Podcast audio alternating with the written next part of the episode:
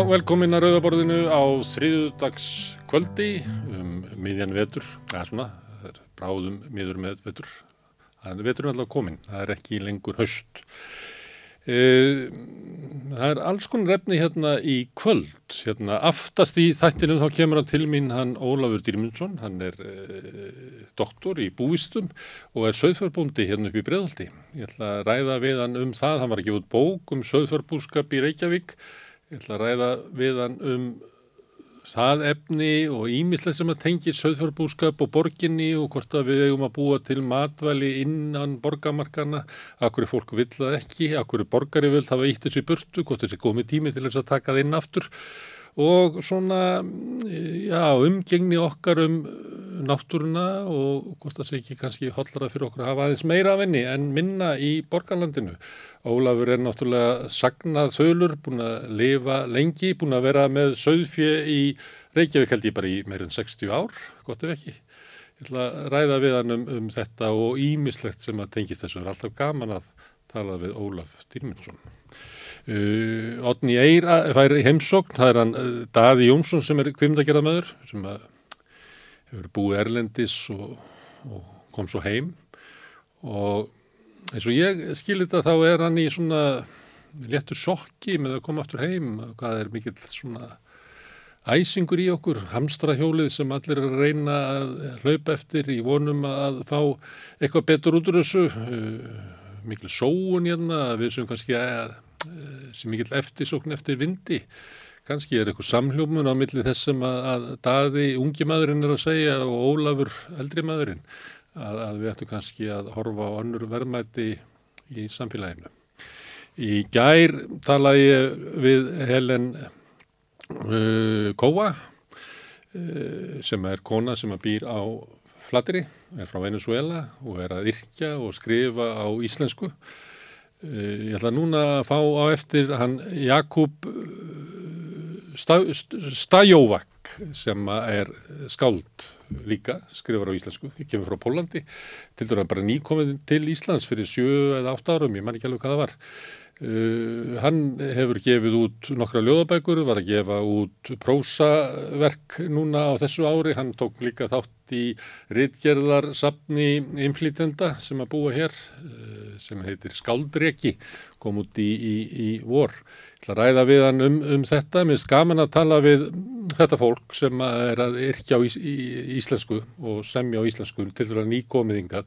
Þau hafa svolítið öðruvísi sín á íslenskuna, eru, ég finnst stundum að þessu bara hrifnar af íslenskunni heldur en mörg við hinna sem höfum alist upp hana alla tíð.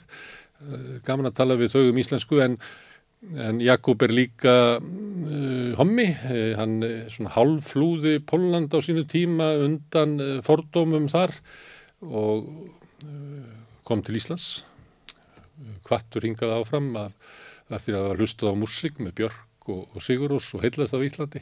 Og ég held að hann sé bara feikna lánaði með Ísland og gladur, ég held að láta hann segja mér svona soldið af sinni sögu og sinni svona stöðu á Íslandi og sinni stöðu í Pólandi og Elisabeth uh, Kjár kemur hérna líka á eftir og ég ætla að fá hana líka til að segja frá sinni stöðu. Hún er öllu erfiðari, hún er búin að vera á endurhæfinga lífeyri og uh, sóttu um örfkulífeyri í tryggingastofnun en tryggingastofnun hafnaði því og bendir á segja henni að finna sér frekar endurhæfingu svo svo að það sem hún var áður í endurhæfingu hafi sagt að endurhæfingin væri að full reynd að þá vil eh, tryggingastofnun að hún leiti sér aftur af nýri endurhæfingu. Og það sem gerist þá er að, að hún er tekjulegs á, á milli, hún fær ekki endurhæfingalífri nema þegar hún er endurhæfingu. Og hún er ekki komin í endurhæfingu og óljós hvernig það verður. Þannig að hún lifi núna á þessum kaldna tíma ársins þegar jólinn eru framundan. E, móðir tvekja batna við þar, þá stöðu að hafa yngar tekjur. Ég ætla að fá Elisabetu til þess að segja mér frá svona sinni stöðu hér á eftir og komið tími til að einn fátaku fái rödd hérna við rauðaborðu þannig að þetta gerist reyndar annars lægið og, og kannski oftar enn í flestum örum fjölmjölum en, en, en það er nöðsulegt að, að heyra þær rættir, ekki bara fólk sem hefur vita fátakt, heldur fólk sem er að lifa hana frá degi til dags. Hún, Elisabeth, ætlar að gefa okkur einsinn inn í það.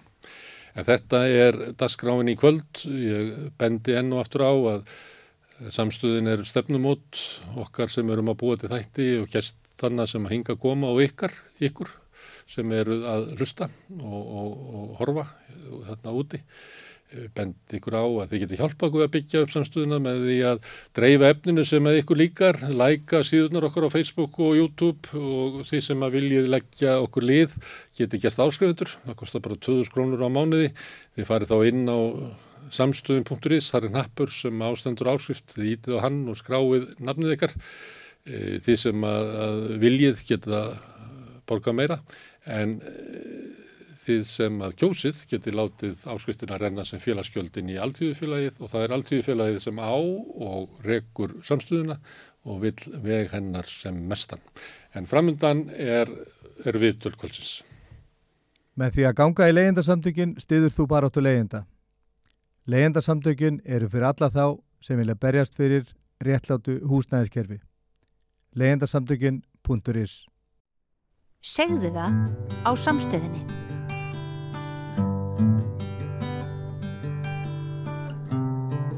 Þá ætlum að fella um velferðarkerfið, hversu vel það grýpur fólk og til að ræða þetta við mig er hinga komin Elisabeth Kjár.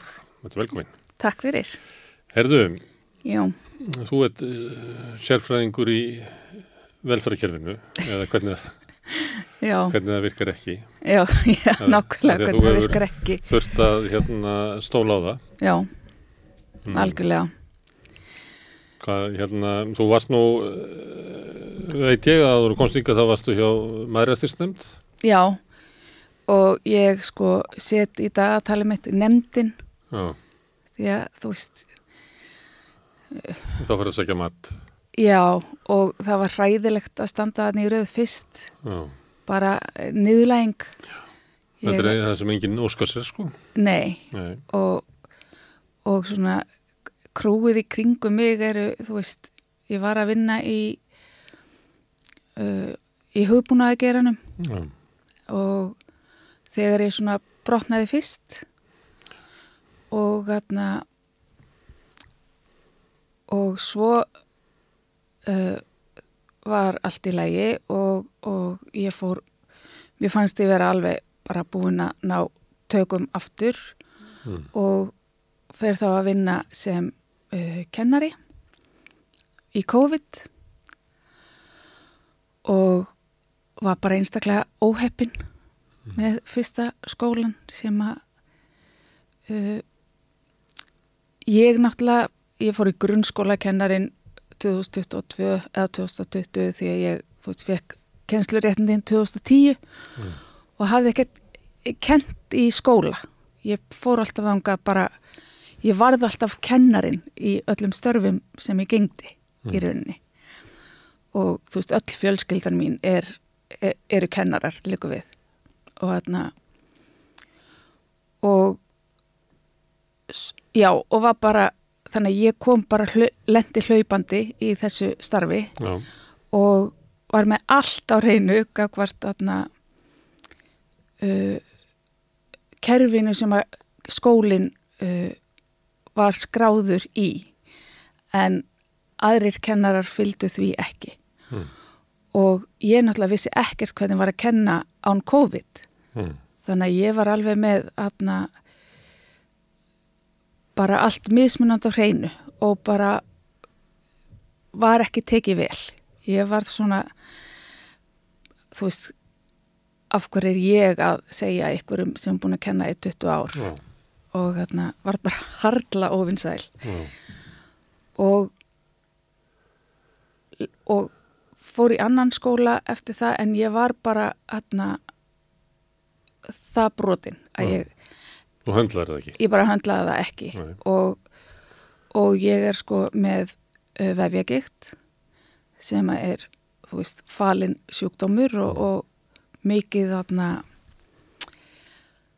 þú veist almenna hugmyndin er, er að það eru bara latar, miðaldra, feitar kellingar sem að þú veist segjast vera ílt en en síðan eru bara, er hægt að mæla þetta og ákveðin skor Já, og ég bara í þessu rauða, ég var bara allt of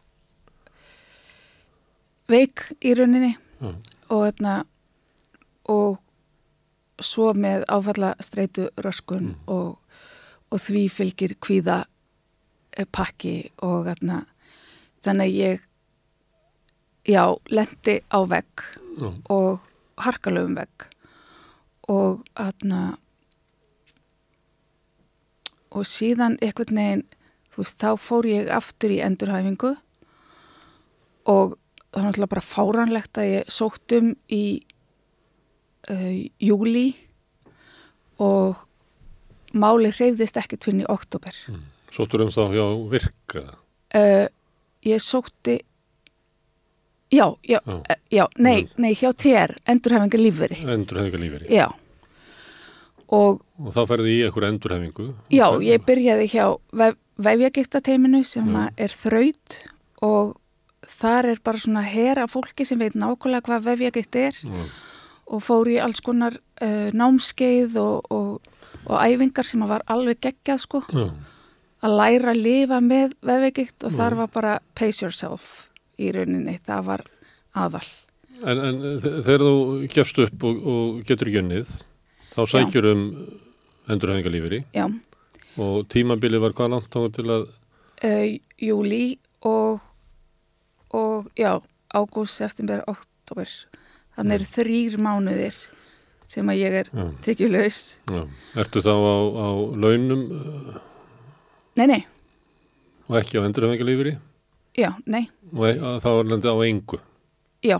Þannig ég, ég bar, þurfti að berjast mikið við bæinn þar sem ég var að vinna í með að fá, sko, fá júli borgaðan. Fra, ég- út, út úr framfæslu sveitafélagana, Já, nei, nei, nei, bara laun. út úr laun, veist, já. já, náttúrulega kennarlaun ná alveg til oktober. já. Þannig að einn af þessum þreymum mánuðum fjastu laun, Já, en ertu þá engum tekjum hinn að tómanina? Nei. Og en núna og ástæðan fyrir því að ég vildi koma að tala um Já. þetta var að uh, nú er ég búið með virk ég er búin að vera í, Búin í endurhæfingunni? já, búin að vera í endurhæfingu alveg, þú veist, finnst mér að eilifu Já. og og ég er ennþá sko vefíkiktin er þannig eins og bara í vikunni þá var einn dagur þar sem ég var á 20% orku það er svona, það er hugsað um vefíkikt sem sko við veitum aldrei hvernig dagurinn verður Mm. og einn daginn var ég á 20% orku alveg sko, ég var að sopna alveg og Já. með tóa stráka starpaða stráka einna verða 13 og, og mjög skinnsegin og, og ég er skinnsegin og, og ég var að sopna allan daginn og síðan næsta dag þá er ég bara geðveikslega verkjuð allan daginn Mm. þannig að þú veist það er eins og vefvíkeitin svona ákveði bara hei, nú færði marblett út um allt Mm. og því líður eins og þú hefur verið bara inn í klessu uh, nú færðu ofþreitu Mm. nú ertu aðna þú veist, tilfinningaböguð þetta er En er einhver að efast um að þú sett veika? e, e, ég fekk eftir vefugiktina, nei, eftir endurhefinguna og þá aðna uh, sagði læknir uh, hjá virk hann bara útskrifaði mig og, og endurhæfing full reynd og, og ég með geðalækni sem skrifaði aðna vottorð og heimilislækni. Mm. og bara endurhæfing full reynd því að ég er bara Já, veist, sem að þýði hvað? Að, eh, það þýðir ekki að þú sett útskrifuð og getið fara út í nei, lífið? nei, þannig að það var mælt með að ég myndi sækja um örorku og sem er náttúrulega horror og, hérna, og ég geri það Mm.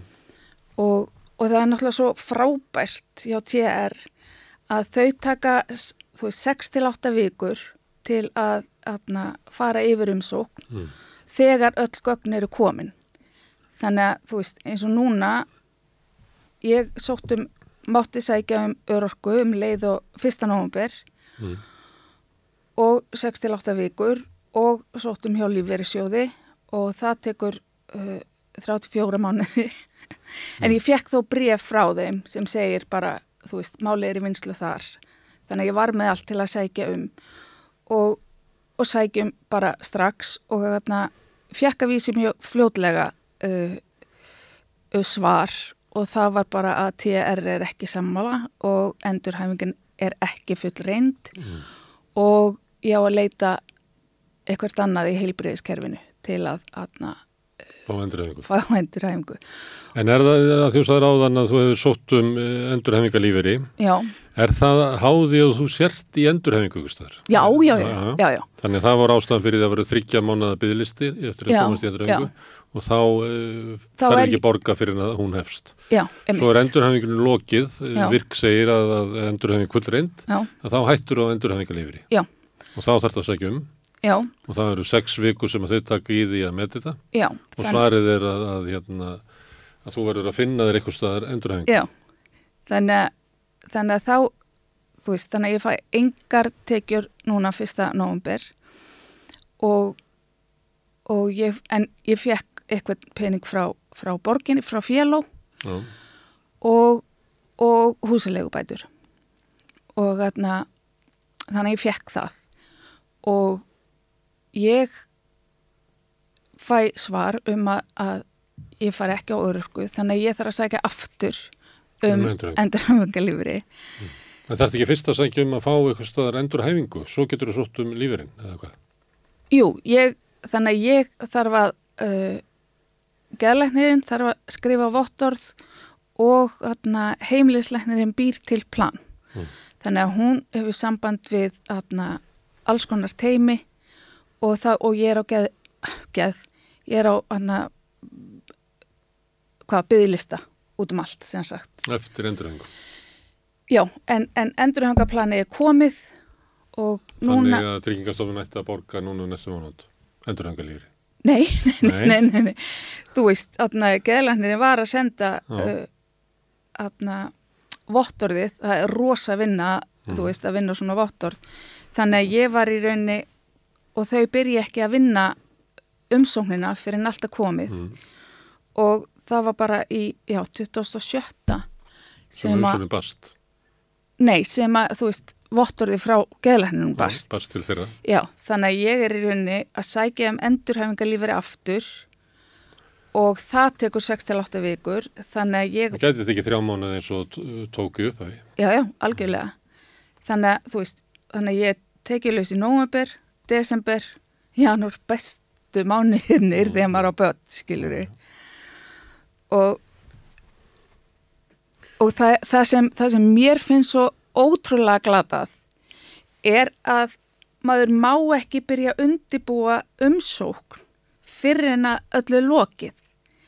Og Hvernig þá, ég skil ekki. Æ, þú veist, þegar ég er í endurhæfingu, Mm. ég má ekki senda inn umsókn um örorku fyrir en endurhæfingu er lokið. Mm. Það, það má enginn sækja um meðan, þú veist, ef maður sér hvert stefnir og þannig að það er bannað.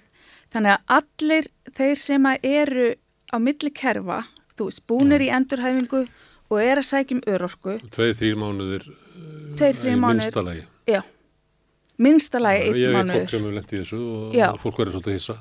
Já, það sé enginn sem að grípur. það er enginn sem grýpur þannig að ég og ég var að, þú veist, reikna þetta saman núna um mánamótin er ég í mínus 110.000 Mm. og og aðna meðan ríki reiknar að maður þarf 255.000 án án, án aðna húsnæðis, án húsnæðiskostnaðar Já. Þannig að þarna er alveg 355 skall sem að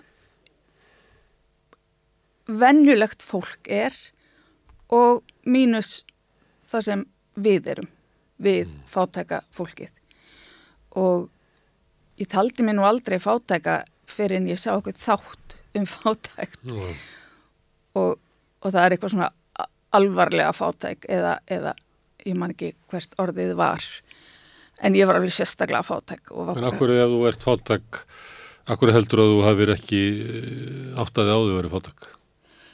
bara ég er aðna, ég er með hús eða þú veist, ég bý í íbúð sem að ég er, ég veit að ég er örgu í því að ég er bara með besta þarna leigusala í heimi sem að bara, þú veist Og varst það samfærið um að það væri kannski bara tímabundið? já, Það væri, væri bara blöng? já, ég væri bara blöng, já En svo rannið fyrir þér og væri fáttak. Já og og ég, þú veist það er ekki vitað hvort að endurhæfingarlífur er borgar aftur í tíman eins og örorkan. Þannig að örorkan borgar aftur í tíman Þannig ef að þú fengir, segjum að, að tryggingastofnum myndi setja sig við álit hinnalæknana já, og þú hérna, fengir örgu bætur, segjum bara í januar, mm þá myndi það borga aftur Mhm. Nóvembur og desember. já, En, en Og þá endur, get- framlengdur endurhæfingarlífur, gerir það ekki. nei. Þannig að þannig að ég, þarna- eða þú veist læknarnir vita það ekki þau muni ekki eftir svona dæmi. En það, það fer oft illa samt að fá peninga svona eftir á því að það er dýrt að, að hafa það ekki og, og já, það já, flestast fólk til þess að taka lán á, á svífurinn Já. og og Já, ég, þú veist, nei, úps, ég er bara heppin að það er ekki búið að loka á bankana, ég get ennþá færið í yfirdrátt, þannig að þetta, þú veist, en með 17% vöxtum, skilju, og þarna, það er dýrt að vera fátökur. Og það er ógstlega dýrt að vera fátækur, því að maður mað getur ekki, þú veist, farið í Costco og, og uh, keift slatta eða, þú veist, keift eitthvað mikið í einu, maður er að og, og ég meina þegar ég er ekki með börnin þá bara borða ég dósamatt og, og er að læra að þarna gera eitthvað kartöflur rétti því að ég á kartöflur, þú veist. Meðan ég ætti að vera á, þú veist, aðeins á þarna próteini, þannig að já, þannig að þetta mér finnst þetta þarna, þetta er erfitt og En síðan Já, en já. segðu mér eitt sem við Já. erum að því að þú segir að, að læknandir hjá virk að þessi að sé fullreind endurhæfingin.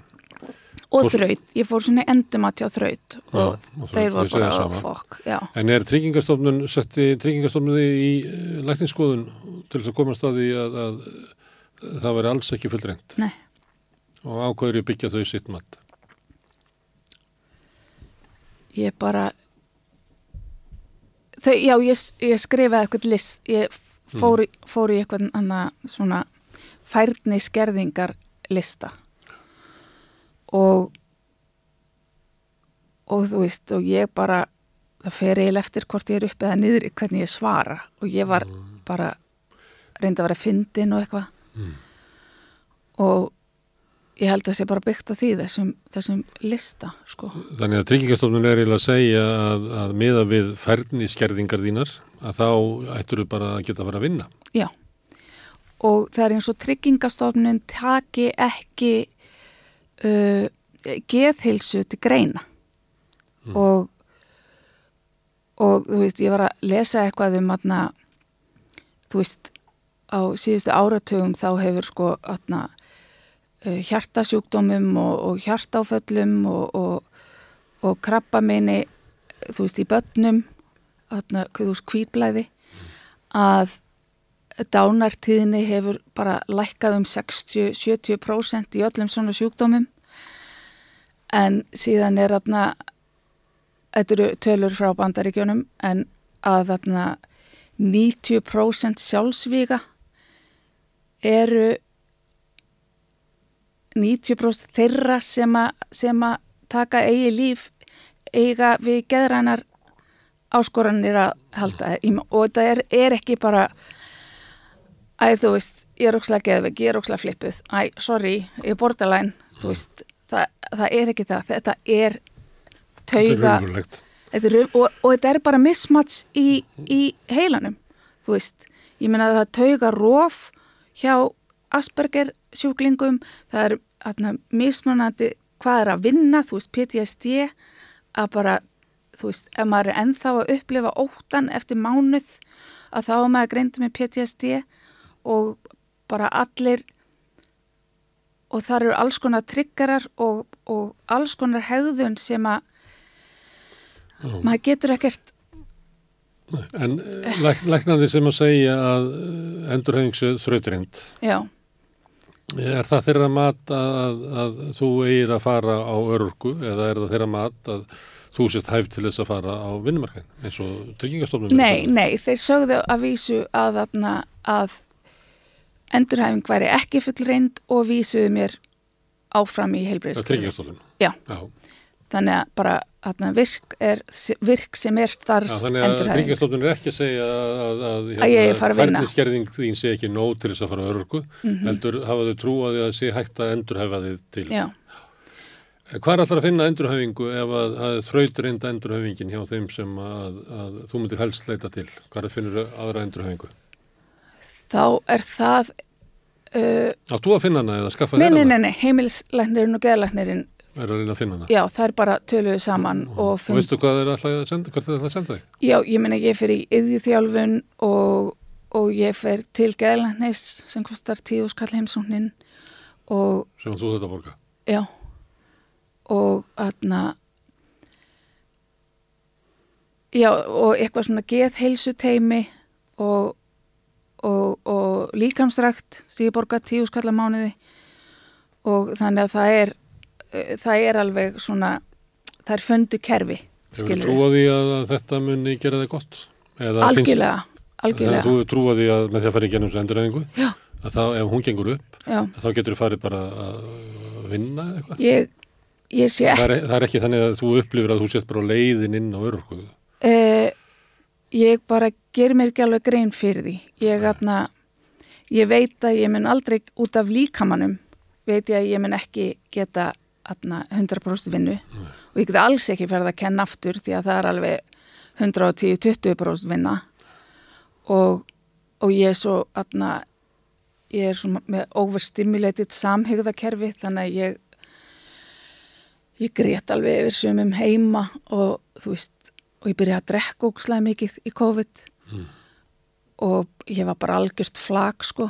Og þarna en, en mér finnst svo sárt að TR tekur ekki uh, geðheilsu til greina. Það er bara, Jó, veist, einhverju. getur, getur labbað þú veist. Það er nú margir sem eru á, á örorku Já, sem eru-. Já, já. eins og vinkonu mín fekk aðna samþykta örorku, hún var með Bell's palsy, þú veist það sem handliti var hálft, hálft lamað. Og hún kemur þannig í viðtal uh, til TR, þau fara í viðtal til TR sem að eru að uh, byggjum áframhaldandi örorku. Mm. og hún hefur bara aldrei fengið að praða um svo í gegn. Og því að það var sjáanlegt Mm. þú veist, það verður að vera sjáanlegt. Og þú veist, ef að, ef að vefjagektin væri sjáanleg þá, þá, já, væri bara eins og að væri búið að, þú veist, lemmi mann í klassu, mm. skilur eða með endalösa flensu eða, þú veist, þannig ef maður fær eitthvað flensu, að þá verður alveg man flu, þú veist. Þannig að þannig að já, ég aðna ég, þú veist, ég var að pæla hvað, hvað væri til ráða, þú veist, hvernig þingsáleiktuna tillögu maður þyrfti að skrifa til að laga þetta, Mm.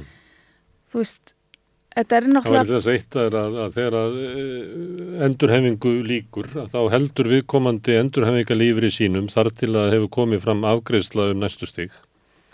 já, Ha, þetta eitthvað mjög einfalt að semja þetta væri mjög einfalt. Mm. og hljómar ekkert svona ósangjant hvert Nei. ríkisvaldinu. Mm. Nei, en bara öll heilbriðis þjónusta er náttúrulega bara fyrir aumingja og, og ég meina, þú veist, Meinar að, þú finnir það að þú eiginlega allt vont skilið það? ég, ég meina Bjarni Ben, Mm. hann, hann á mikinn þátt í því, Já. þú veist, að þú veist, ríka, ríka prósentið þessar ættir sem að eiga allt Ísland, ég meina, þú veist, þau fara bara á klíningina og, og, og borga sitt og fara fram ekki fyrir röð. stuðningskerfið sem að Þau þur- já. byggt þar upp á síðustu öld Já, að kröfu verkefnisreyfingarinnar og Og- almennings já, og eru bara til að, þess að gera líf uh, venjulegs fólks bærilegs, Já. þegar það lendir í áföllum og missir hilsuna. já, en sko, en sko fólkið, ég er þarna, þú veist, ég, ég er í, þarna, ég er ásatrúar, Mm. en ég, ég bað hjálpastarf kirkjunar um Mm. að hjálpa mér og, og þær gáðu mér bónuskort Já. og þannig að ég gat keift í matinn áður en strákarnir mínu komu Mm. þú veist, ég er með þá viku og viku Mm. og mæðra, já, já mæðra þess nefnd, þá ferðu í byðröð og getur valið mat í póka. já, já, maður tekur bara allt sko Hjálpastofnun kirkjunar lætur fá bónuskort með innegn. mm en Fjölskyldu hjálpin uh, raðar í pókan fyrir þig. Þannig að það er svona mismunandi hvernig þetta er, þetta er gert. já, ég sko, ég er í strætó og fjölskylduhjálpin er í breiðolti og ég aðna ég fór þanga rétt fyrir kostningar Mm. og og ég var svo eina sem að vissi hvað sæstring og það voru bara allir sem að voru að tala um að kjósa miðflokkin og ég, og síðan bara Kanski vegna þess að, þá fekk fólk meira í pókan, getur verið. Nei, nei, nei, nei, Nei. það, er allt já Hverju voru að tala með að kjósa miðflokkinu? Þeir sem að voru að, að sækja mat eða þeir Já. sem að voru að útluta mat? bara að, sem voru sækjamat Mm. og, og þar eru náttúrulega flestir atna, af erlendu bergi brotni sko Það er náttúrulega upp í bregðaldi. Já, og, atna, og síðan bara þegar ég sá að hún var með sama matinn þú veist aðra, ég man ekki aðra hvora vika eitthvað, hún var með sama útrunna matinn og þetta er þú veist gella sem á ógeðslega mikinn pening Mm. sem er að sjá um þetta Og hvernig er ekki við að andrúslóstið þar við frá? En það ég var að spyrja það, svo stu, varðandi þennan mun að vera að hjálpa fólki. mm Hvað myndir þú kjósa þessu að fá bónuskortið eða fá að labba inn og týna í pókan eða fá skamtaðan mat í póka sem einhver hafði raðað í? Ég myndi fá skamtaðan mat í póka vegna þess að þú veist þetta, hún gaf mér alveg 23 skall bónuskort Mm. og það er matur fyrir eina viku með tvo úlinga, skilur þú veist, það er bara ég sjá, ég, ég heyrði að Helgu Arnar bara þegar hún fer í búð bara og það er komið eitthvað mým um konu sem fyrir að há bara, fyrir taugafall yfir verðlæginu Já.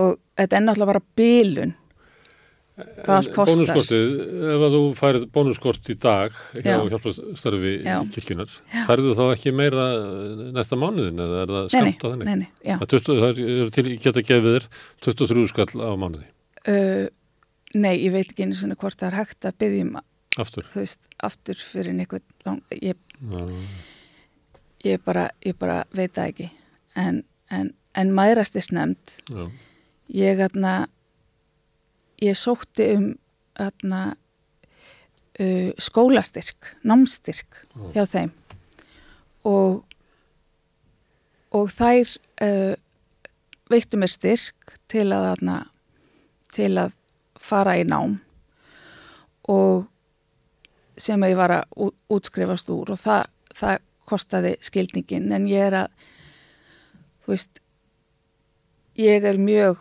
uh, góð í að vinna og ég vinn hratt og vel og ég er núna orðin atna, fjarnámshönnuður Mm.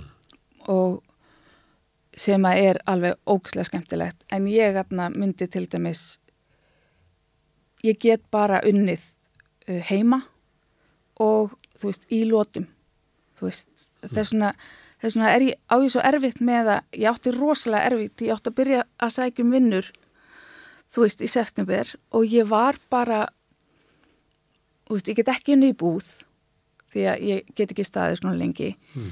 og, og að mæta klukkan 8-9 á mótnana þegar maður veit engan veginn hvernig dagurinn verður. Og það er það sem er svo sjúklega óþægilegt. Og hann að ég bara er að vona að ég geti unnið eitthvað, eitthvað smá með, ég veit ekki hvað það má vinna með endurhefingalíferi en ég var búin að skoða að það, maður getur unnið sér inn fyrir 200 skall Mm. sem að, og sem aðna verktaki þá verið það 100 skall þannig þannig Þannig ég var getur unnið heima já, uh, þar sem að er ekki ákveðin deadline, allavega ekki hverjum degi. Já. Þannig að þú hefur svo svegileika hvernig þú verður að vinna. Já. Það, það er það sem ég get gert Mm. og Heldur þú finnist líka vinnu? já, já, þarna fjarnámshönnun er bara þarna uh, mjög körrent Mm. og, og það er alveg gap þú veist fjarnám á Íslandi núna eru bara fyrirlestrar á á, á myndbandi og að hanna uh, námskeið sem að eru atna, bara engaging og, og, og skemmtileg og með, þú veist, kannski gamification og, sorry, ég var að læra þetta á einsku Mm. og að búa bara til atna, uh, námskeið fyrir til dæmis uh, val í mentaskóla Mm. og fara svo einu sinni í mánuði og hitta þau og, og í samræður en annars væri þetta bara þú veist, mér langar að selja svoleiðis námskeið þú veist, þannig að þannig að ég er, og sem kennari þá er ég náttúrulega alveg uh, príma kandidat í að búa til svona efni þannig ég þarf bara að En Þú ert eftir að búa til og það er eitthvað að vera sem að kaupir það. Já, ég, ég bjóð til verkefni mitt var, uh, ég er sem sagt í stjórn uh, Ev Evrópu rás pírata. Mm. Það er sem sagt til evróskur pírataflokkur, Mm. ég er pírati, sorry, og, þarna- og, og ég bjóð til alveg svona onboarding uh, material, ég bjóð til þannig námskeið og í skólanum. Og og núna er ég atna, mér langar rosalega að gera ég, ég, ég er rosa mikið að atna, vinna uh, frýtt Mm. þú veist og Og Það bætir ekki efnarslega stöðuðin að vinna frít. nei eða kvíðan og samviskubitið ef að gera ekki, get ekki gert eitthvað smá og Mm. þannig og ég er náttúrulega líka með ADHD sem að er ekki það er ekki svona fyndið eins og allir þú veist, þeir kasta fram bara æ, sorry, ég týndi mér ADHD það er alltaf eitthvað svona element sko Mm. þú veist, þannig að ég er með ADHD sem bara flippa á fyndið og ég er með vefvegikt sem að e- enginn trúir skiljur og e, það er nú samt að breytast. En þannig að og það er ótrúlega óþægilegt. Ég er náttúrulega að taka lifið þessu öllu en, Mm. en og að það er ekki bara að ég stend í herbyggi og veit ekki eitthvað ég er þar. Það er aðna, þú veist meðan ég er að flakka á milli appa Mm. í símanum þú veist, ég er að tala við eitthvað á Messenger og þarf að og er að fara að skoða eitthvað sem við erum að tala um og, og allt í einu fer ég úr Messenger og og man ekki hvað ég ætla að gera næst Mm. og þetta er mjög óþægilegt og ég tala mjög hægt ég, þú veist, þurfti að horfa á sem sagt samtal við kennara minn og þarna sem tók það upp og, og, og þá gæti ég uh, hortaði aftur og ég horfði á það á tvöföldur hraða og, og bara fattaði að ég tek helmingi lengri tíma Mm. í að búa til setningar og það er ótrúlega óþægilegt og gleymi orðum og, og það fer náttúrulega bara í, í börnin mín þú veist ef þeir, að, ef þeir eiga ótalandi mömmu þá náttúrulega fyrir virðingin svolítið út um klukkan Mm. og, og það er líka að þú veist, svonu minn annar þeirra er þú veist, hann vill ekki bjóða vinum heim því að allir vinir hann segja flottara heimili Mm. og það er niðurlægjandi og, og pappin er þú veist uh, giftur aftur og, og komið nýtt barn og, og þau búi í þryggjaða húsi með tvo bíla meðan ég er sko, ég reiki ekki, ég drekka ekki, ég á ekki bíl en stafan mín batnar ekkert út af, þú veist, verðbólgunni. Þú veist, En það er ekki vegna þess að þú ert veik sem að staðan batnar ekki. nei, þú veist, að, að hætta reykja, þú veist, það var eitt. Mm. Þá átti, en það var alveg peningur sem fór í það. Að hætta að drekka, það var fullt af pening sem fór í það. Mm. Að, að vera ekki með bíl, fullt af peningur sem fór í það. Þannig ég, þú veist, ég held að ég var að spara og fá miklu meira í hendurnar. En einhvern veginn gerðist það ekki. Þú veist, óþólandi ástand. Og þú ert alltaf í mínus. Ég er bara alltaf í mínus. Mm. Og en, en ég verð nú að hrósa sko strætó að bæði þeir sem eru uh, að þykja öryrkja bætur og endurhæfingarlífiri, þeir eiga rétt á uh, uh, að kaupa strætókort, ég geti árskort á 27.000 og það er náttúrulega bara algjör draumur að geta, geta farið í strætó og, og þá líka að lósa mig við bílinn það var bara betra fyrir heilsuna og, og, og allt, ég fekk bara meiri orku og, og ég með alls konar bjargráð þú veist, aðna þú veist, hugleðslu og, og maður á að hlusta á tónlist ef maður hlustar á tónlist í tíu mínútur sem að mann líkar við að þá, leið, þá byrja hormóna að leysast og þarna, þannig er alveg tíu mínútur af uppáhalds tónlistinu minni og þegar ég er út að lappa með eironum þá, Mm. þá syng ég hástöfum. Þú veist, ég er að gera rosa mikið til að láta mig líða vel. En oft er það þannig að, að síðan kemur afkomu kvíðin og getur þetta allt saman upp. já, Þannig að það skiptir engum máli þóttu lustir á músík í tíu mínútur að, að þú vaknar aftur upp til veruleika þar sem að, þú ert í vandræðu með að eiga fyrir mat fyrir þig og, og börnin þín. já, Og það er koma jól. já það er komið jól og ég veit ekkert hvað ég á að gera Þetta er sem margir sem er í svipari stöðu þú. já, Ja. já, ég bara, þú veist þú veist, ég líti ekki út fyrir að vera í þessar stöðu þú veist, ég er ekki svona dæmigerði þú veist dæmigerði öryrkin með Hvernig er hann? Er, er, það, er það ekki bara eitthvað blekking að það sé til eitthvað dæmikjör öryggi? Já, þú veist, þetta eru náttúrulega bara fordómar Mm. að, að, að dæmi gera örkin sé, þú veist, reiki og, og, og drekki og allur peningurinn færi það þannig að hann er bara að sníkja, þú veist, því að þeir sem eru fátækir, þeir sem eiga aldrei pening, Já. þú veist, að geta kefst í síkartur, ég ætla nú svo sannarlega að veita mér það Mm. og, og síðan þegar við fáum eitthvað pening eins og þú veist frá skattinum eða eitthvað að, að þá kaupir maður sér eitthvað því að maður hefur ekki getað kift neitt skemmtilegt í, í átta mánuði síðan fær maður óvæntan eitthvað pening þá kaupir maður sér kjól. Mm. þú veist. Þannig að því að þú veist ég á það svo sannarlega skilið. Þannig að þessi peningur fyrir ekkert í þennan miljóna mínus þú veist. Mm. og, og að vera þú veist eins og vinkonu mín sem að er bara veist, hún, hún getur ekki farið í neitt mínus í, í kerfinu.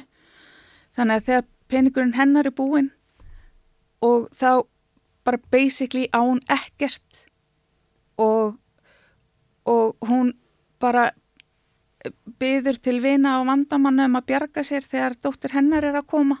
Mm. Veist, En hún getur ekki verið með yfirdrátt í bankanum eða? Nei, þannig að mér finnst ég bara ógslag heppin. Að, að vera ennþá að fá að skulda með 17% vöxtum. þú veist, ég Þú veist. þannig að já, þetta er þetta er ógeðslega glatað og þetta er bara kerfispundið og þetta er bara pólitíkin þú veist eins og þú sagður um daginn bara Íslandi fullt af aðeinslega góðu fólki en, en með glataða stjórn Þetta sístem. ha, Velökkað og gott fólk í fallegu landi með glata sístem.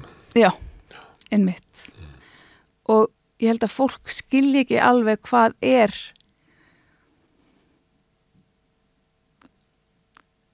þú veist, þegar 90% þeirra sem að deyja sjálfur sjálfviljir eru, eru með geðrænar áskoranir.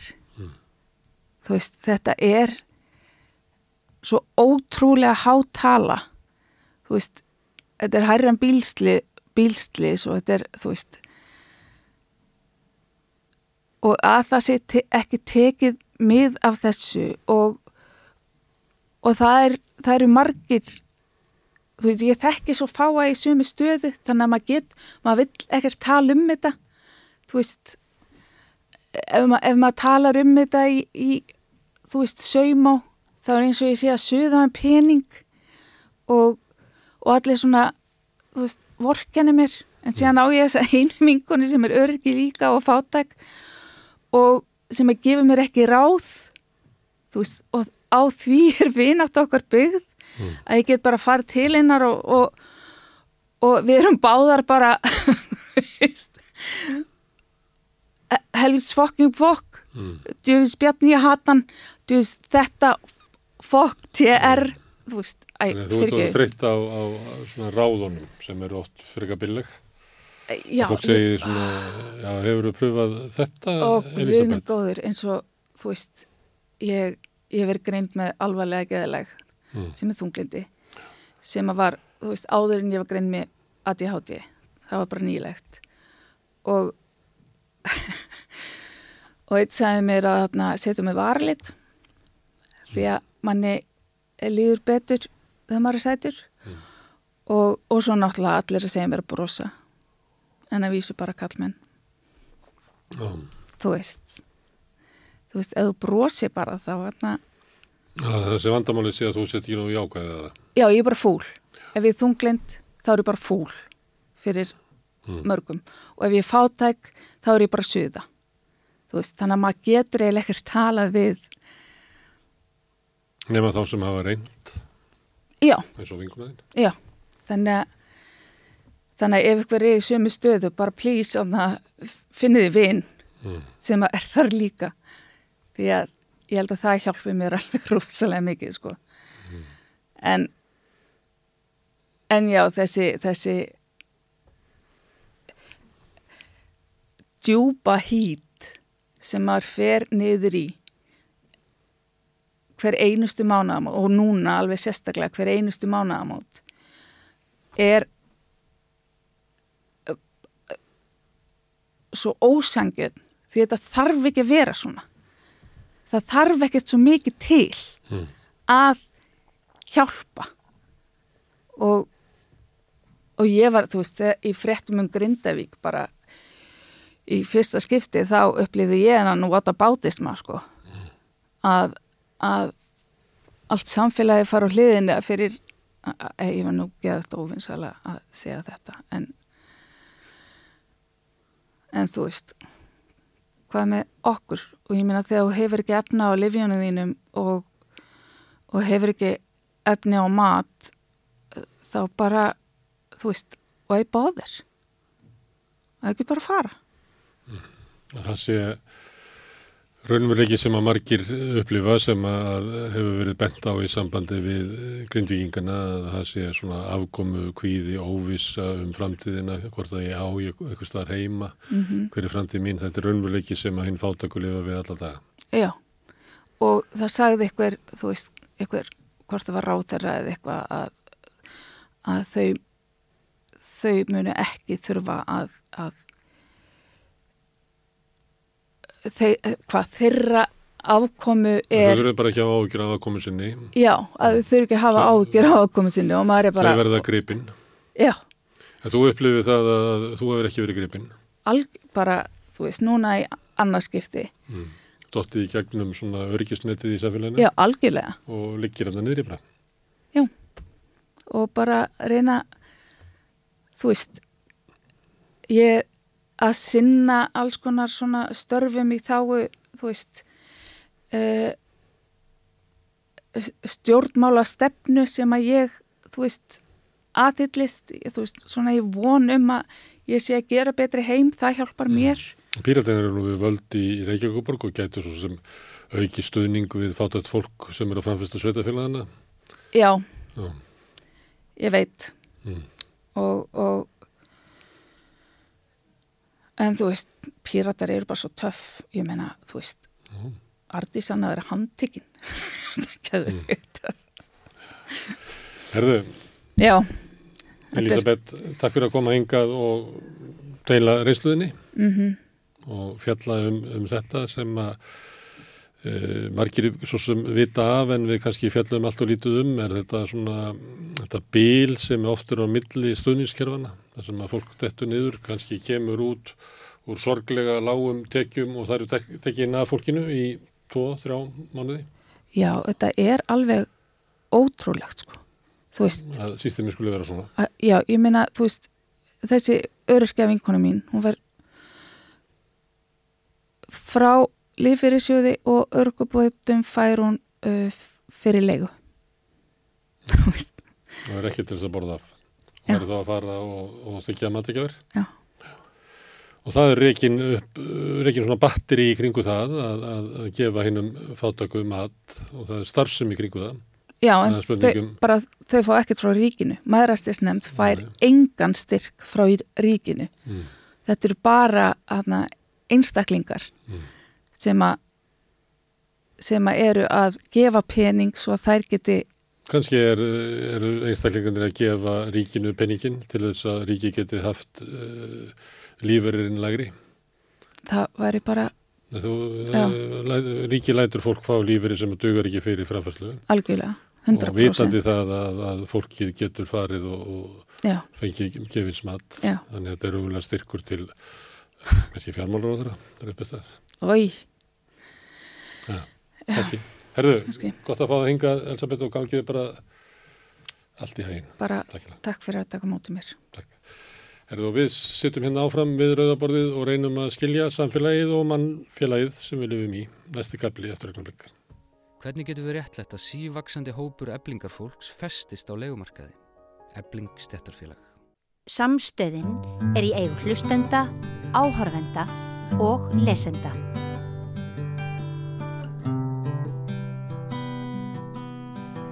Já, í gær kom hingað uh, góðu gestur, kona frá Flateyri sem er ættuð frá Venezuela og er að, að yrkja og skrifa á íslensku. Það var skemmtilegt samtal og við ætlum að, að halda áfram að, að heyra í fólki sem hefur hingað komið og eh, er svo elstað íslenskunni að það bara yrkir á henni og semur prósa og texta og Nú er komin hérna maður sem að, að kom til Íslands frá Pólandi. Já, já, Já, Jakob Stakkovíak. já, góðan daginn. Góðan daginn, þetta velkomin. Takk. Herðu, þú ert einn af þeim innflytjum sem að koma og eh, ert hluti af íslenskri íslensku bókmyndaheimi. Jú, Þetta bankaðar upp á. já, Ertu komin inn? ég held það, sko. Aha. Ég held það, að ég held að ég sé alveg komin inn, sko. Að þú sett ekki í, í, í svona dild innflytjendaskáld. Uh, jú, pínu, sko, e- en, en, en veist, þetta er pínu, þetta getur verið pínu snúið að því að þú veist, við, við, við byrjum þarna, svona við, kvót, útlensku skáldin, Já. við byrjum þarna í, í kringum, já, fyrir tveimur árum með, með þarna uh, safninu Polyphonia Já. sem að Una gaf út og, og Natasha talandi um nöfn sem að er erfitt að bera fram. En hún hefur hjálpað þér vegna þess að hún vill eiginlega kalla sig bara Natasja S. Já, Natasha S. Emmett sem að hún rítstyrði og, og við Una tölum við útgáfus- hana um þetta á sín Já, tíma. einmitt. Hún var nú með, gerir tilrunni að vera með þætti hérna, Natasja. Já, Já. um, og, og þú veist, við komum þarna sterk inn og ég er þá með fyrstu bókina sem, sem heitir Næturborgis og er ljóðabók og, og hérna uh, og, og kemur þarna út fyrir tveimur árum og, og ég hef bara haldið áfram einhver veginn ótröð áfram Já. ég gaf út þá uh, tvær ljóðabækus í fyrra bók sem heitir Úti býður skarleg veröld sem að lítið forlag gaf út sem heitir Páskaeyjan.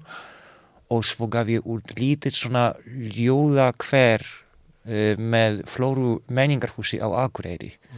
Kom út bara í hundrað eintökum og heitir Flæði 3 og Svo er það með bóki árið ekki? svona svo er ég líka með bóki ár, prósabók sem að heitir Stjörnufallsegjus og Hvað sér heitir hún?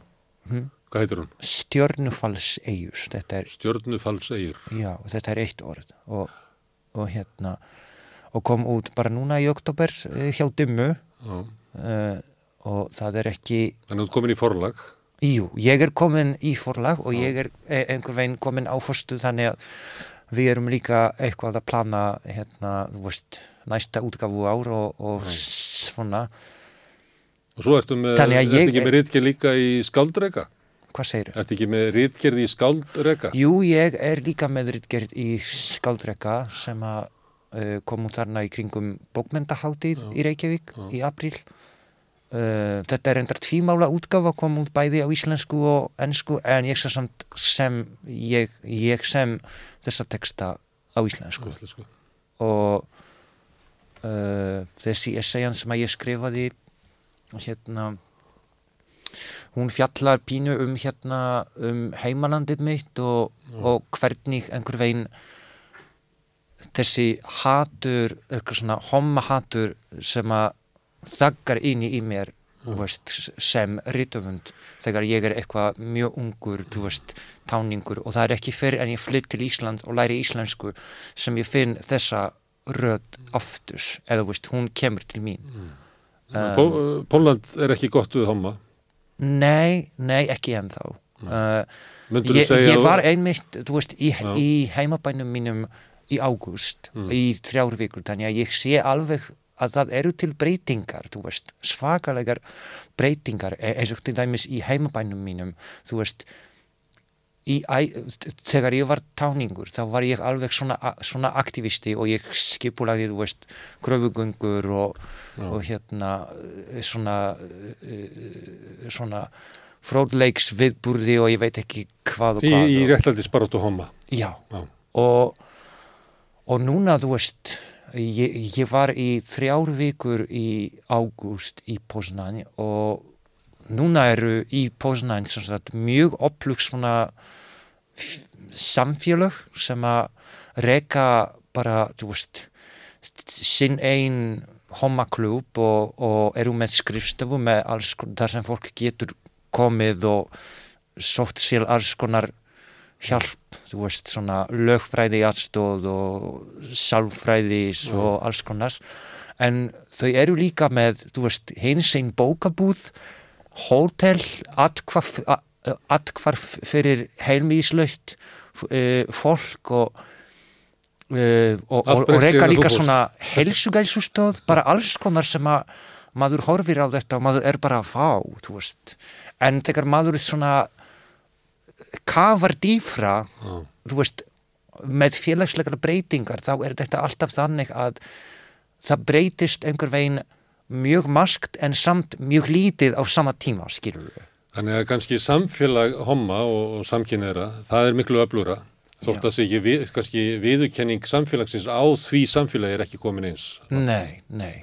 En þegar, þú kemur hingað frá Pólandi, ert þú þá eiginlega svona hálfpartin að flýja svipað og íslenskir hommar flúðu til Danmörkur 1980?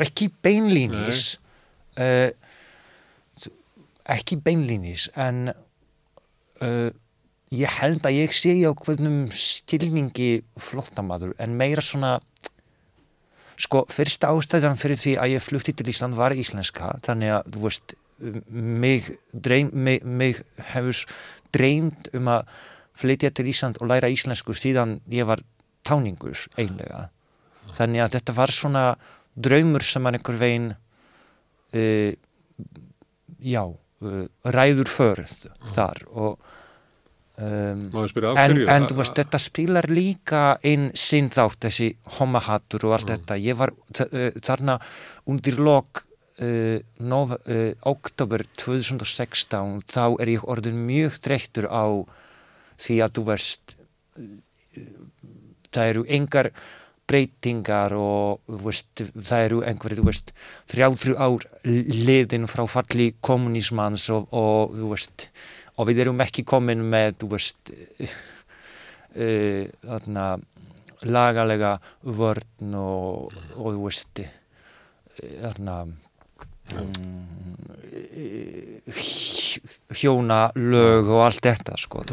Staðfesta sambúð og, er veginn, já, og er, erðarétt og, og það er allt saman, svona Þetta er alveg, þetta er bara alveg, Hvað varstu gamall þegar þú fórst uh, frá Pólandi til Íslands? þegar ég flytt frá- Pólandi þá er ég 25, En þú veist að tala um eh, hérna, að, að eh, þú fengið áhuga á, á íslensku já, áður þú kemur til Íslands. Já, og hvernig stóð á því?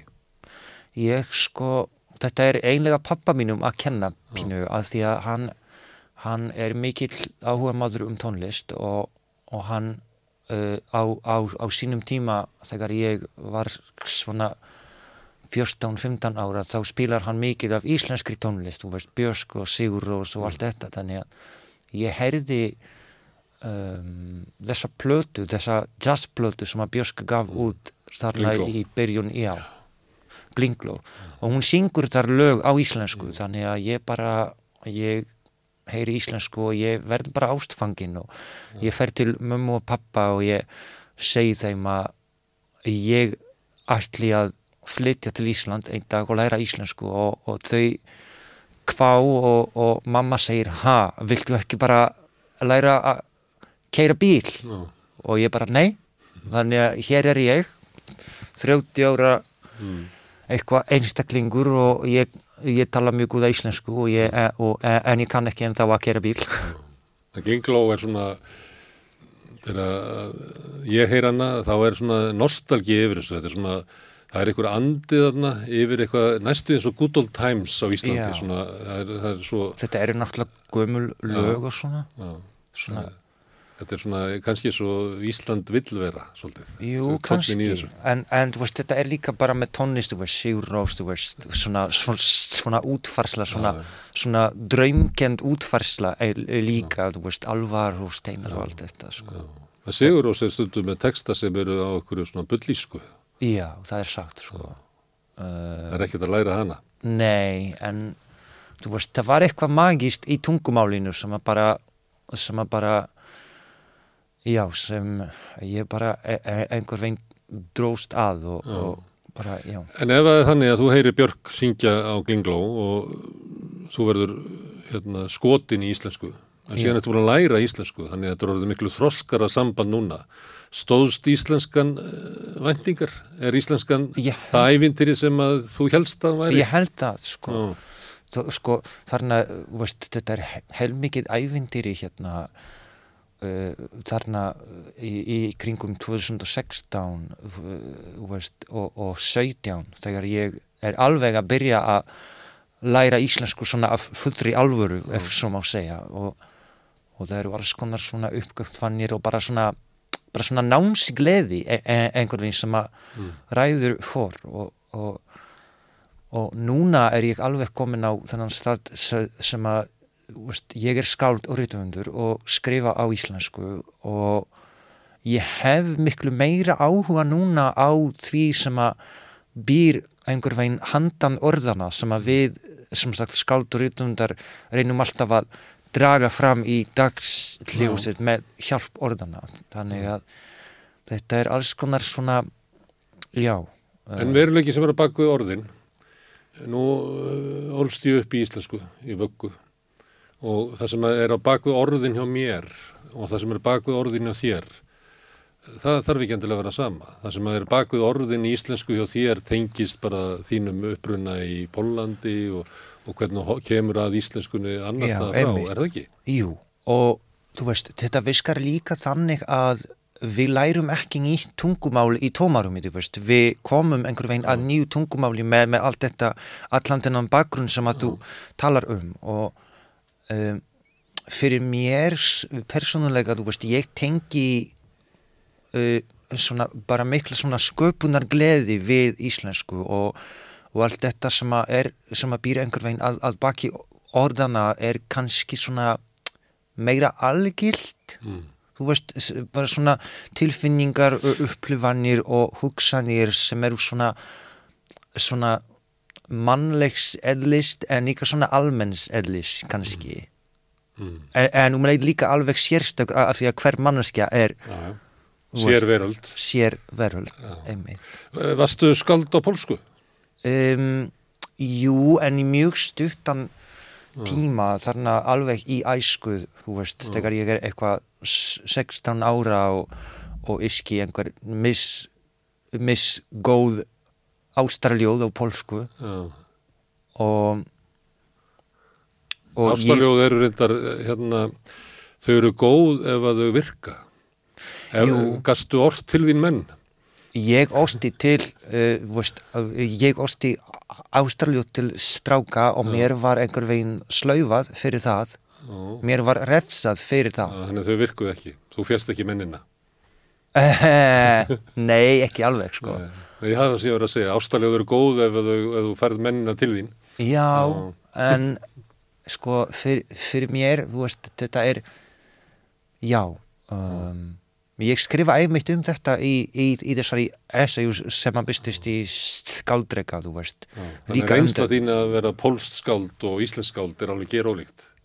alveg, alveg gjör ólík sko, algjörlega En það hlýtur að vera fyrir eh, pólskan homma að komast frá Pólandi þar sem að, að þú líklega finnur svona fyrir óvild frekar heldur en kannski hér.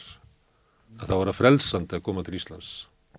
Það fyrir því persónulega. Jú, það, og var þín að íslenskunni tengist þeirri upplifin einhverju þannig að, að svona þín kynna af íslenskunni líka svona persónuleg frelsun.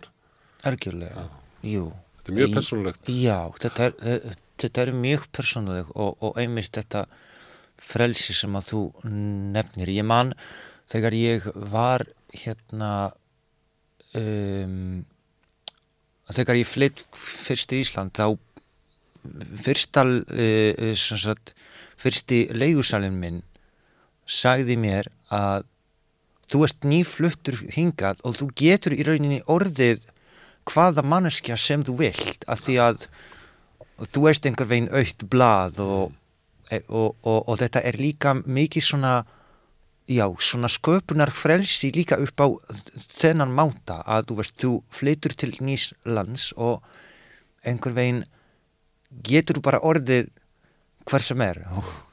Og, og, já. Og þú fannst fyrir þessu? Já, ég fann fyrir þessu sko. Ég var, og ég held að ég sé ennþá bara mjög óttalus. Ég, ég, ég fór í tíma í, uh, í, í, í, innflytjandabókmyndir að tala um, um veskin minn fyrir fáinum vikum og ein stúlka sagði ennmitt hún sagði, allt sem að þú gerir þú veist, iski á íslensku og skrifa og, og gefa út bækur og allt þetta þetta verðist vera svo óyfirstíganlegt einhver veginn, en þú ert samt bara halda áfram og, og, og þú verðist vera alveg óttalaus. Og ég held að ástæða fyrir því sé svo að ég er búinn að vera einhver veginn á hinum endanum þegar ég var að, að þegar ég elst upp þarna í Pólandi þannig að ég nenni ekki að vera aumingi í annað sinn. Nei. Og þrönguður til þess að vera já Já. og þetta viskar líka þannig að ef þú ert hinsegin og elst upp í Pólandi þá lærir við mjög fljótt að þú þarfst að taka plás án þess að byggja afsökunar fyrir því. Og einhver veginn vera bara þú sjálfur án þess að byggja afsökunar fyrir. Eða fela þig já, eða, eða vera í felum. Mm. Uh, sem að kannski flestir taka ákvörðunum um að því að hitt er svo erfitt sumir, já, sumir gera það sko um, Herðu, en þú fóst í íslensku í háskólanum fyrir, nokkrum árum já, og nú ertu í ritlist já, og, ég er, ég er alveg að fara að klárast sko já. Þannig veist ekki hvað Vonandi. þú klárir. veist Me- ekki, veist ekki hvað þú klárir. Mér langar að klára, mér langar að útskrifa sko núna um, mm, Þetta er endar þriðja árið mitt í reitlist Já. þannig að ég, þú veist, ég vann mjög mikið með náminu þannig að ég þurfti að dreifa náminu í Mm. lengri tíma sko um, Þú ert búin að gefa út marga bækur á leiðinni. Jú, þetta var pínu Þannig að þú ert eiginlega að útskrifa sjálfa þig, eða ekki? Ég held það? Ég- jú, þú veist, þetta var einlega svona pælingin til að byrja með, þú veist, þarna fyrsta bókin mín, uh, ljóðabókin Næturborgis, hún, ég skrifaði hana uppheflega sem lokaverskefni í íslensku sem öðrumáli. Þannig að ég skrifaði hana í stað þess að skrifa svona hefðbundna B.A. rítigerð og, og þá vissi ég strax að mér langaði að nota þennan tíma sem að rillist einhver veginn gefur þér til þess að þú veist koma á framfæri og einhver veginn vera sínilegur og allt það sko. þannig að um leið og ég útskrifa úr rillist þá er ég í rauninni einhver veginn fullmótaður rittöfundur þannig séð líka svona á uh, bara, á, bara, veist, bara útgefin höfundur Þú ert útgefandi þetta. Já. Þannig að það þarf ekki að klára námið til þess að... Nei, en uh, mér langar bara að klára klára, dæmið sko, bara fyrir sjálf mig, skilur En e, þú ert svona að, að komast inn í íslenskan menningarheim og samfélag homma í, Reykjavík. En svo hérna er það þannig að maður heyrir oft fólk frá útlöndum. Ég finn að tala íslensku eins og þú. Augljóslega góður íslensku. Getur notað hana og orta á henni og allt saman. Að það talar oft um það að það fái alltaf að heyra það einhvern veginn að, að það sé ekki að tala eh, nógu góð íslensku. Jú, margir hérna e, margir heyra það og það er mjög leiðinlegt. Mm, þú ert með smá hreim. Já. Og verður þú var við það að, að þar með sértu ekki alveg hluti, eh, alveg inni, ekki alveg fullgildur.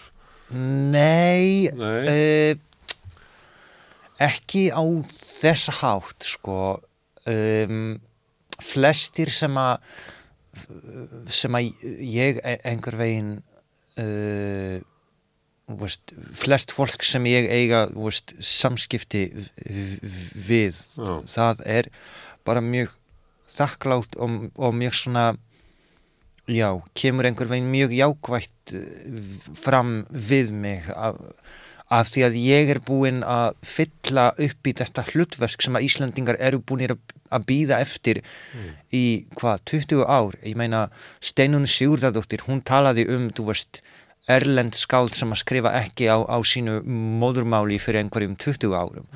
Þannig að ég held að þetta sé út af þessu. En talandi um svona um, um svona já, að, að vera ekki einhver veginn gildur mellimur samfélagsins, þá finnst mér til dæmis mjög óþægilegt þegar fólk fer að hrósa mig Hvað hvað ég er duglegur. Þú- veist, allir einhver veginn endur taka þetta í sífæltum þú veist, hvað, hvað þú veist duglegur hvað þú veist duglegur. Og mér finnst þetta mjög óþægilegt. Segir svo að tala við þessu sett bann.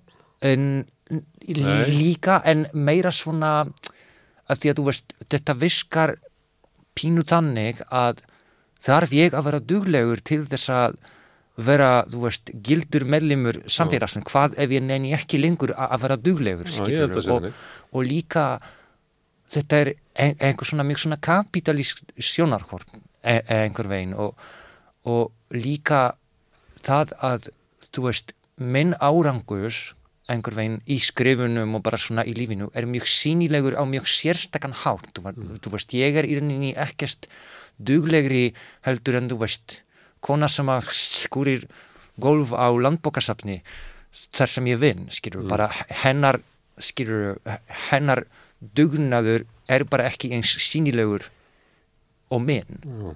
og og já, þetta einhver veginn sendir svona skilabóð út í kosmosið að þú dast að vera duglegur til þess að vera einhver veginn gildur meðlimur samfélagsins sem innflytjandi Og sem er bara fáranlegt, Svo þetta sína eitthvað svona persónulegan metnað um að vilja tilheyra okkur til þess að við hleypuð er allaveg inn í fordýrið. Já, Það er ekkit víst að þú fáir að koma inn alveg inn í heilagasta, en við hleypuð inn í fordýrið ef þú sýnir að þú ert duglegur. já, emmitt, Þetta er svolítið skilabóðin. já og Og ég þekki fólk sem hefur verið þarna og talar fína íslensku en, en fær alltaf að heyra þú veist að segja eitthvað aðra heimnum og eitthvað svo sem hefur bakkað út aftur og bara kosið að tala ennsku emmitt bara því að nennir ekki hlusta á þetta. Einmitt, e, veist, ég skil þetta, þú veist, svo sem þannig séð, en þú veist, við eigum ekki að reyna að fela hreim og við eigum ekki að byggjast afsökunar aftur, þú veist, fyrir þessa íslensku sem að við tölum, af því að, þú veist, það eru jafnvel Íslendingar sem að tala ekki góða íslensku, skilur Þannig að, þú veist, e- e- ef þú hugsar til dæmis um þetta ferli að læra íslensku uh, og þennan óta við að tala íslensku út af, þú veist, æ, hvað ef ég geri mistök, Íslendingar gera, veist, Íslendingar segja mér langar og, og þú veist, mig hlakkar til og, og svona, þannig að, veist, ekki taka maska á þessu, sko. En Íslendingar reyndar sem að segja hérna mér langar og það, þeir fá líka að heyra það sko. Það, það er líka verið að banka þá niður sko. Já, þetta er þetta er einhver svona- og Þetta er einhver svona e eitthvað svona, já, bara svona málpolítisk sem að ég held að stafi bara mest frá óta, skilur að því að íslenskan, hún er svo lítil og það er Já. alltaf þessi ótti um að hún spillist. veist, spillist eða játvel hverfi og, og, og, og veist, enskan ógnar íslensku og sérstaklega núna að því að veist, all aftreyingar efni er bara á ensku á Netflix og, og, og svona og, og, og, og svona einhver veginn staðan íslensku í svona hinum stóra heimi, skilur Hún er náttúrulega veik.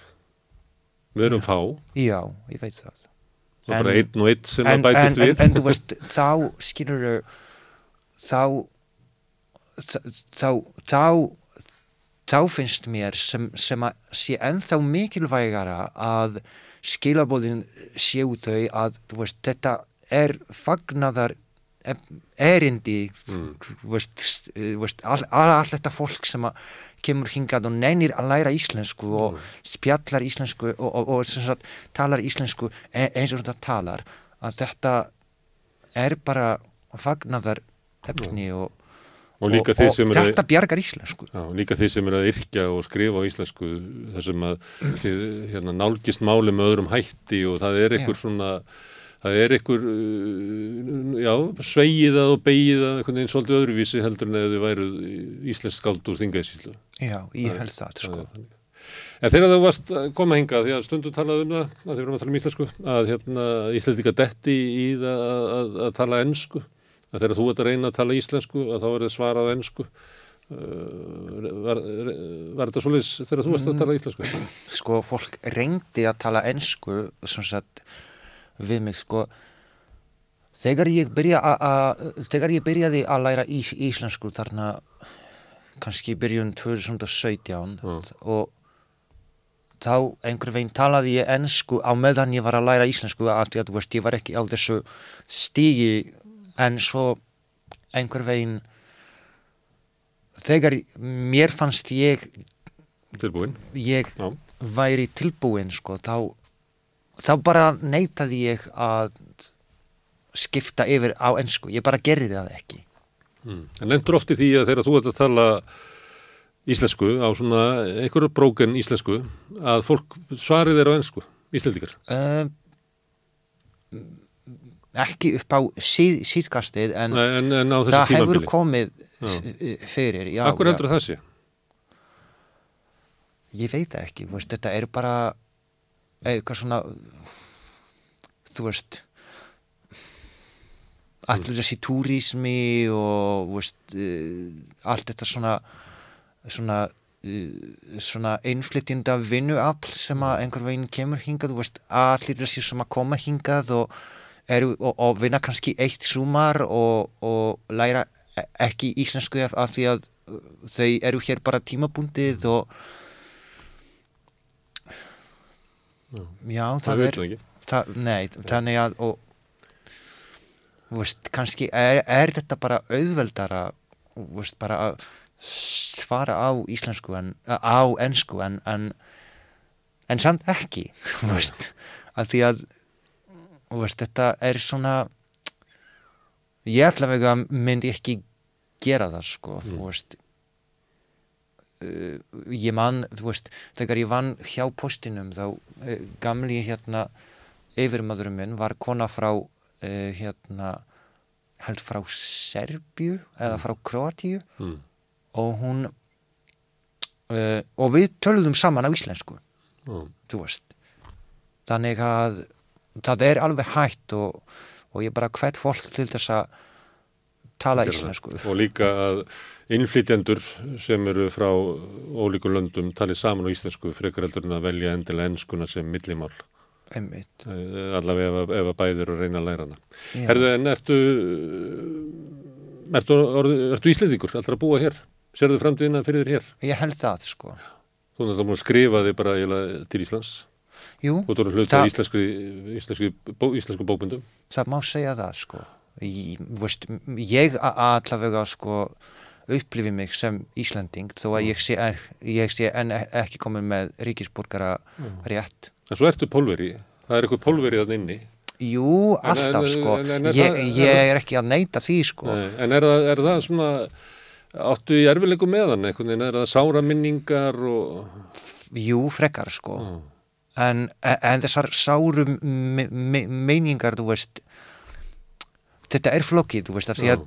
Það eru sárar meiningar sem að tengjast hins einn uh, leikanum og öllu þessu sem að ég varð fyrir út af þessu, þú veist, ég, ég, ég var í einelti í skólanum, þú veist, ég var uh, ég var barinn á almannafæri og alls konar svona bara hryllilegt ofbeldi einhver veginn um, uh, en svo eru líka fallegar uh, minningar, þú veist, svona fjölskyldu minningar, þú veist, mamma og, og, og pappi eru alveg indisleg og bara, veist, uh, bræður minnir uh, líka, þannig að þetta er flókið samband, svona, svona flókið tilfinningarlegt samband einhver veginn. hún Helen var að lýsa þessu, hún fór til Venezuela í fyrsta skipti 15 ár, var að segja mig frá því í ger Oh og þá er það sko að því að eins og ef ég á að reyna að endur segja það sko þá óttast hún við að fara aftur? Það er ekki fyrir hún búin að vera það í smá tíma og hún átt að segja á því að Venezuela sem að hún er að heimsækja er náttúrulega fjölskyldan og það er hinn, sko dásamlega Venezuela sem hún var umlega að heimsækja Já, en einmitt. óttin gagvart henni og, og þessi, þessi erfiðu samskipti eru get- hinn Venezuelan Já, ég, ég get sagt þér sko, veist, mín staða er líka sérstug upp á þetta að, veist, mamma og pappi, þau búa líka erlendis og, og reyndar um, þau búa í Abu Dhabi, sko. Þannig að ég, ég þarf í rauninni að skiptast tímanum milli Abu Dhabi og Pólans og Íslands. Mm. Uh, bræður mínir, já, tvo uh, uh, bræður sem að búa í Poznan og, og, og amma mín líka. Um, og þú veist, ég fór til Poznan í águst, ég var þar í þrjár vikur, en þar á undan, þá var ég í Poznan 2019, allavega fyrir faraldurinn. Og uh, eitt dæmi sem að ég get uh, gefið þér uh, upp á þetta svona breytingaleysi einhver veginn sem að er í Pólandi varðandi svona þú veist stöðu hins einn fólks er til dæmis ég fer til ég, ég fer til Poznan beint frá Róm þar sem ég var allt sumar að vinna að, að bók. Og þannig að ég fer út í heimabænum mínum klættur á mjög svona quote, hinsegin hátt skilur og ég var að posta myndir á samfélagsmiðlum og mamma mín, hún ringir í mig og hún segir, herðu, þú ert ekki í Reykjavík þú ert ekki í Róm, þú ert það er, be, það er betra ef þú tekur, þú veist, þennan ernalokk niður eða, þú veist, fer ekki út í bleikri skirtu e eða eitthvað. Og það eitt segir mjög margt um uh, þú veist, svona breytingar sem að urðu en urðu líka ekki. Af því að þú veist, þessar aðtúarsemdir koma, þú veist, frá svona veit stað að en á sama tíma skilur er hún einhver veginn að viðhalda status quo með því að segja þetta. Þannig að þetta er bara mjög flókið um, og, og En akkur heldur að mamma henni hafi verið að segja þetta vegna þess að hún vildi ekki að vera lamin já, eða var hún að segja þetta að svona gerir maður ekki. Já. hún, hún sagði þetta að því að hún, hún vildi ekki að ég erði Lamin. lamin þú veist, hún er, þú veist, mamma og pappi ég kem út úr skápnum þú veist, þegar ég er hvað 15 ára og, og, og mamma og pappi eru alveg indisleg og, og, og hafa alltaf verið til staðar fyrir mig og uh, sögðu við mig alltaf að, veist það skiptir ekki máli hvaða ákvarðanir þú tekur í lífinu. Það skiptir bara máli að þú sést hamingjusamur í lífinu. Verður þau kannski ekki að tissa þegar þú komst út úr skapnum? Uh, ekki mamma sko nei, mamma, Hún vissi það. hún vissi Já, það kannski vissi það á þess að orða það það komin ekki óvart. en ég var líka, þú veist, þarna a- áður en ég kom út úr kápnum þá var ég líka, þú veist, alveg að spyrja þau út í, þú veist, hvað þeim finnst um þetta og allt þetta þannig að ég svona langur aðdragandi. sáði svona þú veist Mm. En pappiðin var að hann var hissa.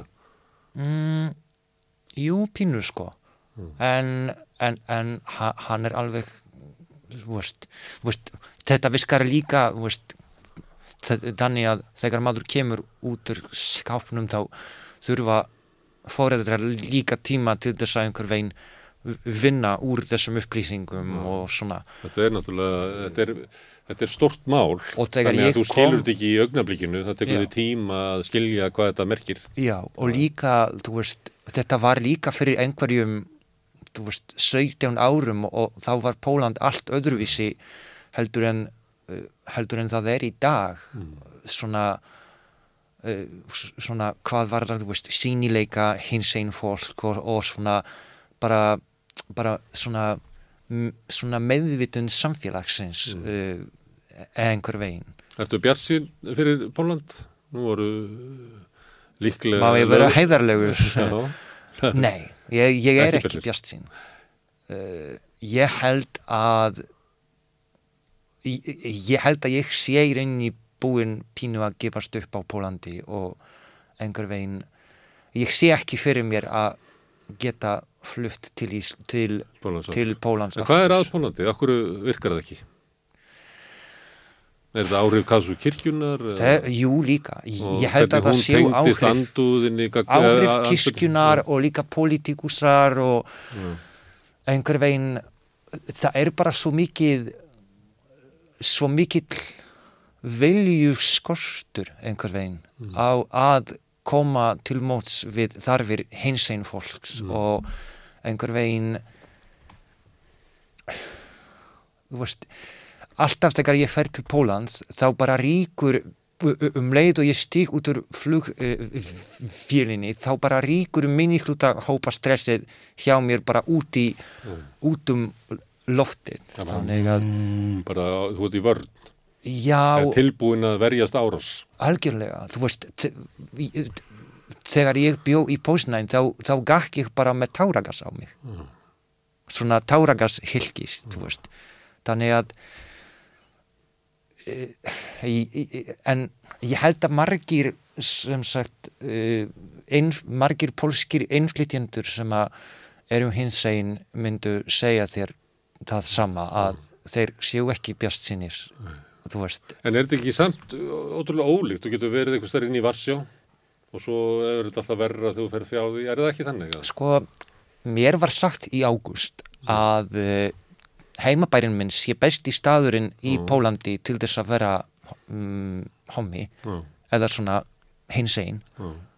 um, en jú, þetta er líka þú veist, svona mismunandi þú veist þetta fer e eftir því hvort að þú byggir í hérna uh, hvort að þú búir í, í hérna í, í Stórborg eða Þorsp og svona en, en svona er þetta allstaðar í, í heiminum held ég En þú ert sáttur við Ísland og íslenskuna? ég er mjög sáttur við Ísland og ég er mjög þakklátur fyrir bara þetta samfélag sem einhver veginn fóstraði mig og, og hérna Og Björk og, og Sigurós Jú, lokkuðu til. en líka bara, þú veist, ég á bara svo marga góða vini hér Já. bæði úr hérna rítuhunda bransanum og svona bókmendabransanum en, en líka bara svona almenn En segðu mér eitt að eh, Björk og Sigurós, að, eh, hvernig þau byrtast útlendingum er oft svona, þetta eru náttúruböld, hérna, þetta eru hugmyndum Íslendinga, að við séum einhvern veginn meiri náttúruböld, svona alfa, já. eitthvað svona. Það Ísland, hefur eitthvað fundið það? Eh, mm, Það er bara eitthvað svona bara handa útlendingum. ég, Jú, ég held að ég er ekki viss hvort að, veist, kannski finnur maður það Ísland veist, þarna í byrjun. Veist, þe- þegar maður er er svona alveg nýfluttur. En ég er ekki viss hvort að ég hafi leitað að einmitt þessu Þú ert ekki að leggjast í Íslandi mosan, þú ert frekar bara hérna nýri bæ. Nei, og, og þú veist, það þa, þa kom til dæmis það þa er mjög skrítið að segja það en uh, ég flytt til Íslands og ég uppgötfa einhver veginn að eina náttúrun sem ég hef áhuga á í rauninni eru aðri strákar. Og, og, og, og ég er pínur svona borgar manneskja, þú veist, ég er pínur svona mikið í, ta- í svona fara í leikhús, fara í bíó, þú veist, fara á upplestra og það, það kom mér á ofast að, að einhver veginn þessi þáttur er svakalega upplugur einhver veginn Hérna. miða við starri landsins og, og, og, og allt þetta, þú veist, Einmitt. hvað Íslendingar eru bara, bara skapandi og einhver veginn skapandi glaðir, má segja, held ég. Góður í, í borgarmenningu. Jú, ég held það. Ættu kannski að, að hafa fókus á því í staðin fyrir að vera leggjast í mosan og Ég er ekki á mikið í, í, í að leggja mig í mósan. Jakob, það er mjög gaman að fá þig hingað að tala um uh, íslenskuna og uh, að vera einflýtjandi og, og vera hommi og tala um bóland. Takk að þér fyrir. Takk hérna. Herðu, við ætlum að halda áfram hérna við rauðaborðið að reyna að kynnast samfélaginu og mannfélaginu sem að, að við búum í. Eh, Næsti kapli eftir augnarögg. Húsnæðiskostnaður tekur meira en helming á ráðstöðuna tekjum verkafólks í eblingu. Hvernig er þetta réttlæta það? Ebling stjættafélag. Allir þættir samstæðvarinnar eru fáanlegir á öllum helstu hlaðvarpsveitum.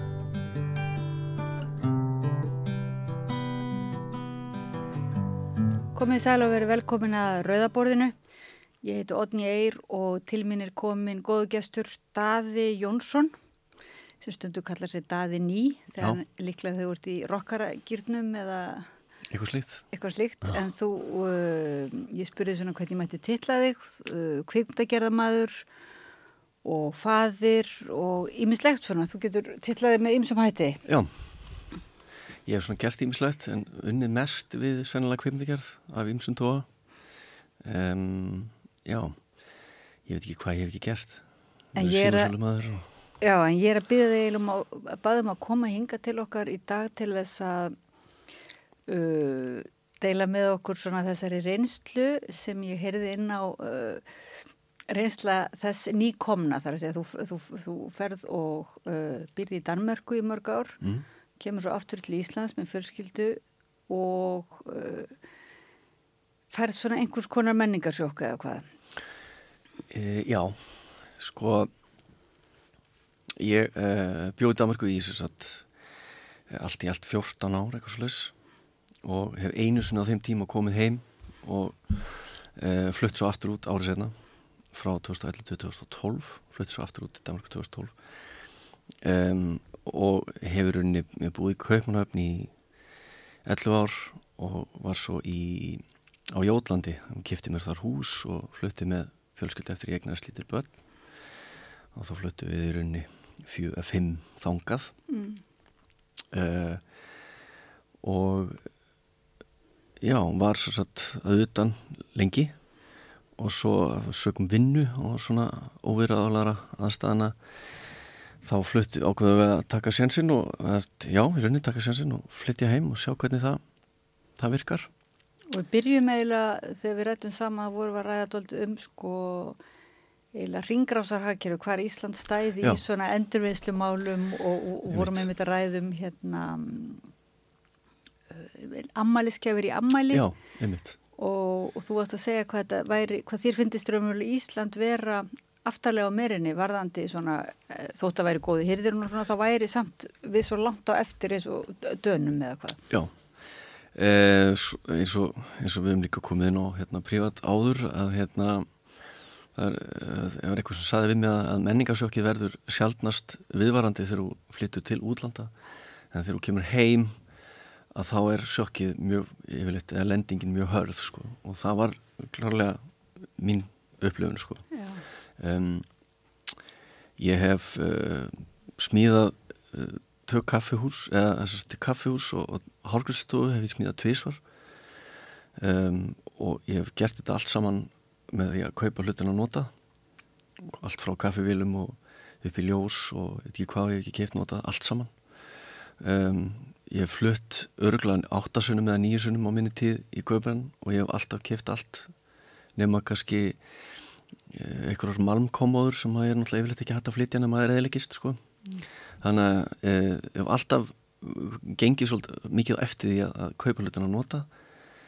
Um, og mér fannst það að koma heim og leita til dæmis bara sófa eða bíl eða eitthvað slíkt hérna heima fannst mér bara mjög, mjög erfitt.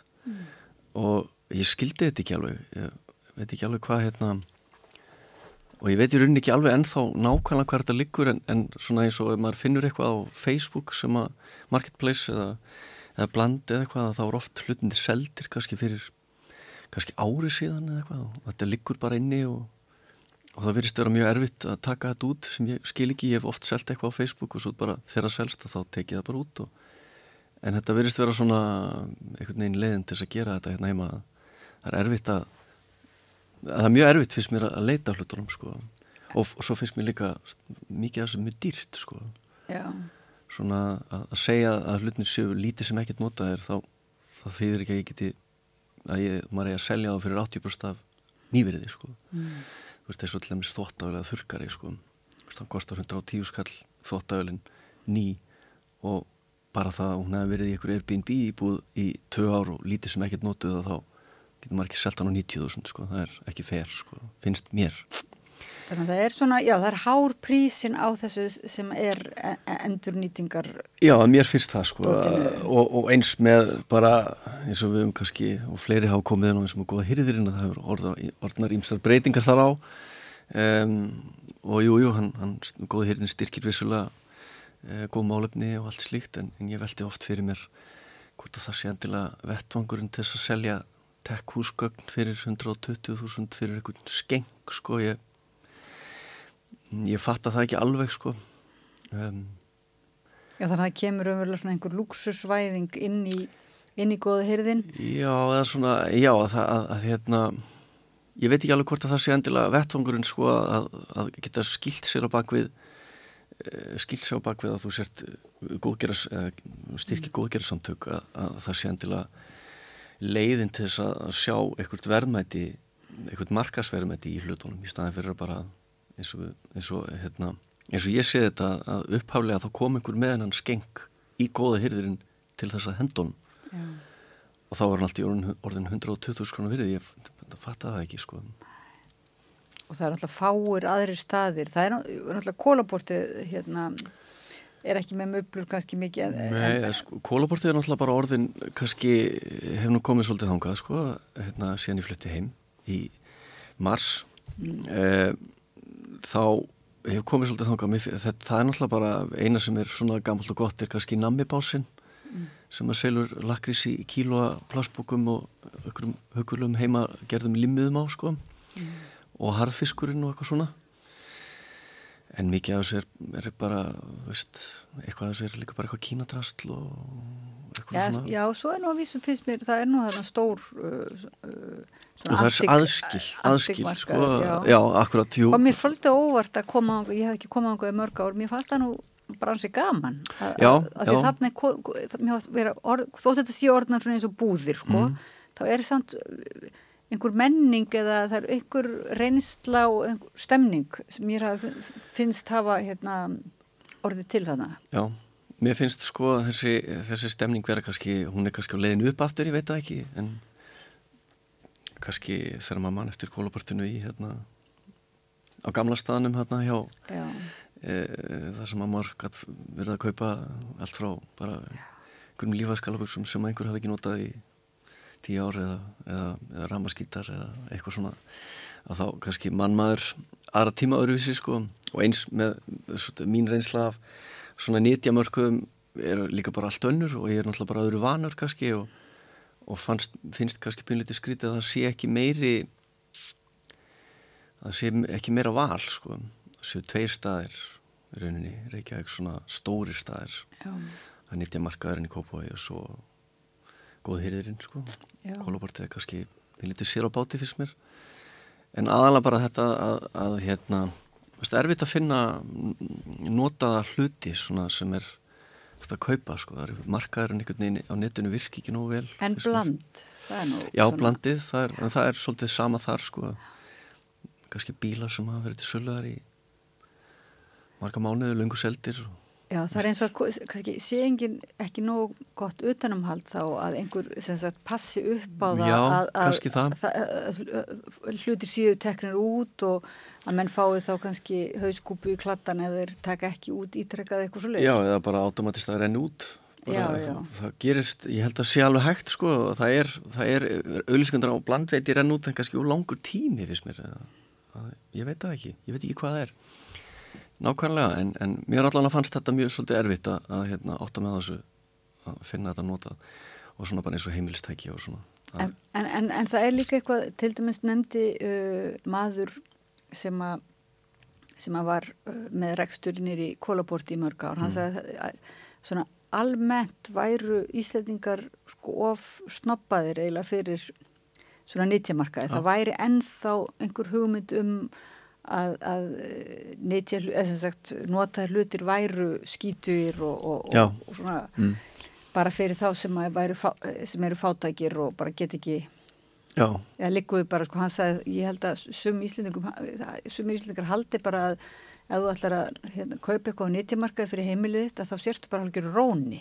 já ég, það getur vel verið að, það rýmar líka kannski alveg við það sem manni finnst sjálfum sko, að, hérna, að þú veist, ég veit ekki þú veist, eins og bara að fara að kaupa kannski, þú veist, nývapör og svona í, þú veist, fyrir mig persónulega skiptir einhver máli hvernig þessi nývapör lítið út þannig séð, sko, bara að ég eigi nógu marga gafla og nýva til þess að geta borðað sjálfur og, og hérna búið kannski einhverjum heim, sko.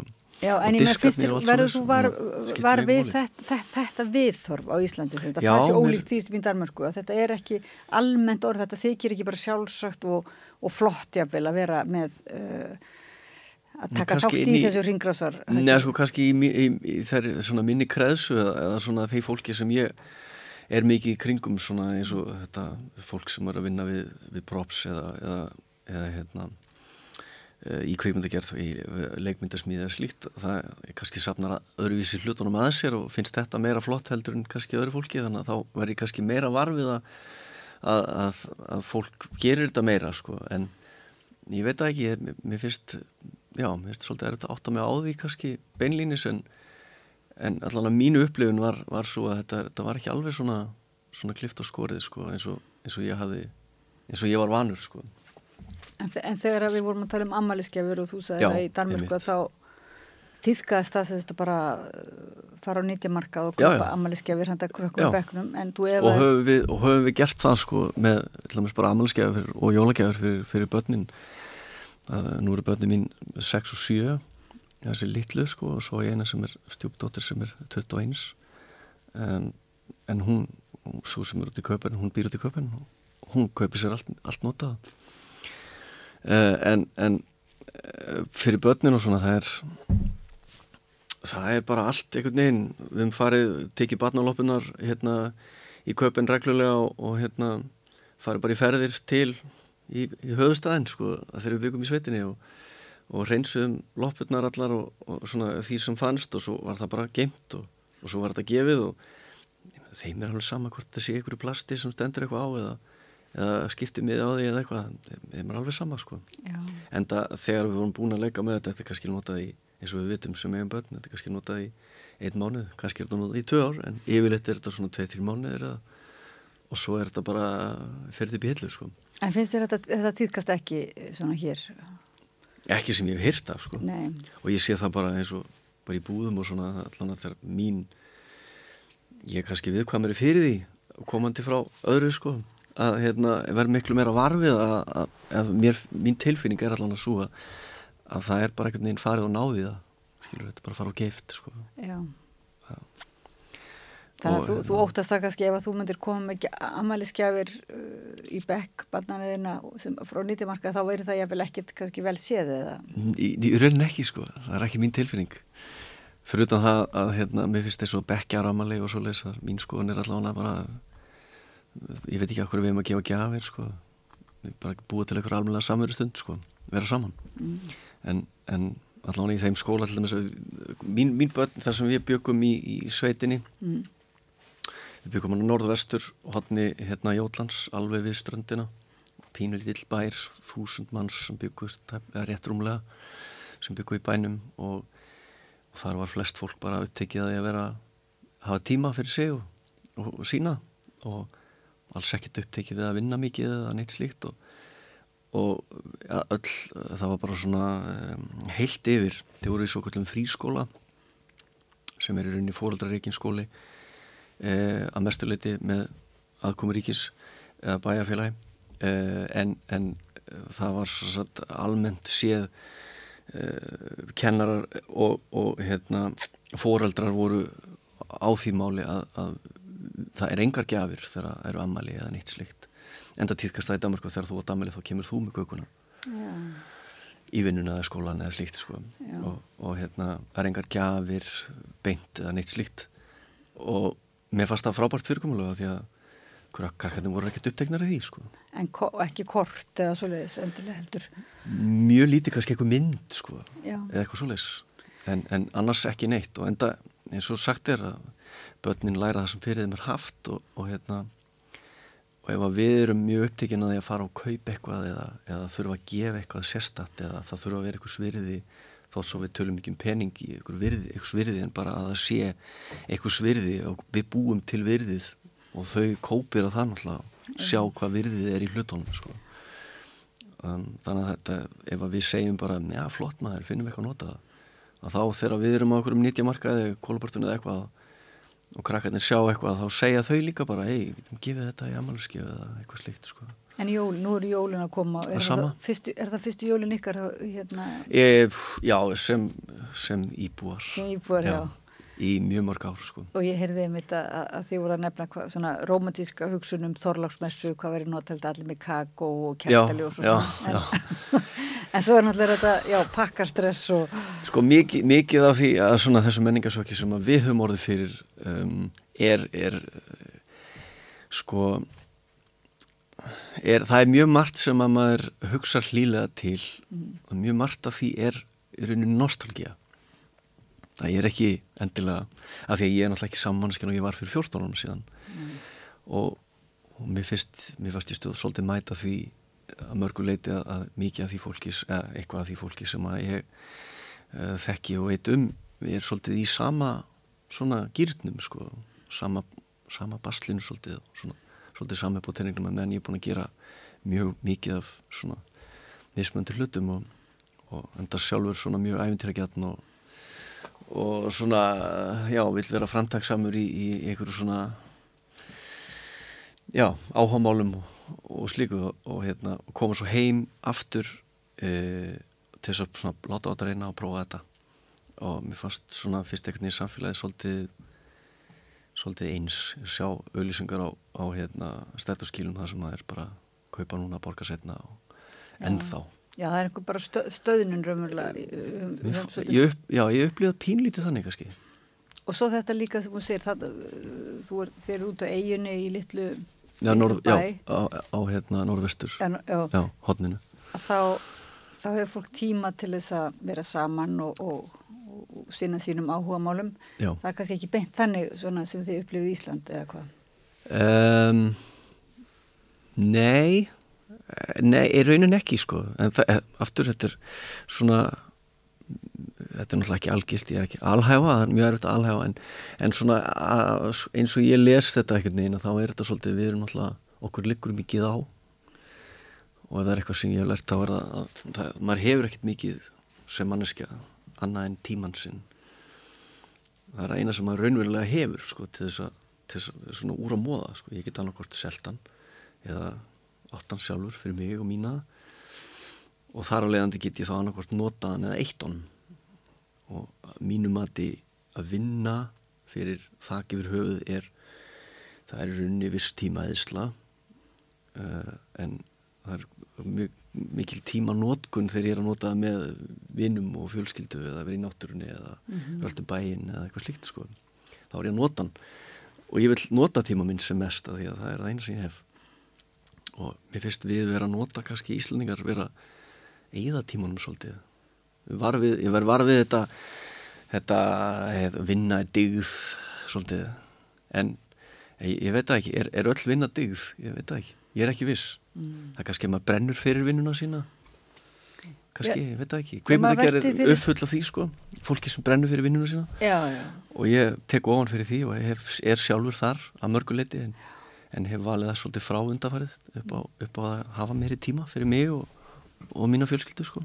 þannig að, að því ég geta ég er í, er í luxus aðstöðu að geta valið það það er ekkert allir sem geta það Nei. og hérna, mér finnst það já, mér finnst það það eru ákveðin forréttindi að geta það sko. Þá missur af þessu, kannski þessu kapplöpi, frama, frama kapplöpi sem að margir eru kannski svolítið já, já, búin að selja, selja sál sína svolítið í, í það sko og, og finnst það spennandi. Það, þetta verður, það er náttúrulega kannski má segja ákveðin vinnu fíkn líku við hjá Já. Íslandingum kannski kannski eins og þú ert að lýsa því. það er kannski líka bara búið að selja okkur ákveðna svona ég veit ekki það er náttúrulega bara við erum náttúrulega Ameríku þjóð í rauninni sko. Við erum mjög höll að sem þjóð höll að svona amerískum lifnarháttum þú veist þetta er þessi, þessi útkverfa stefna og, og hérna þú býrið annar staðar og sækir þjónustu annar staðar og, og hérna og bíla þjóð mikil eins og framhefur komið í ófámutunum hér meðal annars. Já. Og mér finnst svona mér finnst mjög erfitt að, kingja því að þurfa að eiga tvo bíla. Ég á bara eitt bíl. Ég reyndi sem lengst að hafa engan bíl. Það gekk á meðan það gekk. Um, valdi það að búa nýr í bæ til þess að hafa svona lítið frímerki sem við getum bara það er skóli hér og það er íþróttaheimili hér og amafi hér og svo bærin þess að rölda um og njóta og, og sé ekkert eftir því, það er aðeinslegt fíla það mjög vel og, en, en svo þegar maður þarf bíla þá þarf maður bíla og strætókerfið er, er líka frábært á margan hátt þegar, að, það virkar sko. Ég er ekkit mikið að agnast út í það. Ég, það hefur alltaf virkað þegar ég ætla að nota það. En kannski ef maður ber sér saman við, við aðra staði þá er þetta kannski náttúrulega ekki kannski alveg það hefur kannski langt í land, ég veit það ekki. En, en já.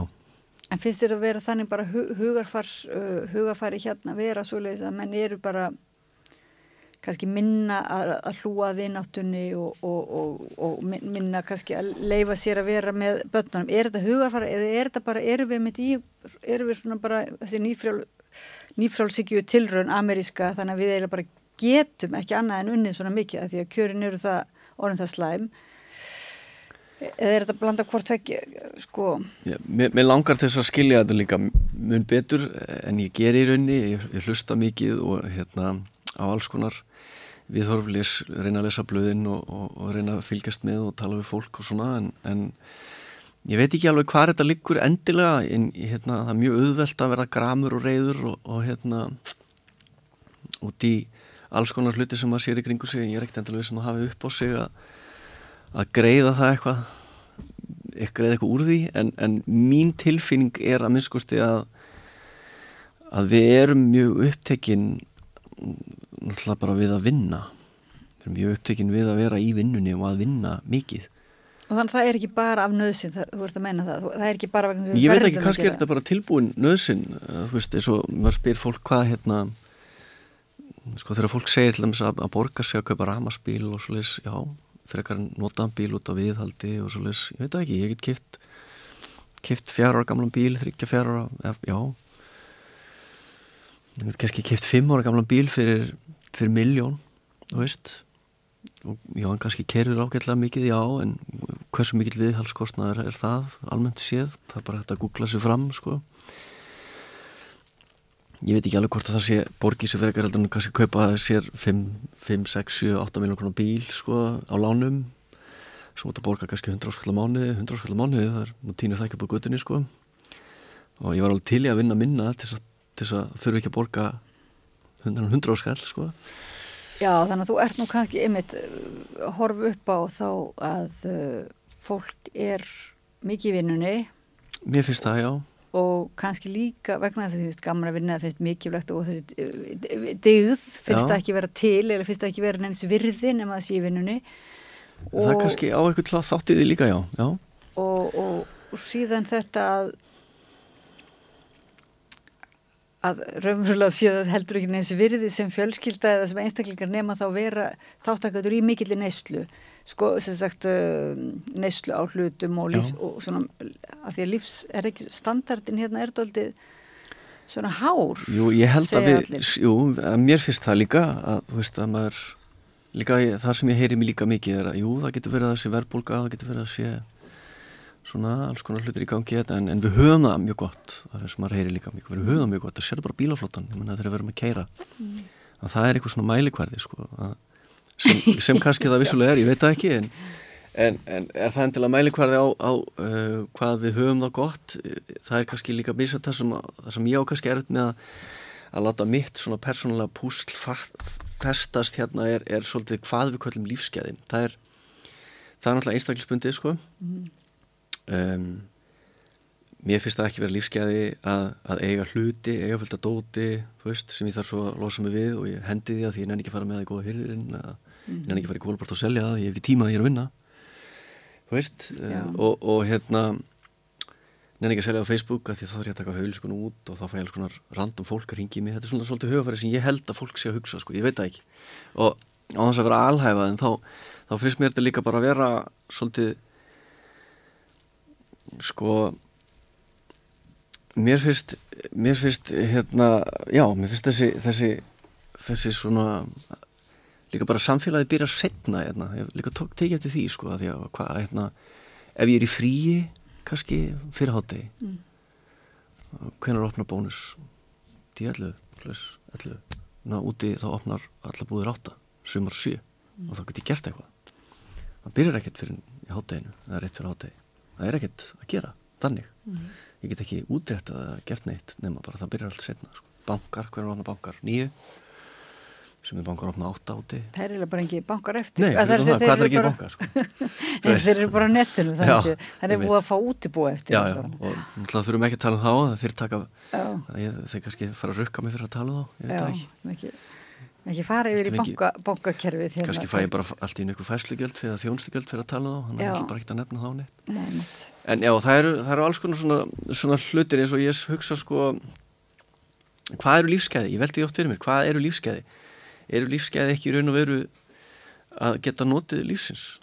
Og ef maður, ef maður er háður því að eiga dót eða eða þurfa að vera með skjá í andlindinu eða, eða eitthvað slíkt að, að hérna, þá er maður alltaf ekki að njóta lífsins en hvað er það, alltaf personabundið hvað er nýtt á lífsins? En uh, ég flutti hinga uppálega til þess að vinna náttúrulega, af því að það var vinna hérna það var ekki vinna og ég þurfti að vinna mikið og nú er ég eiginlega komin upp úr þeirri hólu mm. og, og mjög þakkláttur fyrir að fengi þann möguleika bara koma heim og bara botlis vinna. Það er aðeinslegt en nú er ég búinn þar sko, nú þarf ég það ekki og þá ég, finn ég fyrir því að ég er að hægja á mér að, að því ég þarf þess ekki. Mm. en samfélagi allt er einhvern veginn svolítið að kalla á það þetta lífskeiða kaplöp er, er viðvarandi. Ég finn mikið fyrir því sko. það er ákveðin félagslegu þrýstingur að þú haldir þá rithmanum og sérst að vinna áfram mjög mikið til já, þess að kannski félags, ég veit ekki endilega félagslegur, hann er ekki svona endilega í minni kreðsu endilega en, en það er mikið í kringum mig sko. Ég, ég tek mikið eftir og þetta er náttúrulega bara ef, ef það er mikið mikið af auðlýsingum, maður sér mikið og maður býr náttúrulega í miðborginni þannig að maður verður alveg varfið þetta sko en, en, en já ég veit það ekki, ég er ekki alveg svona það, það, það, þetta er ég ekki alveg að ná sko. Hvað við kvöldum lífskeiði, ég skilða ekki ennþá sko, Nei, það er svolítið merkild að því að sko svo koma allar skýrslutnar og fólk sem er að innan úr kerfinu mm. sem er að lýsa því að Íslandi er náttúrulega mjög sko vaksandi, hefur verið vaksandi geð heilbreyðisvandi til dæmis og, Það er nú heimsvísu líka. og, Já, heimsvísu og ungt fólk hérna samt oft í meiri livja, notar meiri það verður að gefa börnum kvíða og þunglindislif liv alveg nýri í leikskóla sko. Já. og þá spyrir maður sér svona þú veist, hvernig það er eitthvað sem, að þú talar um púsl, það er eitthvað sem passar nú ekki alveg saman. Þetta að, að, að segja sjáu þið bara bílaflótan hvað við höfum það gott og svo sjáu þið þá skýrslutnar og, og, hérna, og, og þunglindislif og kvíðalif barna, það, það er þarna eitthvað sem passar ekki saman. En við erum kannski svolítið orðin vönði uh, að að láta svona slá okkur, slá okkur út á borðinu þegar, þegar maður segir eitthvað, já þetta er nú ekki alveg það er nú ekki, það er ekki alveg lægi með þetta samfélag. Til þess að maður geti eiginlega aldrei hitt vini sín það er allir svona á miðjum aldrei þá eru allir svo opbáslega uppteknir að það er bara mjög erfitt að koma því við að hittast sko Já. og rekta vináttuna og, og, og sam, sam, samböndin sko. Og hvað er þá ef, já, ef maður kannski hefur búið útlöndum og er, er kvarta yfir þessu þá er þetta uh, viðkvæði eins og þú nefndir líka bara, svona er þetta bara hér svona er þetta á hér og við höfum það raunverulega mjög gott. Er, er þetta ekki bara einhver svona afnettun eða? Ég, ég heyrði eitthvað lýsaði að Ísland væri rauninir bara svona sem samfélag væri við bara með eitthvað svona Stockholm syndrom þar sem við erum læst uh, við að þurfa að þræla, þræla okkur út fyrir hérna, þakk yfir höfuðu mm. og uh, dót sem við þurfum ekki og, og við séum bara rosalega við ættum að vera þakklátt fyrir það að hafa það svona gott en, en, en við erum í rauninni bara erum við ekki bara með eitthvað áfallastreitur öskun sem, sem samfélag ég veit það ekki. Ég, mér finnst þetta hana, hérna, þetta með að hafa ekki tíma og svona, maður, maður hittir ég hittir svolítið af fólki sem ég hef ekki hitt lengi og maður talar alltaf um hefur ekki að hittast? og jú, endilega gerum það, gerum eitthvað. Svo gerir aldrei neitt neitt af því að það er allir svo busy og mm. það er allir mjög uppteknir og og ef það er ekki veist, ef það er ekki hérna vinnan þá er það fókvöldæfingar og fimmleikar og, og hvaða nú er sko. Og mér það finnst, er ekki í kringum vera... fótbóltæfingar maður hugum sem ef börnir í íþróttum að það er svo vandi svolítið þess að samfélagslegu vitur þetta fóreldrar til komið saman. Það sé eitthvað svona það er náttúrulega verið að reyna þetta svolítið fyrst mér. Allavega, það, er, það er klárlega verið að reyna þetta en það er bara við erum svo busy sko. erum, og ég fæ, við fáum allavega hjá mér er í okkar fjölskyldu þá, þá erum við mjög svona, þetta eru þrísar viku sem eru fólktaðingar og sunda líka. Og svo eru fólktamóti náttúrulega, það fenni náttúrulega að koma fullu sko. Mm. og svo eru skátarnir og gera mig og, og hvenar á að hitta vinnina mm -hmm. það er kannski á meðgdum þetta ekki, kannski lötum eitthvað hipsum haps eitthvað nýri bæur og sér maður hvort annað og leikar aðeins og einhvern leikvöldu með eitthvað en svo er líka fólk ekkert mikið á vappi sko, miðbærin, nýri miðbæri þegar við komum inn að fyrst og í sumar þá vorum við eiginlega bara á hverjum degi fórum við út bara með krakkana. Þau bara fórum bara eftir skóla bara, bara eitthvað út að lappa og það var eiginlega aldrei neittn á ferð það var ótrúlegt. Ég bara, hvað er alltaf fjölskyldunar veist, það er á östuvelli ég veit ekki hvað, veit ekki hvað fólk gerir þegar það kemur heim. En svo kannski, svo kannski bara er allir grafnir í skjálnum og mjög uppteknir á því. Og ég meina, ég held að við séum líka kannski bara pínlítið hrætt við að viðkenna vandan sko með eins og með skjáfíkn og að við séum fíklar. Þetta er bara, ég meina þessi samfélagsmiður eru, eru hannaðir af, af þeim sömu sem, sem búa til hérna, spilaviti í bandríkan þetta er sama konsept mm. það er til eitthvað sem heitir The Endless Scroll. Mm. na, sem að sletti nú. Að ég geti endalust skrolla, skrolla. Mm. ég þarf aldrei. Það því að til hvers er samfélagsmiðlar? Til þess að halda þér. Þeir vilja á sért með augun á þessu eins lengi og mögulegt er. Að því þannig fá þeir auðvilsingi tekjur og svo fræmis, fræmis þeir eru ekkert að gera þetta því að þeir eru að tengja fólk. Veist, það er bara í sko. hérna, undir því yfirskinu, í því góður, góður, trú og við séum þannig að byggja, við séum að lækja okkar að mörgum til einhverja samfélagsumræðu uh, að því við kannski segjum eitthvað nokkur, nokkur orð og Já, svo, svo, veist, svo virkar það náttúrulega ekki þannig, skilur það, því að við, við þekkjum náttúrulega bara okkur, okkur lík og, og, og hérna, Já, því að svo er, svo, svo er sko bergmálshellar, sko. já, einmanaleikin er bara orðið vaksandi vandamál já. og náttúrulega ekki, heim. kunnum ekki að tala saman lengur, ég lenda á spjalli við einn, hérna, ég var að sækja, sækja mér eitthvað að borða eitthvað tíman og ég fór eitthvað að spjalla við, hérna, gæjan sem að var að aðgræða mig og, og við lendum bara okkur hölku spjalli, þú veist, sem engu, engu máli skipti, sko, bara um daginn og inn og, þú veist, eitthvað um, um börnin okkar eitthvað, þetta var í fimm mínútur á meðan ég var að býja til matnum mínum, sko, og hann sagði það einmitt bara, já, við tölum ekkert saman lengur, ég er alveg, nei, nákvæmlega Mm. ég meina þú fer í strætó eða þú sért í umferðinni, ég meina fólk situr á rauðu ljósi það getur, við kunnum ekki að láta okkur leiðast lengur sko. og það var ekkert hann sagt ég meina það var sagt um mig þegar ég var krakki að það er bara fínt að láta þessu leiðast sko. að því að þú veist, ef, ef engun myndi leiðast hver á þá að læra á gítar hver á þá, þú veist hver á þá að, að hérna, læra að mála eða, eða, eða króta eitthvað nýra á blað eða, eða byrja að skrifa eitthvað eða eitthvað slíkt þú En svo er það líka, hérna, tómarúmi sko. talaði við Fríði Jónsdóttur sem var að gera rannsóknu um, um samskipti í leikskólum já, já og það. ingildandi rými og þá, þá er hún raunverulega með uh, baðan um, um, um starffólkum að teikna svona ring og sjá og meta hversu lengi raunverulega ertu í samskiptum Já. við uh, tiltekna, sérst, alla bara inn á, inn á all, öll börnin og, og svo ef, ef að þú einhver út á jæðrinum í þínu svona samskiptakorti, samskiptarring að þá áttu að reyna að leggja þig eftir því að Mm.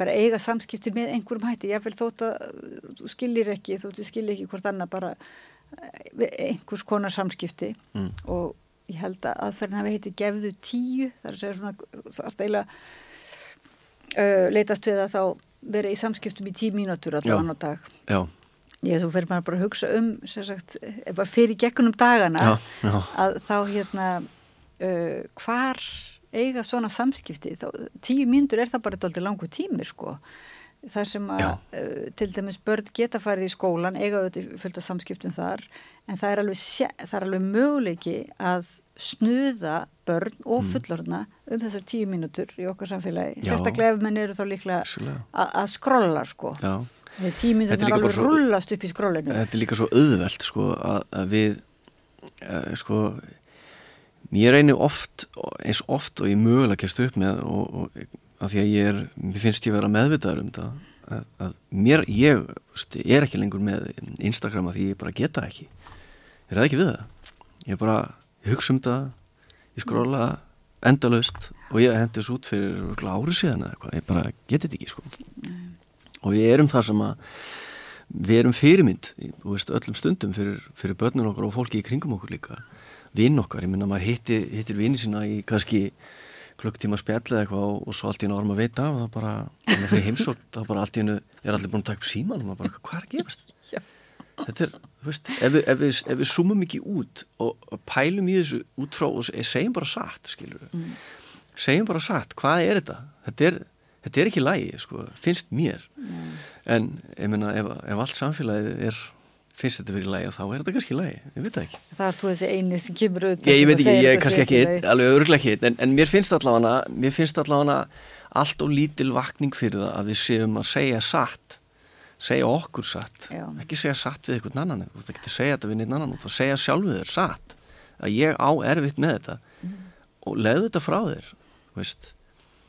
Já, sjálfur hérna, ég, ég er ekkert að segja ég sé eitthvað fullkominn og, og hérna en, en ég er mjög varasamur með ætla, með þess að börnum mín fá ekki að fara á YouTube og, og bara alls ekki. Þú veist, það er bara veist, og veist, ég þekki fólk sem setur bara, byrjar daginn á því að setja iPad-i fyrir fram börni sinni bara, hvað hva er að gerast sko svo, er verður- sko Svo verða allir eins og sko. samdöina í Einmitt, svo erum við líka samtinn og það er einmitt þetta líka sem að Hvað er það? Samtryggingi eða þannig svona ægi og það er verið að gaggrina þetta en Já, það, það ég er leiðin. en- Já, ég veit hvað þetta er slæmt ó, ég- Og svo er þetta líka náttúrulega eitthvað sér svo með nú veit ég ekki, en það er ekki alhæfa en, en, en náttúrulega líka kannski með e, svona, ég veit, ég þekki allan að dæmi um þetta með, einstæða fóreldra Mm.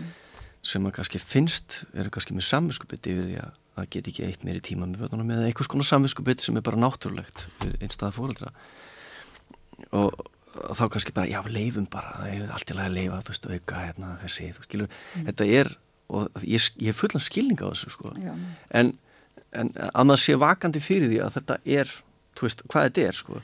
og ég held að við séum ekki við mikið, sko, við mikið hugmyndum hvað þetta er að gera okkur samfélag þessi samfélagsmiðlar sko. fólk talar um það og svona en ég held að við erum ekki hugmyndið sko. Við erum náttúrulega, eins og segir þá kannski einhvers konar fornalömb þessara uh, Ég held við séum að keira fram að kletti sko Já, bara í það okkar samfélagi. Já, 100%. Og sérstaklega á Íslandi þá, myndur þú segja, með að við svona...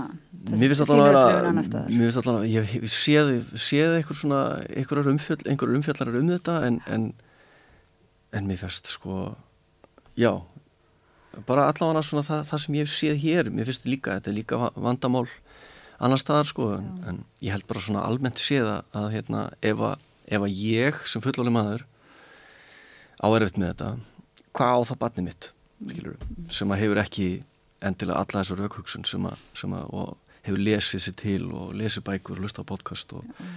og til mig kannski svona já, þokkala upplýstan. En við erum svolítið duglega eins og segir að, að svona samfæra okkur vera í ákveðinu afnöndun og samfæra okkur. Svona er þetta bara, svona er þetta bara Íslandi Já, veist, ég heyri það mjög oft sko, þetta, svona er þetta bara þetta verður alltaf verið svona. Þannig að við ætlum kannski ekki alveg að já, við þurfum að kannski aðeins að vakna til að fljóta ekki sofandi að feðarási Já, einmitt, en, en sko svo líka þetta með að, að, að, að flytja heim sko, að tala það á minni reynslu og það er að tala um að þetta taki svona 2-3 ár sko Að verða samdöuna Ég vil meina það sé það sko, ég spyr alltaf hvað tekur 2-3 ár sko. Að venjast hverju.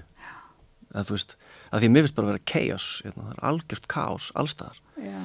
Og áður fyrir þetta svona þetta rettast hugafar sko. fyrir mér í dag sko verandi eftir að hafa verið 14 ára annar staðar og ég er náttúrulega orðin færtur og ég er að vera miðaldra þannig að mm. kannski um að gera frá nöldra þá og ráfliðið því. Já, takk fyrir að koma. en, já, deila með okkur hérna sem var nöldri. En, en, en mér finnst þetta að vera sko ég veit ekki hvað, hvað maður á að vennjast sko að, að er það þá að vera samdöina eða í þessari meðvirkni sem við erum öll hluti af sko eða eða, eða sættaði við að svona er þetta bara já, sættaði við að svona er þetta því að ég er ekki til í það sko.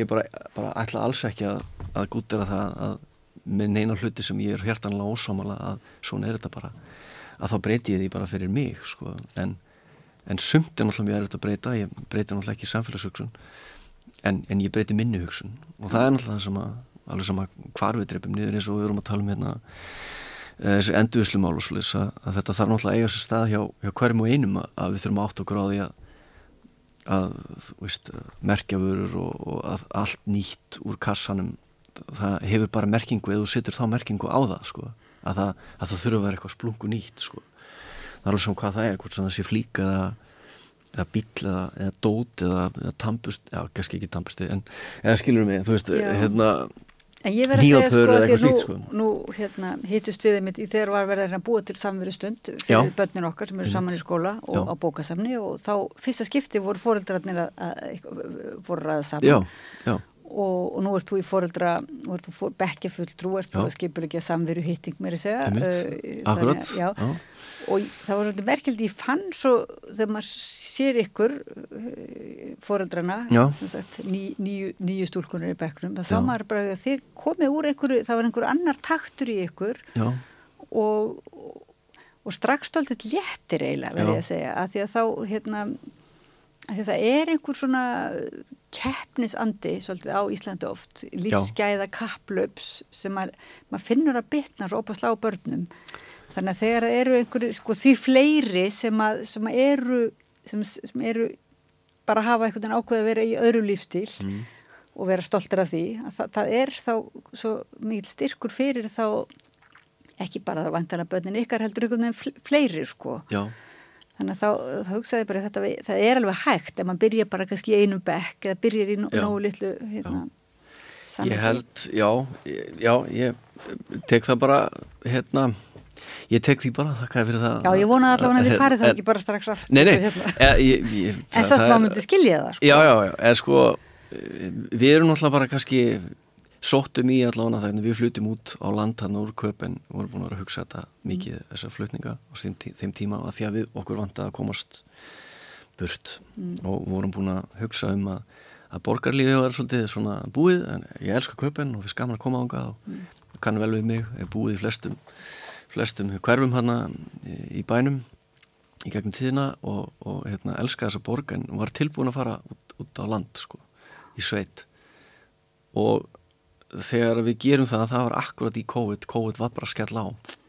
Þannig að við fórum beint í sótkví í sótkví mm. út í sveit. Mm. og það var bara frábært. Það var svo æðislegt. Við vorum bara svo mikið saman og ég var að vinna sem smiður þá og var að læra uh, hússmiði og bara það var bara frábært. Það var algjör frelsun að mörgu leiti sko að, að hérna að þetta hafi einhvern veginn tekist sko fannst mér að komast út sko út fyrir. Og, og, og hitta svo mikið af fólki sem að, sem að hafi í rauninni gert það sama sko.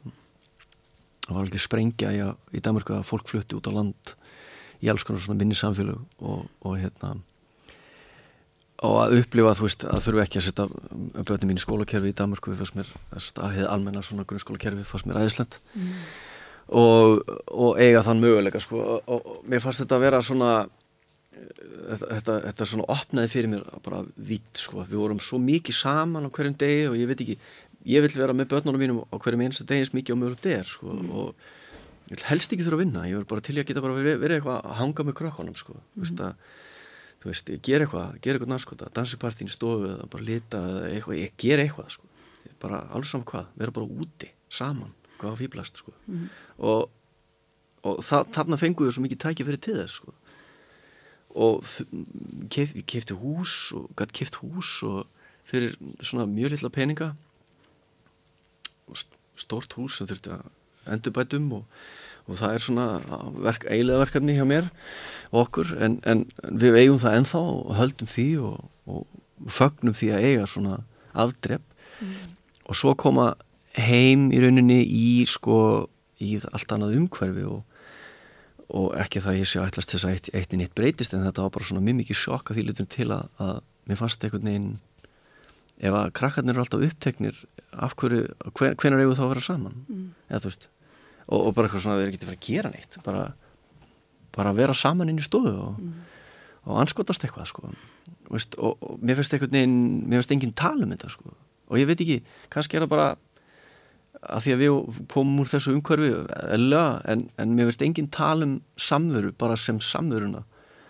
Að, að vera bara með fólkin okkar mm. bara til þess að hanga, ekki gera neitt. Er ekkert að fara í eitthvað skopp hérna garðið eða mínigólfið á skauta er ekkert endilega að gera það, bara vera saman lappum bæinn, spjalla saman.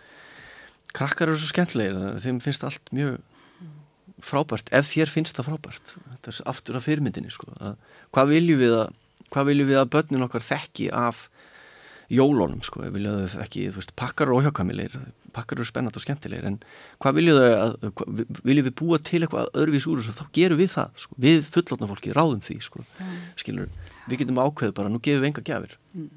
og það myndi ekki koma neinum á orð það myndi alltaf segja bara flott, geggjað þá þarf ég ekki að gefa kefur, aðeinslegt og það mm. getur orðið keðverkun sko í lítillir fjölskyldu og það getur líka orðið keðverkun í samfélaginu ef við viljum það. En við þurfum líka að vilja það sko.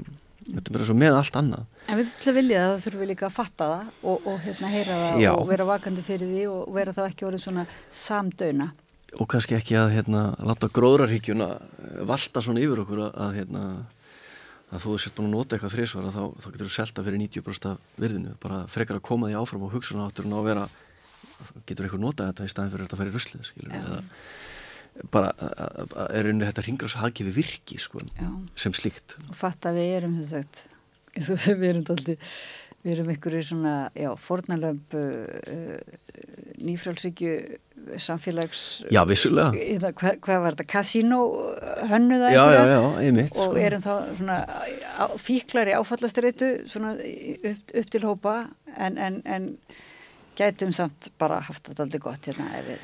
við getum haft það mjög gott og ég held að ef börnin okkar hafa það gott umfram allt að þá höfum við það gott. Ég meina, hvað er það annað sem að sjóra bara á að upplifa annað heldur en bara þú veist æðislegan hverstag sko.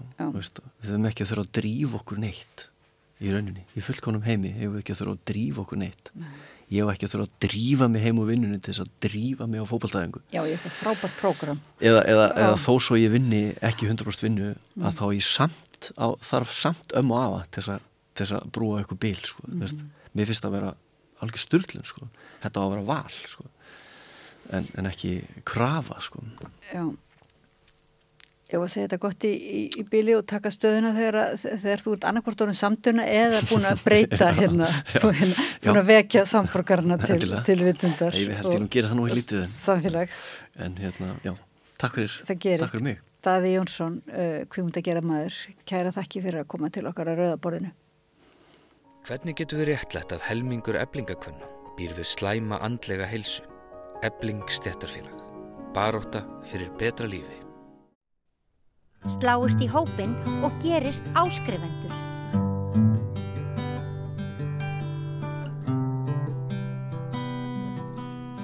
Herðu, við ætlum að tala um mál sem að kannski er ekki efst á bögi, það er söðfjárrekt í Reykjavík.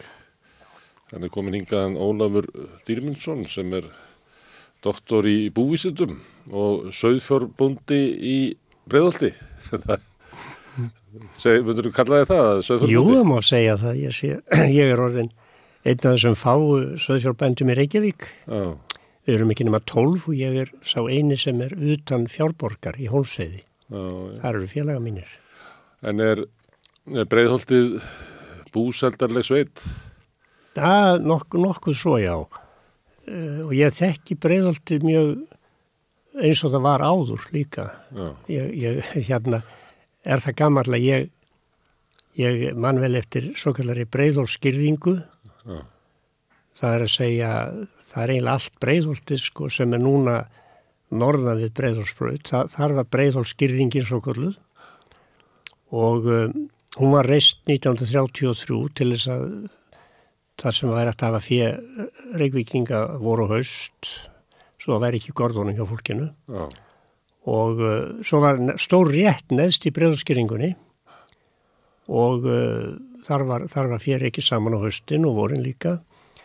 Þetta var alveg sérstætt uh, sérstætt mannlíf þarna og svo var reist þarna fjárhúsakverfi sem stóð frá 1959 til 1968 Uh, þá vorum við rekin, ég var byggðið þar og það, það var stríð hérna í Reykjavík því að það átti að útrýma fjönu þannig að ég er með minningar alveg frá þeim tíma þegar að Breiðholti var eiginlega bara jörð. Breiðolsbærin. já, já, Breiðholtsbærin það, Mæstu eftir honum? já, vel, já, já, mikil ósköp og, og uh, það var enn, sko um 1960 þá var enn svolítið búskapur í, í Breiðholti og það var, það var svolítið að fjöðar enn tölvert áður, tölvert margt fjöðar fyrir, fyrir 1960 og það var kúabú líka. Svo fór þetta undir var, var þetta svo kallað Alaska Jón Björnsson keipti þetta og setti þarna upp gróðarstöð og svo var þetta allt farið að byggjast upp og við erum þarna fjáreigandur, við erum þarna með ítök alveg til uh, í girðingunni og í réttin alveg til 65 þannig að ég sá fyrstu göturnar verða til í breyðholti og svo flutti ég þangað löngu setna svo, svo flutti ég þangað í Íbúrús 1977 En hefur alltaf verið með fjö eða? Ég er búin að vera með fjö mjög lengi því að ég byrjaði nýr í bæ, nýr, nýr á Hálófulandi þar sem sólumablokkirnar eru Já. þegar ég var 13 ára. Já, já. Svo ég er búin að vera ansi lengi með fjö því að ég er, ég er sem sagt núna 79 ára og, og ég, þannig að það er engin hérna allavega á höfuborgarsvæðinu sem er með búin að vera eiga fjö jafnlengi. Já. Þó veit ég um eitt bónda í Garðabæ sem er Gústafi Miðengi, hann er eldri en ég, tölvert eldri og hann er enn með kindur. Já. Hann er núna einn af eldstu bændum hérna á Suðvesturhóttninu. Svo er einn uh, Þórarinni Voksósum í Salvogi, hann er, hann, er komin, hann er líklega 92 ára, hann er enn með kindur. Þannig að við, við erum, þessi kindakallar, sko, við erum svona ströytsegir, við viljum eigi okkar kindur. Höfum gaman að því. Þú sagði að það hefði verið stríð þarna á sjöndáraturum? Hvernig, Já. var- hvernig var það stríð? það var, það var, gekk út á það að sko fjárhændafélagið, ég var komin í það þarna um 60, 1960 það fekk þessa aðstöðu í við svo kallan Breitholtsveg sem er nú einlega það, þeir fengu landsbildu þetta er nú einlega við Kópavóg Meldunga í Kópavogi var instabílið í Kópavogi við Nýbjölavegin og, og fjárborgin var rétt bara hínu megin við Nýbjölavegin. Það er það sem að reynleitis vöru fyrirtæki tengi stendur núna, stórhísið. Mm. Og þar voru við, þar byggðust upp um hverfi með fjárhásar hverfi með 30 hús og ég byggði eitt þeirra á mentaskóla árunum og það, sagt, það er sagt frá þessu í bókinni sem var að koma eftir mig út hjá hinnu Íslenska bókmentafjallagi. Já Ég um skrifa... Reykjavík? Já, ég tek alveg allan, allt mögulegt um söðfjárbúskap í Reykjavík, var áður búin að skrifa um söðfjárbúskap í Kópavogi og uh, þetta er sko, það eru þannig kaplar sem að einhver aðrir hafa skrifað, það er til þessum breyðhóskyrðinguna, breyðhósréttina, uh, fjárborginnar báðar líka í hólsæði sem kom setna og þetta svo kallar söðfjárstríð og ég var þáttakandi í því Já Þetta var náttúrulega bara átt að í... Hverju voru fylkingarnar í Söðfjórnstríðinu? Það voru nefnilega þið fjárregjöndur öðrum einn? Já, það var fjárregjönda félagið. Hverju voru hinnum einn? Hinnum var borgar yfirvöld í Reykjavík. Já, eða bæjar yfirvöld, því að Reykjavík sko verður ekki borg fyrir 1962. Já. Og það er akkurat árið sem að, eða, svona, já, eiginlega árið sem Reykjavík verður borg, að þá er farið að íta við okkur og kom okkur burtu úr, úr þessari fjárborg. Á hverju? Þóttu þið ekki svona hæfa inn í borgirna? Mm, já, sko, vandi var sá að það var alltaf verið að reyka menn, sko, það var fjög út um allt í Reykjavík, sérstaklega fyrir 1960. Ó. Hérna voru margar bújarðir, nú bara hérna nálagt okkur var til dæmis lækjarkvamur hérna rétt hjá, Ó. það var nú aðalega með kúabú. Nú svo Reykjalíð, þar var, þar var blanda bú og þar með marg söðfjö, klambrar, hérna á klambratúninu og svo bara hreinlegum allan bæ, bústaðir, mm. vestri bæ, eyði uh, og, og, og inn til landsins þá var það Holmur, Hártún, mm. Guðunes, Reynisvætt, þannig að mm. svo var fullt af svona kindakvöllum og kellingum eins, þá var ég fjelliginn í þann hóp, ég var kallað kindakall og ég var ekki nema 13 ára og það, það var fólk sem var í annari vinnu en átti eitthvað já þetta var sko, afið minn var sjómaður og hann var alltaf með eitthvað fél já það er nefnilega alltaf gaman að heyra þetta að ég held að það hefði verið ég mann eftir þessu sko þannig að já. ég hef að verið alveg fram til 70 sem að já þær, það, voru, það var inn í bænum jafnvel fram til 70 já. það er alltaf gott og nefnir þetta vegna þess að þetta var, þetta var eða tvennskonar hópar. Þetta var annars sem var bændurnir lögbílónum Uh, síðan voru það við þessi, þetta fólk sem var, voru með fjárhúskofa og svona alls konar hús út um allt og þetta var mikið svona allþýðu fólk. Mm. Það voru einmitt sjómenn, það voru sjómenn í þessum hópi og ég þekkti nokkra mm. og margir verkamenn. Það voru til dæmis verkamenn sem unni hérna á Eirinni, mm. hafnaverkamenn og ég geti nefnt bara mörgn upp því að ég kynntist þessu öllu. Ég kynntist þarna sko eldra fólki mikið á þessum árum og, og jafnvel gamlu fólki mm. sem, sem að, og félagar mín er til dæmis upp í Fjárborg í, við, við, við hérna Breiðarsveg þar voru fyrverandi sjómenn, þar voru verkamenn þar voru menn sem að komu eftir vinn og kvöldin mm. áttu engan bíl, mm. fóru með stræt og heimti sín komu svo rey, á reyðhjóli kannski upp eftir og þeir voru bara mjög áhórsamur eiga sína kindur þannig að áður fyrir var þetta menn höfðu svolítið að tekjur, þetta var svolítið stuðningur við, við stópla vinnu að það var svolítið að kynna. Skaffaði mat, þetta var bara Já. kannski ekki ólíkt í að vera bara með kálgarð? Þetta er alveg rétt, þetta var nefnilega sko, það var svo mikil, það var í raun og veru svo mikil landbúnaða framlegsla í Reykjavík hér áður fyrir, mm. Bæ, bæði í búfje mm. og uh, einnig í mikið í garrækt, mm. mest að þessu hefur verið lagt af því miður því að þetta þetta er hefur verið sko, þetta var á þessum tíma náttúrulega verið að koma burtu, við vorum alltaf á flóta undan byggðinni. Ég menna til dæmis ég byrja 13 ára uh, í jæðrinum og hálóðlanstúninu og svo kemur sólæmablokkinu, ég, ég er þar í tvu ár, þá er ég að fara og þá fer ég niður á, niður á gelgjutanga, niður við Elliðarvók, var ekki fyrir neinum Ég var samt reygin þaðan eftir tvö ár og þá fór ég upp í Fjárborg Já. og svo tók ég þátt í Söðfjórnstríðinu, skrifaði mjög mikið, greinar í öll blöð, Uh, það voru fundi, mikil fundahöld og maður tók þátt í þessu öllu og ég lendi í stjórninni mjög ungur og, og var í stjórninni lengi þarna í stríðinu. Svo fór ég nám til, til útlanda en ég, ég lánaði húsin mín, fjárhúsin í Fjárborg og það var fjárhugandi neðan á Kamsvegi sem fór þangað og var með mínar kindur líka mm. og þetta var eilíf bara og svo þegar, svo þegar allt var árið ómúlegt og borgin var að við það að eðilegja allt og kom okkur burtu, það var 68 mm. þá uh, flúðum við yfir í Kópavók og mörg okkar mm. og var, við vorum á ymsul stöðum í Kópavói ég lýsi því vel í bókinni minnum Söðfjárbúrskapi í Kópavói og einni kem ég að þessu mjög í bókinum uh, Söðfjárbúrskapi Reykjavík þannig að þetta stríð var Já, það var í raun og verið þannig að Reykjavíkuborg ætlaði ekki að láta okkur hafa neina aðstöð í staðin fyrir fjárborg við, við breyðhalsveg. Og með hvað rökum? Þóttu þetta að vera bara lítir á borgarlífinu að vera með svona uh, gamaldags búskap? Ég held að það verið hluti af því. Já. Sko þetta var allt öruvis með hrossin. Já. Það þótti svona fínt að vera með hross og, og alltaf því snoppi kringum það. Já. Við vorum svona meira, það var svona allþýðu fólk og fáir sko skálagengni menn það þótti til dæmis tíðundur sæta þegar ég var orðin stúdent mm. og þá var það að kalla mig bara Ólaf stúdent og ekki mm. bara Ólaf dýra, þá var ég orðin Ólaf stúdent en það, það voru ekki margir mentaðir menn skólamentaðir mm. en þetta voru algjeri snillingar hagirðingar og, og, og bara þeir skrifuðu ekkert en þeir voru, þeir voru, þetta voru svo klárir menn og konur líka. Þetta var hörku, þetta var svona vennjulegt allsýðu fólk og, og, og það, það, við sem sagt í stöftumóli sagt þá er þegar þannig komið þeir láta okkur hafa land upp í hómsæði fyrst, um, svona miðjan sjönda áratvinni, þeir kiftu því tilbaka. Mm.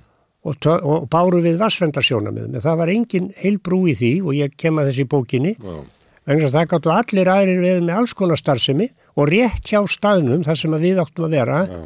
og þar var ólíu afgreysla og geithálsi og, og það, var, það var sko alveg, það var meira að segja fjö frá bæjum eins og holmi, það gekk á þessu landi sem við áttum að fá.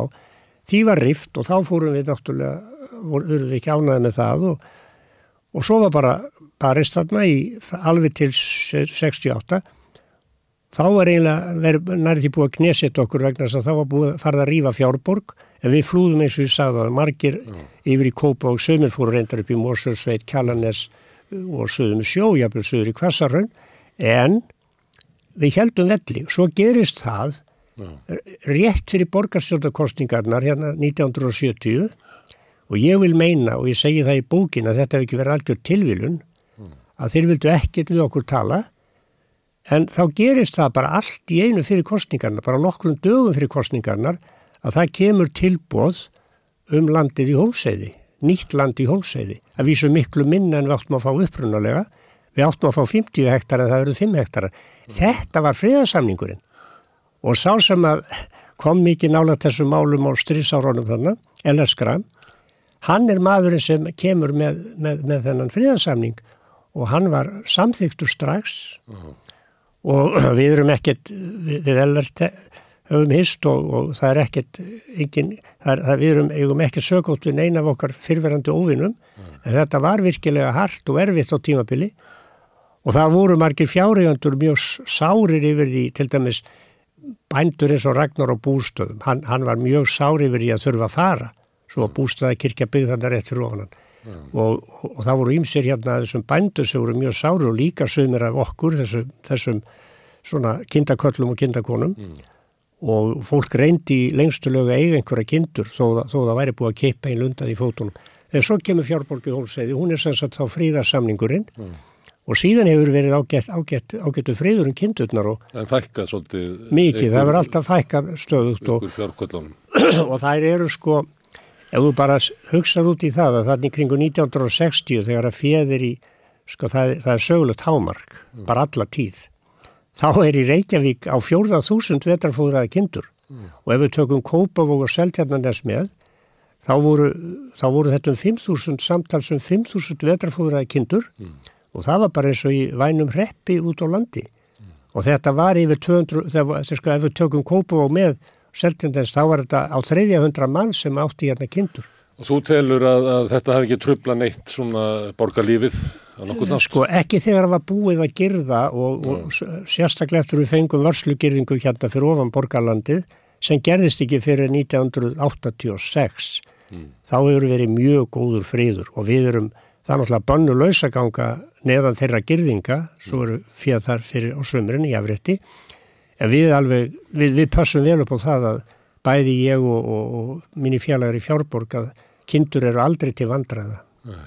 Nú getur einhver haldið sem hefur aðeins upp í, í hérna, borginni eftir að anstæðingar þínir unnu sigur að, þetta fær ekki saman. En svo stundum hérna út í heimi sér maður svona búskap inn í, í, byggðum, sérstaklega í Sviss að verður verður maður stundum mjög hyssa að sjá að það sé bara stór bíli eða bara downtown Það er akkurat málið. Já. Sko ég kem nú inn á þetta í, í bókinni að hvernig þetta er að þróast ellendis.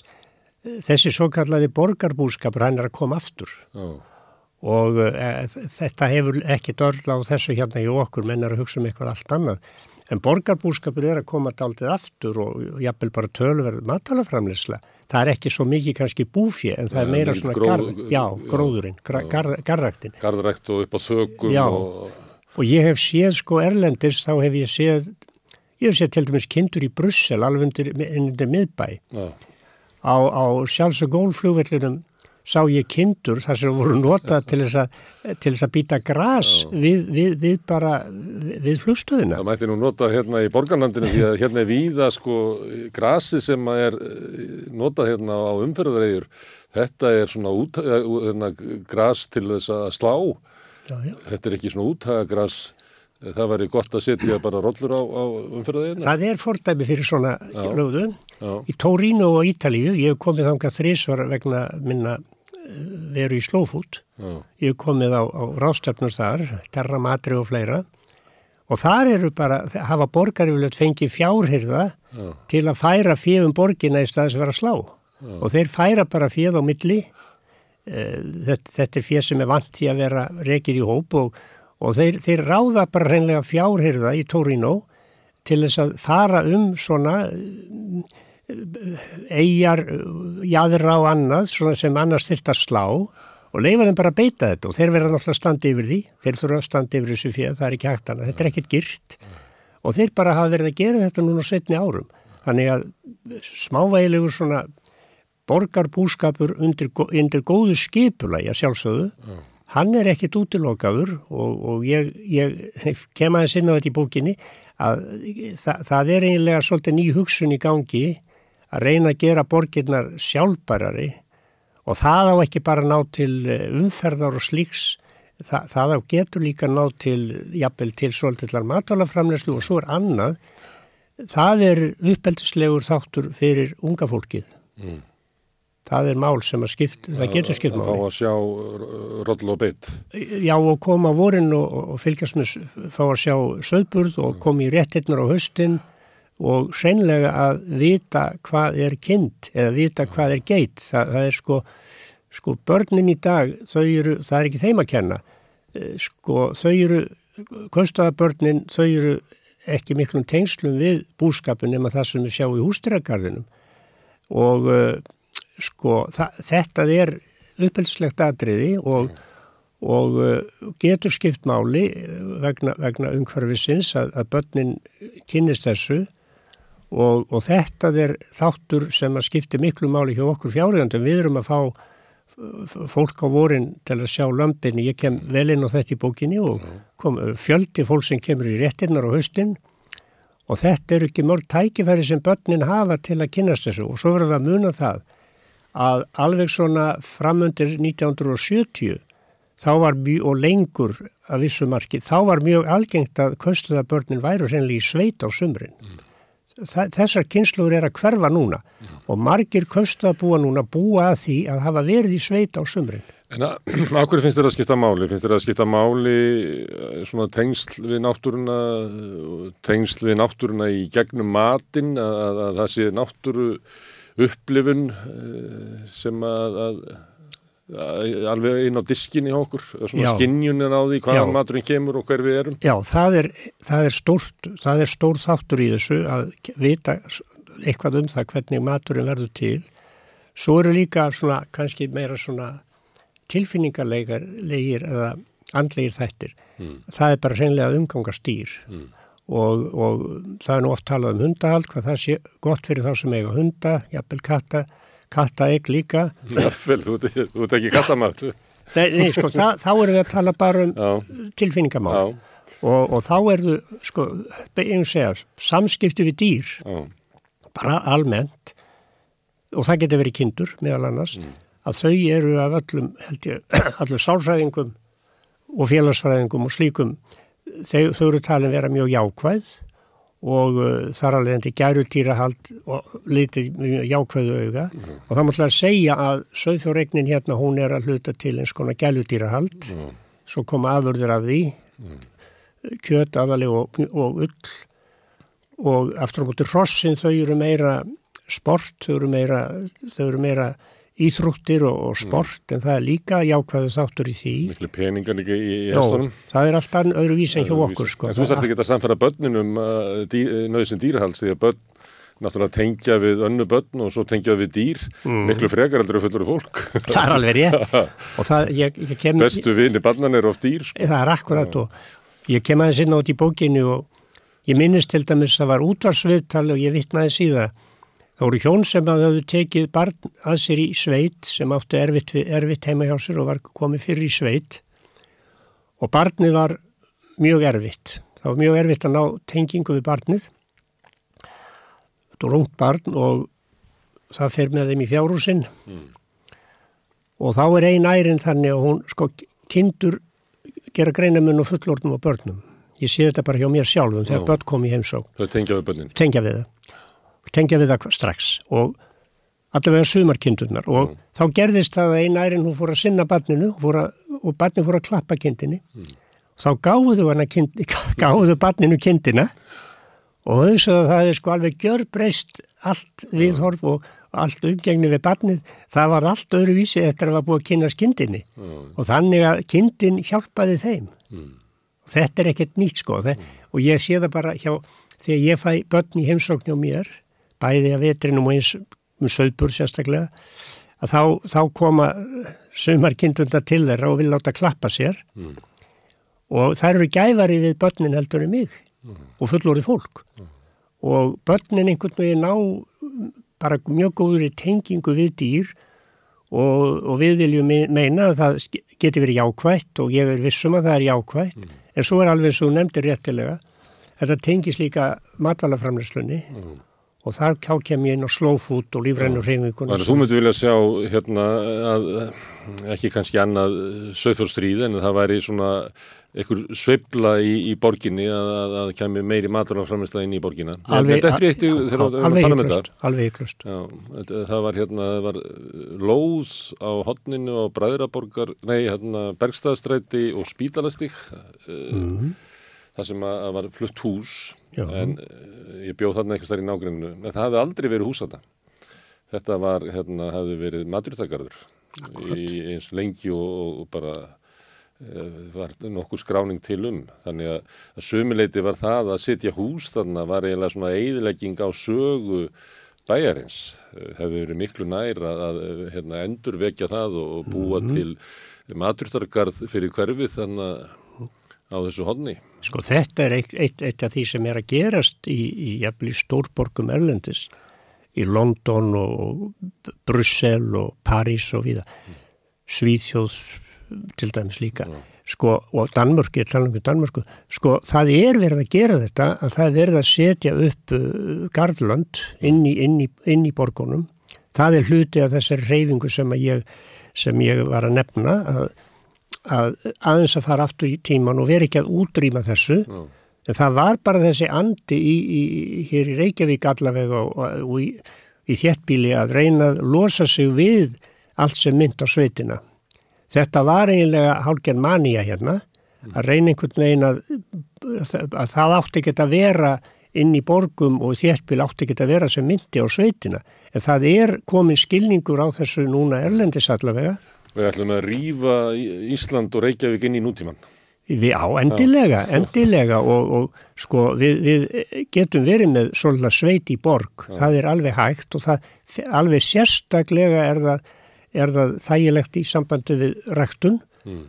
Það getur líka verið gróðrús inn í þessu, dæmi að því að við erum á Íslandi, mm. nota aðfallsvatt frá hittaveitu inn í gróðrús. Þannig að ég sé það fyrir mér að hérna í Reykjavík alveg niður í 101, mm. þá gætu verið skikar sem bæði börn og, og fullornir gætu unnið við og það voru volið mistök að leggja niður skólagarðana Já. á mínum tómi. Ég pröfaði að ég bjó eins og á Þorskutu og það var svona auð, uh, auðt svæði hinnum meginn, það er einhver einn róla og eitthvað svona, ég sendi erindi á borginna hvort að við nágrannum ættum ekki taka þetta svæði í fóstur og, og hefja svona einhverja ræktun ég held að, eh, sko, ég fekk aldrei neitt svar, ég upplýði eitthvað þannig að þeir bara vissi ekki, sko, hver ætti að svara þessu erindi, að það bara þetta passaði ekkert inn í svona þeirra hugmyndur um hvernig þetta þróa borginna sko. Nei, sko, þetta er, þetta er akkurat það sem hefur gerst hérna og ég nefnd annað dæmi um, um sko, einhverja fyrringu Já.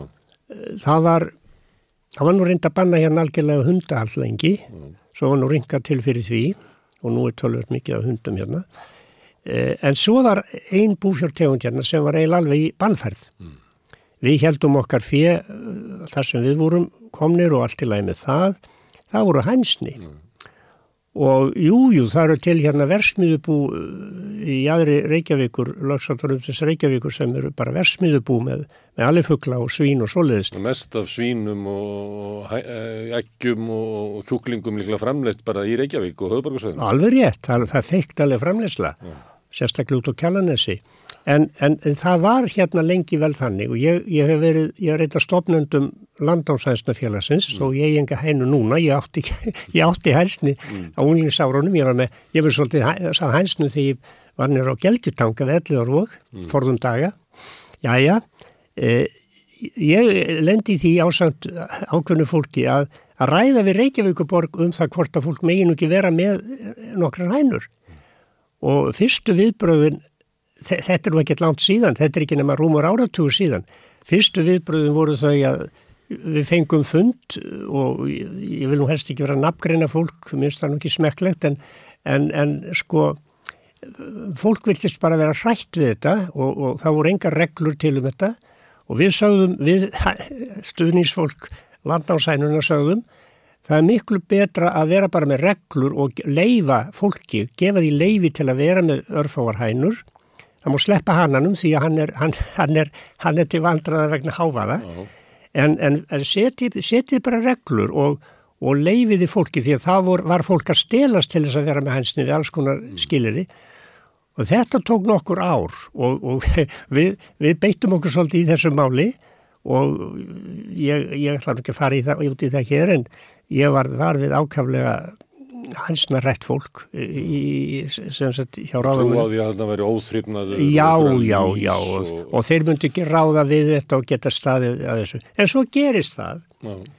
að þeir semja reglur, það er farið út í það. Og Mér fannst nú Jón Gnar vera frekar jákvæður í þessu. Hann vildi endilega fara að fá íspjörn í hústrekkarinn.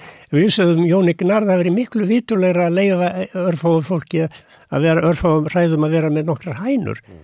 En íspjörnin er nú svona dýrar og erfiðara mál og hann, mm. hann hætti nú alveg þá hugmynd. Mm. En Jón átti, hann beitti sér ekkit gegn þessu. Það voru ákveðni menni í, í, í borginni sem að voru á mótu þessu. Svo koma reglur nú gengur þetta bara ljómandi vel.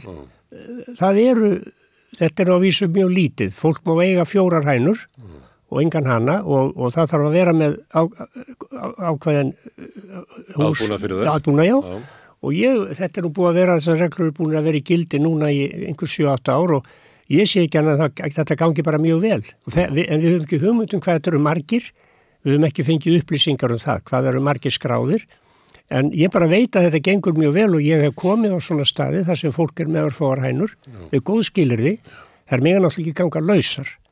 Og ég, ég komst í kast við þannig mál þar sem að einn af þessum hænsnegundum var ekki með girðingu og þær fóru yfir á nágrannarlóð mm. og það var náttúrulega ekki vel séð. Mm. Þannig að það er engi vandi að, að vera með inn á húsalóðum, vera með snirtileg lítil hans nós og gerði lokuð því að það er líka varasamt að vera með opið, opin skerði þannig að það vond ef að aðrir fugglar komast til hansnana, það er út af fugglaflansunni og það, það er, dýralæknar vara náttúrulega við því, þannig að það er engin vandi að búa til lítil výrgerði sem eru alveg umlökin hafa, hafa vírað ofan líka. Já, vírað ofan og, og grafa niður svo að hérna, ef að minkur væri á ferðinni að það kem, kemist ekki undir. Það er engin vandi að búa til svona litlar einingar fyrir, fyrir það, það er að vísu komna reglur í, í köfstöðum út um land. Akureyringar eru svolítið stórtækara, ég held að mig vera 15 þar. Mm. Og. Já, já, og svo var í Hafnafyrði þeirri konu með reglur. Þar var hænsnægandi fyrir þó nokkrum árun sem að gerða allt vittlust því að hann var með hænsnin laus og svo var hann með hana og fleiri neitt Mm. og það gengur ekki Nei. og það er eins hjá mér með kindurnar og, og, og þessi dýr að það verður að hafa bera virðingu fyrir umhverfinu, það verður að vera snirtilegt og það má ekki vera að háfa því og gengur það vel. Er það því nefnir landnámsænunar, e, trúur þið þetta séu landnámsænur eða er þetta, var ekki þetta séu dönsk skrauthænst? Þau eru eftir ekki dansk rauthænst en þau eru, við vitum þetta ekki en þegar við skoðum fornu hænsnakinnin á Norðurlandunum þá er þetta mjög líkt Mm. og það er nokkuð, nokkuð vitað að þetta er gamalt en við vitum ekki nákvæmlega hvort þetta er alveg frá landnámi, það, það er hugsanlega ekki rétt. Þetta þau- frekar kjósa að borða egg úr eh, hérna, landnámshænum sem að, að er við húsið þitt heldur en egg úr, úr verksmiðbúanum. Það er engin vafi að tvennum ástæðum. Já, Fyrsta lagi væri ég að varðveita þennan gamla stopn, landásænuna, hvort sem hún er frá landnámi eða ekki, þetta er bara gamal stopn. með því að geta Það er slófút hugmyndafræði að varðveita lífræðilega og fjölbreytni með því að borða. og með því að borða. Þá erum við að styðja varðveislunni, það veri fyrsta Við atrið, getum ekki va- varðveita sem eitthvað svona stalli eitthvað stöð. akkurat, en hitt væri að, ge- að, að þetta væri þá alið hjá mér sjálfum. Ég geti alið að, að það er hægt að fá lífrænt vottað hænsnafóður, ég myndi nota það. Ég myndi láta henda til þeirra móði frá kindunum, það týnir fræjur því og, og ég geti hugsað mér að vera með bara, Eitthvað, kvikindi líka. jú, jú, skorkvitindu Þau borða ekki bara græmiti, Nei, græmitsætur. nei það, sko, það er hægt að setja hænsni í kerfi þar sem þú, læ- þú lætur það hyrða skortýr og, og, og snigla og svoleiðis úr, úr ræktun. Þannig að þú getur tengt þetta við garðrækt. Og síðan færðu gott og holdt fóður, þú veist að það eru, þeim líður vel og það er engin, það, það er sko ekki að bera þetta saman við, við búrhænsni eða bara hreinlega hænsni í stórum búum almennt, í versmiðbúum. Þetta er allt annað, þetta er allt annað líf fyrir dýrin þannig að En finnur þú mun á egginu þú borðar það? Er það, Það- stundum, já, stundum er þetta rauðan sér rauðan, Já, sko, það getur- ef, það- jú. ef hænurna fá að borða einhverja snigla eða Jú, einhver kvikindi? það, það gæti verið það og þetta hefur aldrei verið rannsaka neitt. Ég er ekkert vissum að sé meira af næringarefnum svo sem bara prótein og, og, og hérna, orku og slíku en það er líklegra að þegar þú elur hænsni sem geta gengið á úti á sumrin allavega og fá svona, hvað við að segja, lífræna, lífræna fæðu, fjölbreyta, jafnvel matarafganga, að þá ertu með, það, það er miklu eðlilegra og, og þú veist að þeim líður betur og hví ekki. Þannig að ég sé alveg fyrir mér og þá ég, hef ég mikið áhuga á því fyrirbriði sem kalla permaculture eða vistrækt. Já. Kemur að þessu, að þessu í bókinni minni, söðfjárbókinni. Sko þá tengir þú saman garðrækt og ykkurt dýrahald. Ég geri þetta hjá mér sjálfum með söðfjöð og uh, garðræktina. Ég tengi þetta saman því að ég fæ áburðin frá kindunum og ég, ég slæ lóðin á heia. Ég hendi aldrei grasi. Það, ég bara heia eins og bóndi Já. og ég gef kindunum það þannig ég er komið ákveðna ringrás. Nú ef ég væri með nokkrar hænur, það verður bara enn betra. Það myndi bæta sprettunum hefur. Já, það verður bara til bóta. Það verður betri í græs. Já, þá fengi, þá fengi ég líka egg sem ég myndi líka vel við og mér líði betur að borða þau egg heldur en egg úr búr, eða búrhansnum eða, eða bara úr stórum versmiðbúum. Þetta er náttúrulega, eh, þetta er búskapur. Það er þegar þú hérna, lifir eiginlega á jörðinni og, og, og með, kannski er aðal markmið góð spónd er að rækta túnin sín og, svo, og beita á þau og slá þau og nota eh, hænunar til þess að, að, að bæta gróðurinn og, og þar hóttu gotunum og lifa bara á, á sólaljósinu eiginlega. Já, já en það er náttúrulega frekar yðnaður þegar þú ert að flytja inn sko fóður og fóðubæti og þá er náttúrulega landbúnaðurinn að breytast yfir í, í versmiðbúskap. Það það er stórt vandamál og þá, þá komum við að gróðrúsa lofslagsumræðinni, gróðrúsa áhrifum og slíku. Sko það er náttúrulega heima aflað, aflað fóður og heima aflað, aflað matvæli, það er það sem við þurfum að keppa stað. Ef við erum að flytja þetta alltaf inn þá erum við að, að það, það er mjög slæm stefna en hún hefur verið hér við líði. Og þá líka við, um innflutning á, á, fóðri. Já, líka það. Við eigum að framleiða sem mest bara í landinu. Mm. Sko, við erum ekki að framleiða nefnum helmingin af, af matalónum mm. og, og þetta er, þessu verður raka til dæmis. Það er alveg fyrir neðan allar hellur að, að gardirkjan skul ekki uh, fá tækifæri til að þróast betur hér. Mm. Það eru svo góðar afurði hérna á gardirkjunni, bæði lífrænt, vottað og annað því að hér er nota sko samu ekkert af eituröfnum sem eru notu í stórun stíl erlendis. Mm. og við erum að flytja hérna grænmiti og ávexti frá löndum sem eru stöðut að úða með eitri. En hérna á Íslandi er þetta sára lítið notkun. Og ef þú ert komið svona smávegis heimahjáður, þú ert með góða lóð akkur þarfstu bara að vera, akkur þarfstu að vera með tré á því öllu, mm. getur ekki verið með eitthvað undir einhverju svona gardrækt og kannski með nokkrar hænur og svona ég meina það er þetta er, sem, þetta er bara kallað city farming þetta er mm. borgar búskapur Þetta er gríðalega lífsgæði líka til Já. dæmis að ef þú ert með smá hérna, salatbeð út í gardi og sækir það hérna rétt áður fyrir að borða og tekur það beint upp þá er það bara miklu betra salat heldur en að eitthvað sem að þú kaupur út í búð og var slitið sko upp þótt að hafa verið gær sko því að gæði salatsins þessu rapa sko þau eru bara eins og tvernýpi sko þú færði að, að, að gæði þegar þú tekur það bara upp. Já, þú getur ekki fengið betra heimaræktað. Og ég hef reynslað þessu sjálfur. Já. og stundu segi kona mín við mig þú getur fengið sennilega ódýrari kartöblur eða, eða salat og svona. Já já segi ég það er allt í læg ég get fengið ódýrara. Sund að þið reyndur óætt. Já af þessu innflutta og ég vil það ekki en, en þegar ég kem inn með kartöflur lífrandræktaða kartöflur mm. og salat og, og radísur og rabarbar og svona það sem ég með algjörlega lífranna ræktun mm. þá segi ég bara við hana ég veit þetta er hollara mm. en mér líður betur þegar ég borða það Já. Þetta er eins og að hlusta bara á, á Beethoven í samanbyrði við að hlusta á eitthvað helviti skark Þetta er þannig, Já, þetta er ákveðin gæði Já. Herðu Hérna, þú ert með fjö. Já, fáinnar kindur. Já. Hvernig fer það fram? Það fer þannig fram að ég hef ágætt fjárús. Já, hvar? Ég er í breiðholtinu. Já, hvað er í breiðholtinu? Ég er í seljakverfi.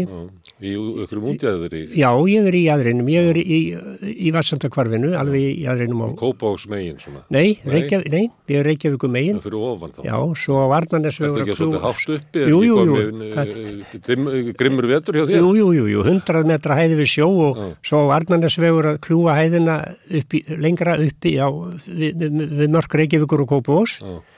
Það er komin heilmikil skóur þarna sjálfsbrottin og svo hef ég verið að hlúa trágróðri með um, söðartæði og móði mm. og það hefur skilað sínu þannig að við erum komið með alveg heilmikil skó við, við, við lóðina mm. og þetta er allt gyrt náttúrulega. Ég gyrði mjög vel af þannig að það fer aldrei kind út fyrir gyrðingu mm.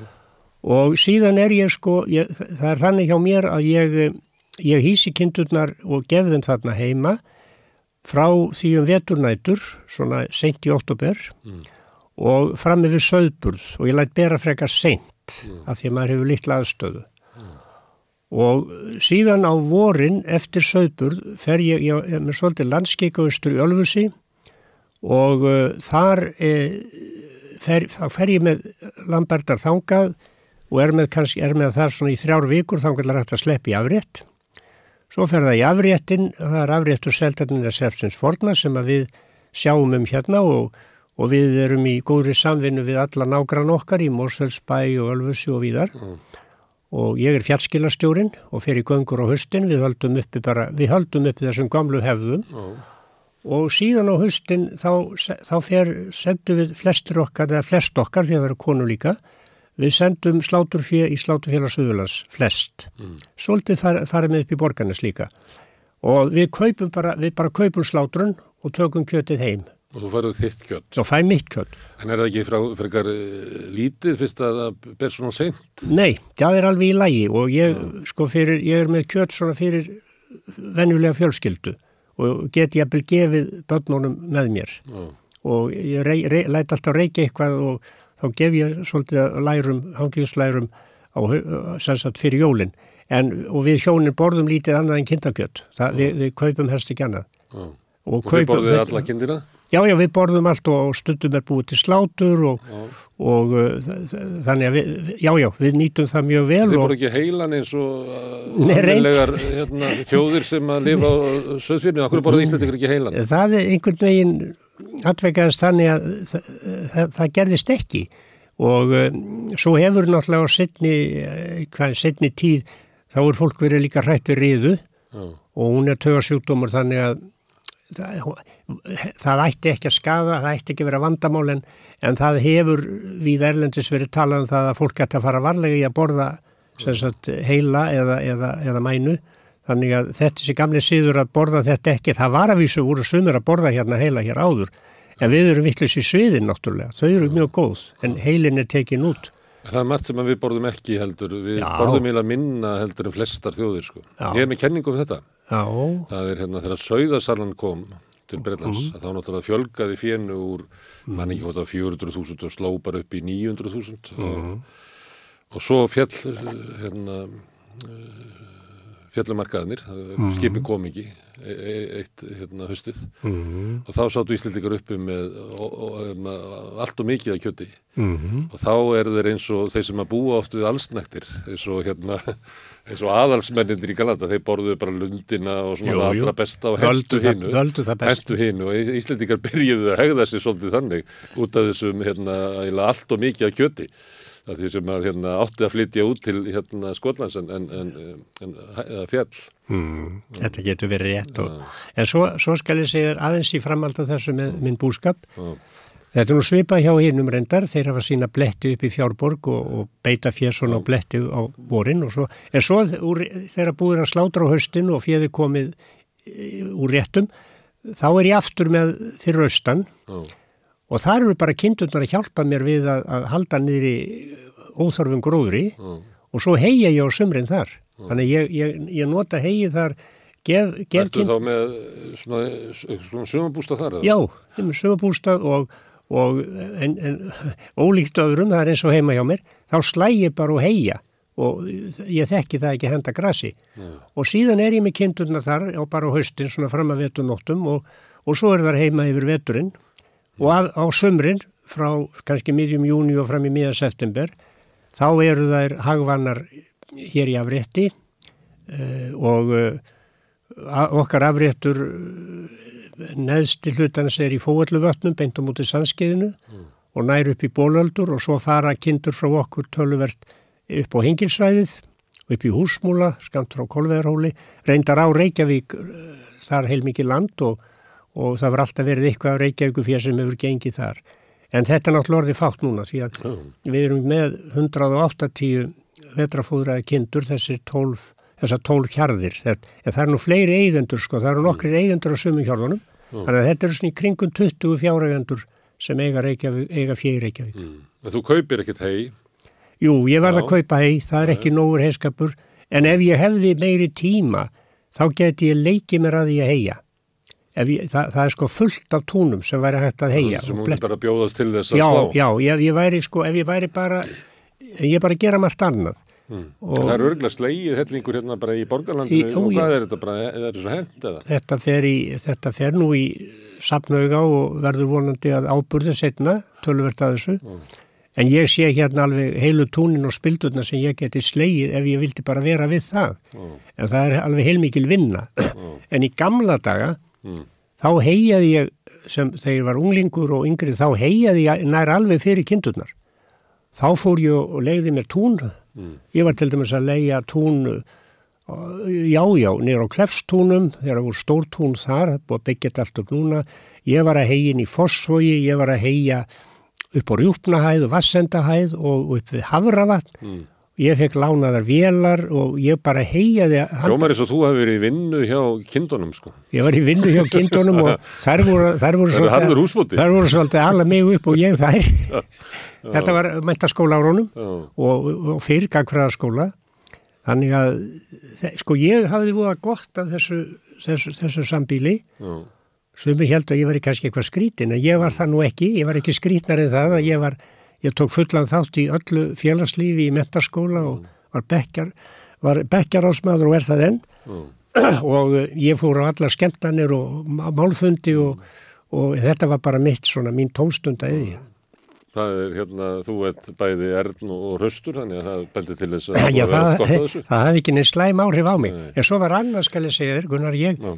kynnti svo mörgu skemmtilegu fólki. Já, þetta er með hundana. Hundægjandur segir þetta líka, að maður kynnist fólki í gegnum hundana. Það er líka um, um, um söðfjöld. Þa, það var sko, hver karakterinn á fætur öðrum Já.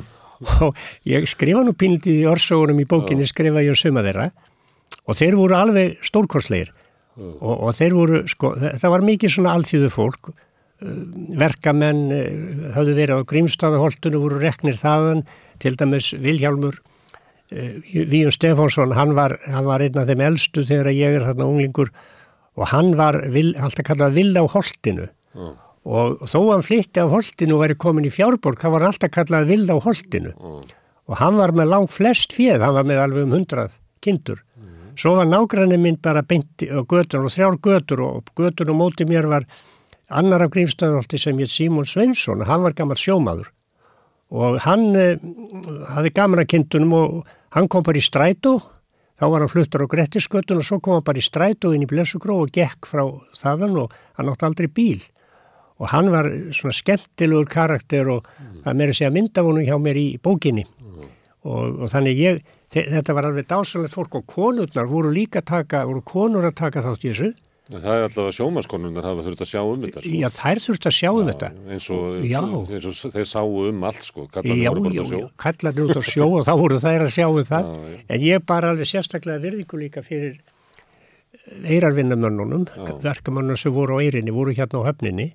Þeir, þeir voru, ég þekkti, ég mann núna strax bara eftir þremur sem að voru þá upp úr um og upp úr 60 að vinna þar og um, þeir fengur stundum, ég kem inn að það í bókinni þeir fengur stundum að sópa upp, það var kallað uppsóp. Mm. Það var ef það heldist úr eitthvað eða ripnuðu sigurpokar eða kveitipokar eða kveitiklið eða eitthvað svona. Mm. Þá fengur þeir, ef þeir voru að vinna í pakkusónum mm. við höfnina, þá máttu sópa þetta upp og, og hyrða. Og þetta gekk nú yfirleitt vel að fóðra með þessu, en þó gata komið fyrir að það var eitthvað, var eitthvað sem að ekki var holdt sem fór saman við. Og ég vissi að í einu tilvíki þá drápust kittur vegna þess að þá var einhver óþveri í þessu. En veðjumlega var þetta sko nota sem fóðubætir mm. og einn félagi minn sem var hann, var, hann var rétt hjá mér þarna í götun í Fjárborg hann var alltaf með svona uppsóp í boka mm. alltaf alltaf nógur fóðubæt og það gekk alveg mjög vel hjá honum. Og svo var líka algengt að menn var að hyrða brauð og ég gerði þá tímabili, fekk mm. brauð afgangur bakarjum mm En annars var... Það er gott fyrir fyrir að... Vissu marki, að vissu marki, en, en það er ekki gott að venja þá að gefa því brauður og lofa því að það verður svo frekt. Já. Svo ég, ég gerði það... Það er bara með hundan á fleira. Það er alveg sama. Það verður bara sníkja. Já, sníkja og ég, ég hætti því fyrir mörgum árum, ég gerði svolítið að þegar börni voru unga að leifa þeim að gefa brauð en ég gefi vel eitt bara í garda. Já. Hvað ertu með marga kindur? Ég er venjulega tíu núna, tíu, tólf, það hefur verið mín, mín fjöldi núna í fjöld ára, það er bara, ég snýst ekki eftir vexti, en í gamla dagar þegar ég var í fjárborgu breyðolsvögg þá var ég komin í 40 mm. og við vorum, þá voru margir þar með bara nokkuð margt fyrir, en núna er þetta þannig að fjárhundur Reykjavík þeir eru með svona bílinu frá, þess að hjarðir eru svona 7-8 kindur og upp í 30 mm. og það er mest svona, þú sér það sko að Er það góður hópur að hérna, svona, svona, sjö kindur Já, það er alveg nóg fyrir maður. þeim, þeim, fyrir þær Já, er já, já, já. það, það, það lítur að vera eitthvað hugmyndu hvað er uh, heilbrið hjörð það er bara alveg þó er að ekki, sé... ekki leiðilegt að vera Nei, hérna nei. lokuð inn í, í, í eh, fjárhúsi með einhverju hundleðilegri kind við við hliðina Það getur verið einu eins ég viðskóta og erfið, já, en svona fjórar, fimm, þá er komin svona góður selskap já, já, og, og við verðum að hafa þetta þannig í fjárhúsum að við verðum að hafa hrútana sér já, og við höfum lömpin sér. já, Það er ekki nokkur hemja að, að láta lamgimbrar vera með ánum því að þær geta afgetið þær. Þær eru frekar, sko, það er goggunaröð og þær eru jafnvel, sko, eldri ær eru jafnvel að yppast við, sko, vetugamlar ær. Ég og eina núna sem er alltaf eitthvað að, að svona gera aðtúarsendu við eina vetugamla og, en hún er ekki svo sem vondvenn en hún ítir henni svona til hliðar. Og það er goggunaröð í öllum skeppnum, það er bara þannig, það er, þetta er bara eins og í mannfólkinu. Og uh, en, en þegar maður hefur rúmt á því og hleypir því út og, og, og gefur vel, þá er það ánægt. En, en maður þarf að, semst, að hafa þurft á því og reynt á því og gott loft gott og uh, ég reynir náttúrulega að láta út alla daga þegar veður leifir svo í gerkvöldi þá var komin eh, rigningar eh, svona kulda rigningu frá. Og þá vildu þar bara ekkert fara út. Já, og ég bara sagði þakk fyrir Já. lokaði og, og, og, og fór bara að gefa þeim. Það eru við vita á því? Þetta er nú bara eins og kísunar heima já, já, svo er ég með fórustu kindur svo er ég með fórustu kindur og þær eru hafa sína hætti. Þær eru tölvöld öðruvísi. Já. Og þær vilja gerðan fara út fyrst þegar maður opnar Er það, er það svona, er það stopn eða er það bara sumt fyrir fæðist sem fórustu? nei, nei, nei, þetta er alveg ákveðin stopp upprunalega og við erum farin að kalla þetta bara sérstætt kyn núna þetta er, þetta er einstakt í heiminum Mm. og þetta sýnir hvað er mikilvægt að varðveita þessar svo lífræðilegu fjölbreytni Mm. Og það eru, sko, slow food er alveg sérstaklega framalíði því að varðveita lífræðilega fjölbreytni Mm. af öllu tægi, bæði innan búfjárkinja og, og, og innan stopna og innan tegunda og nei, fórustu, íslenska fórustukindin hún er mjög sérstök og þetta er bara ákveðin erðahópur við kallum kyn síðan, 1900, síðan 2017 það var ákveðið erði lítið á þetta sem sérstatt kyn sérstatt búfjárkyn og þetta er ekki nema nokkuð og annað þúsund í landinu sem eru hreinræktaðar fórustukindur En uh, maður myndi að hella að fórustu kind væri eitthvað sem væri gott að hafa svona eina í hverjum hópi. Þetta er Já, alveg já, fórustu. það er En eiginlega ef að ert með sko 17 fórustu kindur, er það ekki bara endanum stríð um hverja á vera í fórustunni? þá kemur goggunaröðin Já, og það er skipta, sko, það er skiptast, sko, þá er kannski eins sem verður dominerand og hún fer á undan, hinnar fylginni kannski, en þær, þær er ekkert að reyna að keppa við hana. En, en venjulega er fólk ekki með nema einu eða tvær. Það, það er venjulega bara fátt, nokkrir eru með fleira, en það er ekki vandræði. og Það, ef þú setur eina eða tvær inn í einhvern hóp, að þá verða þær svona fórust. já, það, er, það verða sko þannig að þær fara á undan og þær eru, eru, hverju? þær eru veðurklokka. Það er bara eiginleiki í þeim. Eh, Þetta er erðaeiginleiki, það, vitum það, þetta er erðaeiginleiki, þetta eru fórustu hæfileikar og það þýðir það að þær vilja fara á undan, til dæmis í rekstri, Mm. þær vilja fara upp á háan hól og fylgjast með veðrunni. Ég sé það bara heima, Mm. fórustu sögður hjá mér, þeir fara upp á hól sem ég er með í lóðinni og horfa yfir hverfið.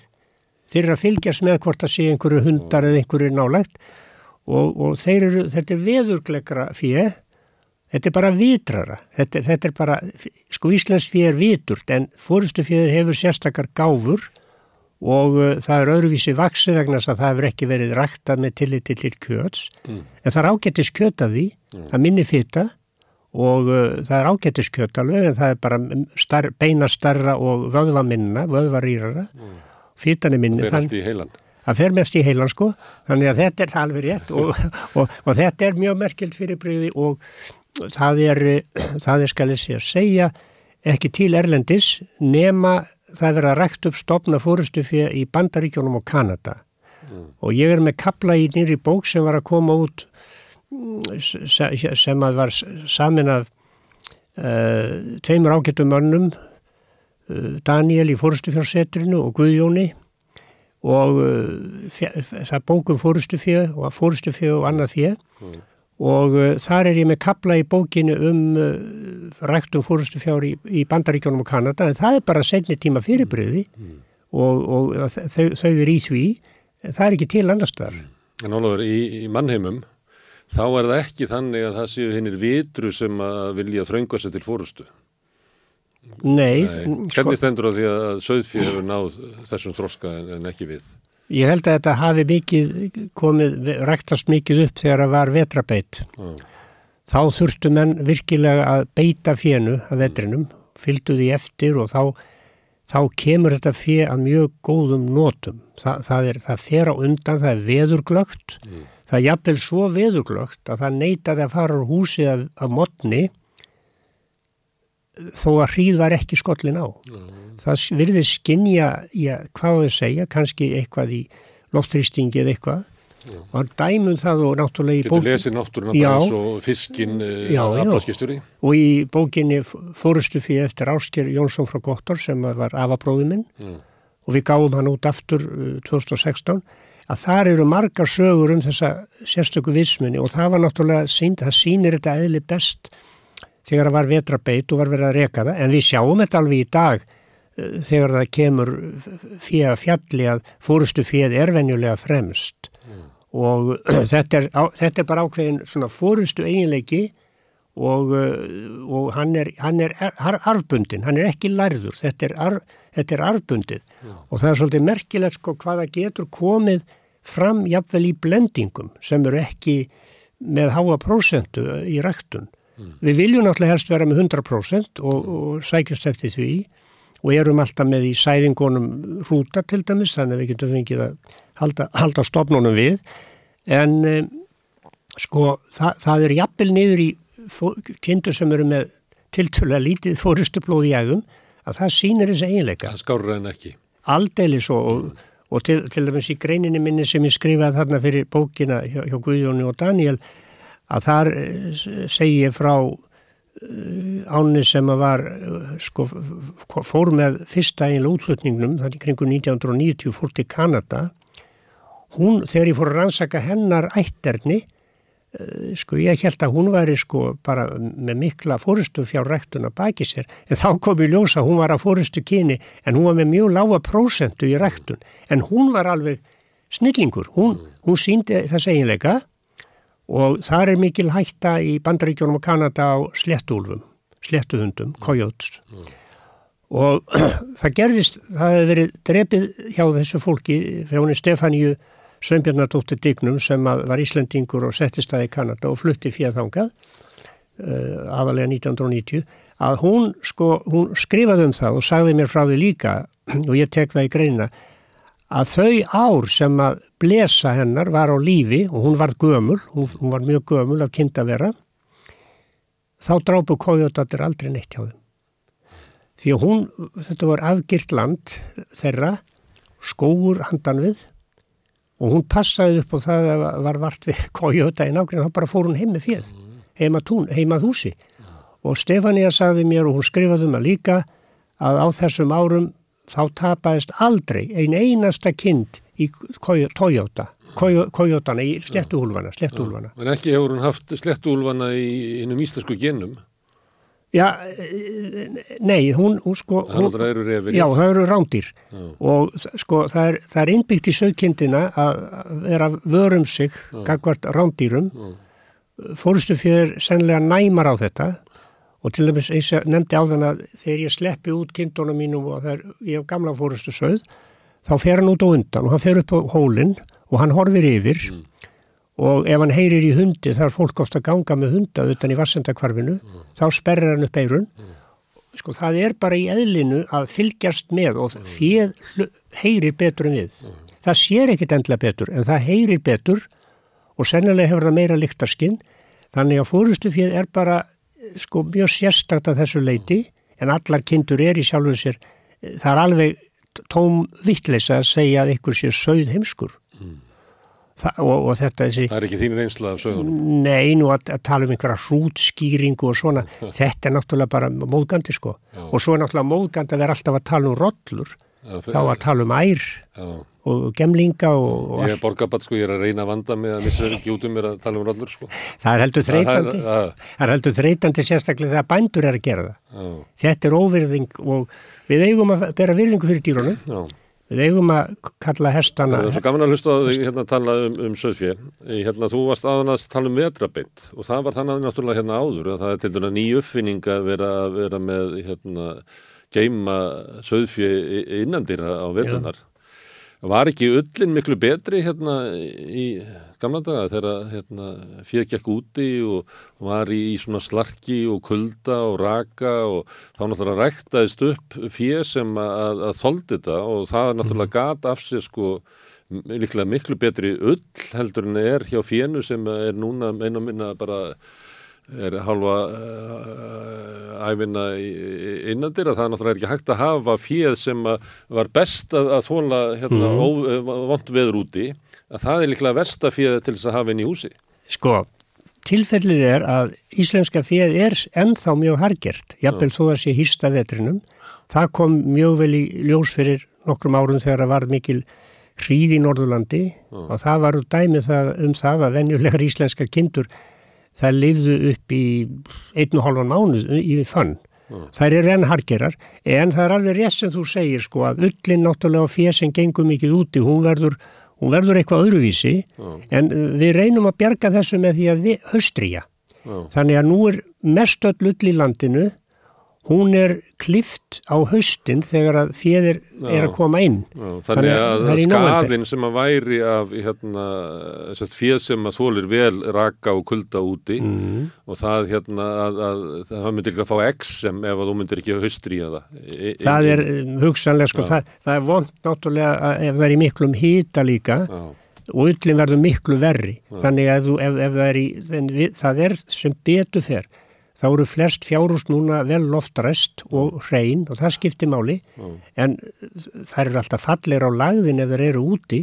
Mm. en svo semst að núna á fjárbúin þá er yfirleitt verið að klippa á höstin svo í november mm. og það er mjög fínull, hún er mjög góð.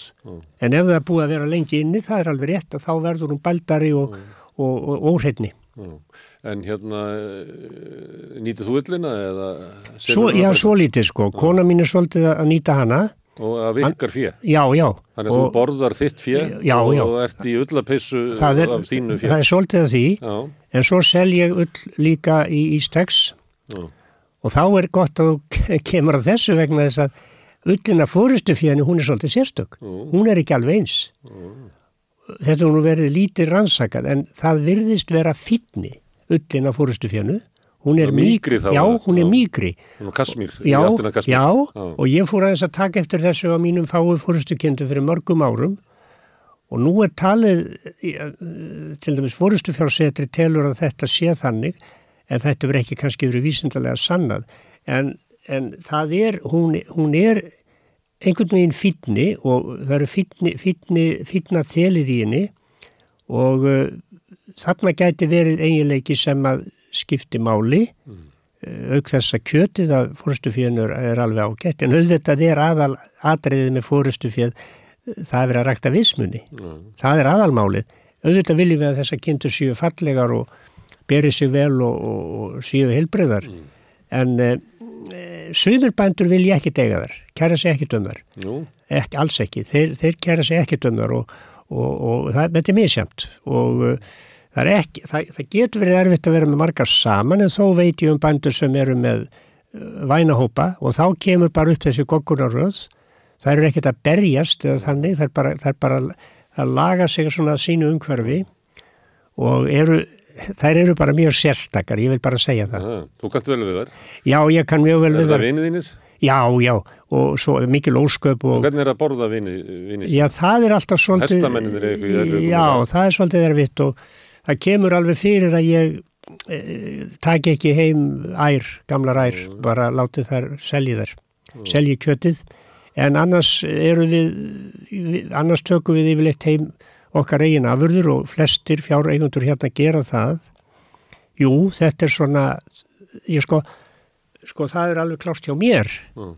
að vestu stundirnar eru á haustin þegar ég þarf að senda í slátrun. Það er alveg alvjóst. Ég, ég er það viðkvæmur fyrir því og það er ekki slátra heima, það er slátrað í lög, löglegu slátrúsi og það er líka betra vegna þess að sko ef ég fer mig læri reik þá takar það ekki nema að sé helbriðið skoðað og stimplað í slátrúsi.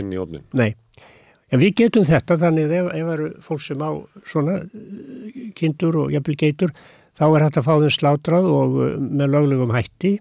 Það var meira um heimarslátrun í gamla daga hérna, hérna í Reykjavík en hún er að mestu horfin.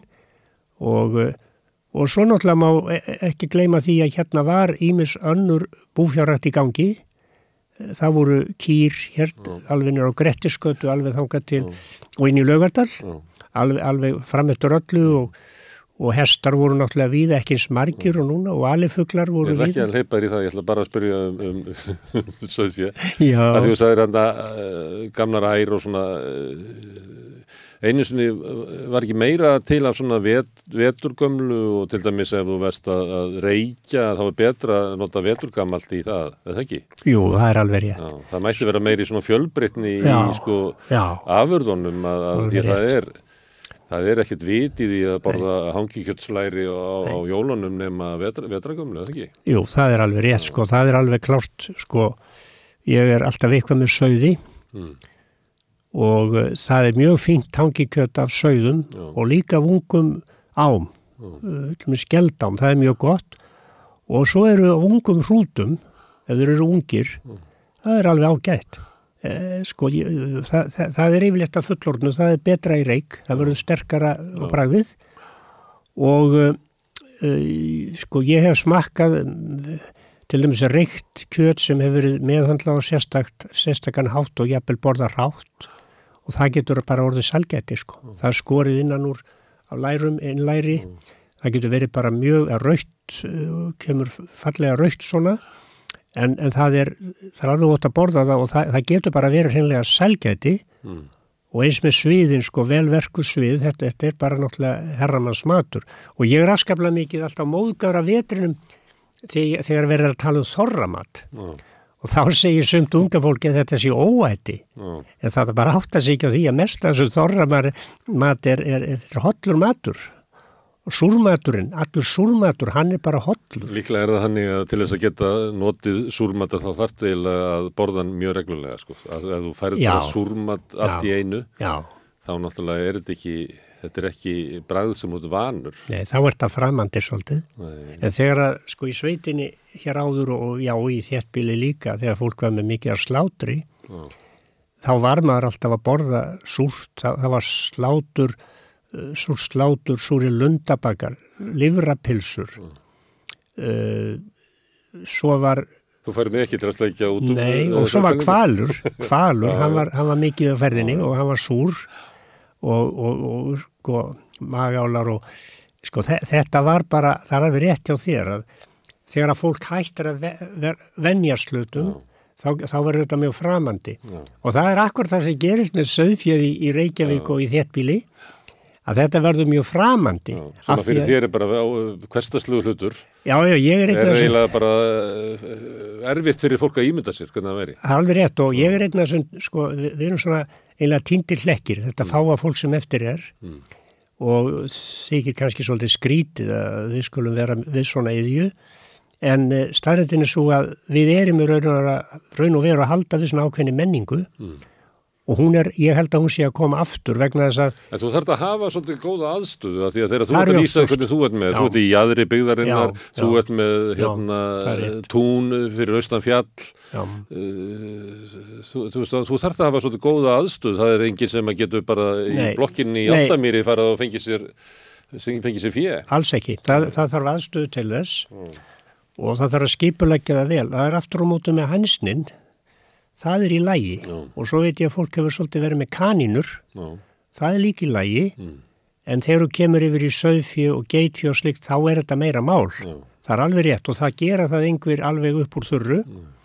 Uh, það, það, er, það er alveg rétt og, og svo er sko þar fólk líka sem sko það kemur fyrir hjá okkur fjárhundum og það kemur einn og einn nýr.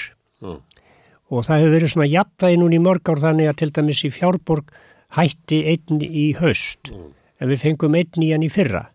Sko það, það, það getur verið svona smá breytingar. En er ekki svona goggunaröð hjá ykkur líka? Er Nei, ekki erfitt við- að vera nýr? nei, nei, það, þá hjálpum við. Já, hjálpið þið. og þá er, finnum við það að það kemur nýtt fólk. Mm. þá leitar það gætna ráða Já. hjá þeim sem eru eldri. Og það er góðu félagskapur og við erum okkar félag, fjárregendafélag Reykjavíkur sem er, sem er orðið 96 ára, eða verða 96 ára gammal núna annan desember og ég skrifa heilmikið um það náttúrulega í bókinni, ég er með sögu þess. Og, og þá bara hreinlega sko er fólk að hjálpa stað. Og það þarf að gera ákveðna hlut og ákveðnum tímum, það þarf til dæmis að bólusetja lamb, æra á vorin vegna lambablósotar það þarf að bólusetja lamb og ung, ungar æra haus og hrúta á haustin ve- vegna, vegna bráðapestar og slíkra sjúkdóma. Eh, síðan kemur að rúningi. Eh, er, það er ímis og það er ímislega sem að nýliðar þurfa að vita Mm.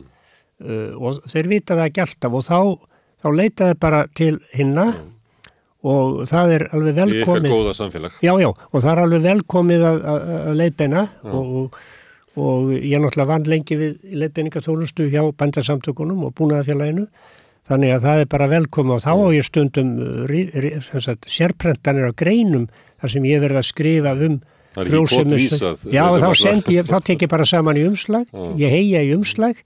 Sérprentanir og annað og sendi viðkomandi. Já, og, og, og byggði hann að lesa. Já. og svo lesa það eins og það vill og svo kannski eru haldin smá fræðslufundur og svona.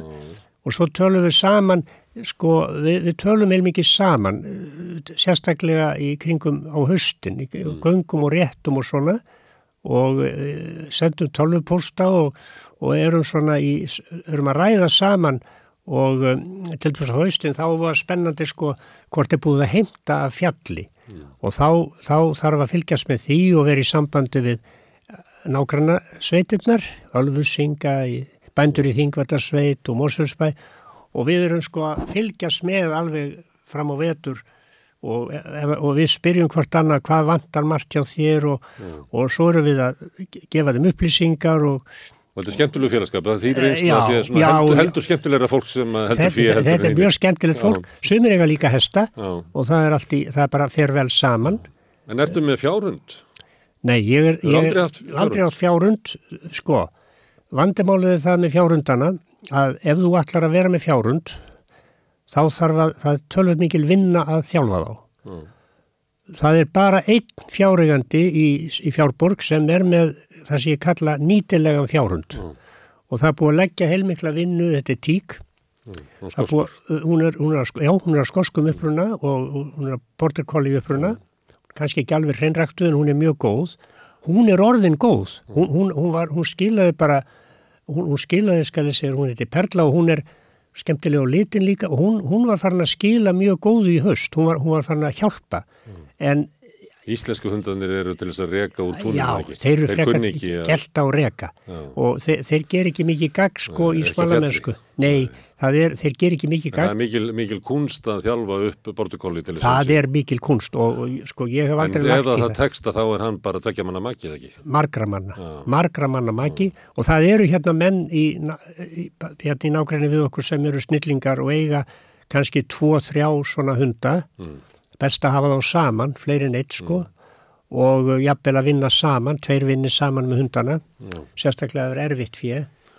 Þannig að, jú, það væri gaman kannski að vera með svona border collie en ég myndi ekki treysta mig til þess að þjálfa nógu vel því að ég veit að það er, það er, það er bara, það er heilmikil vandi og heilmikil vinna en, en sem betur fer þá er meira og meira út um landið af sko, sko góðum smalahundum Já. Þeir, voru Svona hundum sem hafa verið já, þjálfaðir. já, Það vel vantar ekki viti í þá. Nei, það vantar sko ekki vitið og, og þeir eru, íslenskir hundar eru reyndar stundum, það er hægt að þjálfa þá. Já. og ég hef alveg þekkt í gegnum tíðina íslenska hundar sem hafa verið bara mjög vænir fjárhundar. En það er þá frekar að þeir sko, þeir, þeir fara fyrir fyrir og, og reka. En border collie hundar sérstaklega eru saman og eru vel þjálfaðir að þeir bara sækja alveg og, og, og, koma bara með það og það er jafnilegt að rekað upp á kerrur bara, bara út á víðavangi. Þeir eru það klárir. Það er nú sagt um þá hunda að e, e, þetta séu gáðar hundar og hérna, miklir viniðinir en þeir þurfa að hafa eitthvað að gera. Og eiginlega áttu ekki að fá þér svona hund nema að, að hann fá að eiga fimm rollur, segi ég núna. Já, það er eitthvað svo leiðis. Já, því annars leiðist honum bara. Annars leiðist honum og það þarf, að, sko, það þarf að vera reglubundin þjálfun, Já. helst allt árið. Það, það reyna menn að gera. Svo er eitt með góða smalahunda. Ég kynntist því þegar ég var í, í námi í Wales. Þar eru allir bændur með mjög góða smalahunda. Þeir, þeir eru að beita fjönu meira minn allt árið og þeir þurfa á þeim að halda. Það var æfinlega þannig þegar ég kom á Sveitabægi að þeir voru ekki hafðir inni. Þeir höfðu sér hús, sér hundakofa og ekki inn í húsi, ekki, ekki með fólkinu. Þeir var haldið í vissri fjarlagð og þeir sögðu að það veri verra að hafa þá innan um fólkið, það veri betra að bara hafa þá sér, tvo eða fleiri saman og það voru sérstakir hundakofar fyrir þá, bara rétt við bæjarhúsin og, og svo var þeim bara hleyft út þegar var verið að þjálfa þá eða nota þá en það var svo mikil notkun og er, sko þar eru menn að beita fjönu meir og minna allt árið og þá þurfa þeir að nota þessa hunda mikið og þeir eru að keppa, þeir eru með þessa keppni sínar í um, og eru, eru snillingar En okkur vilja ekki hafa með fjölskyldunni, þau verða fundandi á taugaveiklaðir. Já, þeir segja það bara, þeir verða, þeir, þeir eru, þeir, það, það er best að hafa þá ekki innan um fólk Já. og ekki vera að kjassa þá mikið og ekki hamast í þeim þannig. En þetta eru í raun og veru sko, bortir kolli geta verið bara ágætti stofuhundar. Þeir, ef þeir eru, ef, ef, ef, ef, hérna, þeir geta verið það. Ég, ég séð hérna bortir kolli hundar sem eru bara blíður og þægir, bara, bara hreinlega svona gæluhundar. En, en ef þú ert að hugsa um að nota þá sem vinnudýr og geta treyst á það, þá er, þá þykir það yfirleitt betra að hafa það svolítið sér og uh, ekkert að vera, vera hrindaði frá þér, ekki þannig, heldur að það er ekki að nota það sem gæludýr, heldur, heldur að þetta eru vinnudýr og, og, og, og, hafa, og þjálfa þá vel og það er komin upp hérna hópur af fólki og það eru haldan hérna keppnir á Íslandi, sagt frá því til dæmis í bandablaðinu öðru koru og hér eru snillingar komnir sem eru, sem eru að þjálfa og þeir hafa fengið erlenda kennara til að hjálpa. Heldur þú uh, hérna muni breyða búi? Fljóðlega? Nú ertu Nei, komin nei, að- nei, alls ekki sko. orðin- Nei, nei, komin- alls ekki. Komin vel á eftirlunandurinn? Jú, jú, sko, ég er, ég er fættur 1944 og búin að eiga kindur í Reykjavík og tímabili í Kópói frá 1957 svona á þeim árum þegar Elvis Presley var upp á sitt besta Já. og uh, neini, það er ekkit komið að því ef það er eitthvað sem ég reyna að halda í þá er það kindurnar Mm. uh, þetta er svona ákveðin lífstíl og, uh, og uh, ég er nefnilega í mér er ég bóndi. Mm. ég er bóndi í mér. Og það er fullt af fólki í þéttbíli sem eru bændur í sér. Og þú vilt ekki rífa bóndan úr þér? alls ekki. Og það er hérna sko, sko svo, það er svo mikið af fólki sem ég hitti sem er með bóndan í sér. Það vil rækta, það vil rækta garða, það vil rækta matjúrtur ekki bara tré. Það vil jafnvel eiga einhverja skepnur. Til að skilja nokkrar hænur eða hvað sem það er. Og við erum þetta nokkur með kindur það er blundar sko, það blundar sveitamaður og bóndi í mjög mörgum og margt af fólkinu sem er sögumbústaði það er að reyna að uppfylla þá þrá að eiga skika og, og, og það fer það út, út á landið. En Og þú það- ráðlöku fólki að, að láta þetta eftir sér að vera bóndi? Já, já, alveg híklaust og, og, og ge- jafnvel, ef ef það hægt að fá aðstöð til þess inn í þéttbílinu að, að gera eitthvað þar og þá þurfa náttúrulega skipula sefurvöld að taka þetta inn í skipulag. Þetta er farið að gerast aðeins hérna hjá okkur, pínulítið, en erlendis er þetta bara miklu meira. Og þar er hreinlega farið að gera svolítið ráð fyrir því að, að það geti verið svona svo lítill borgarbúskapur.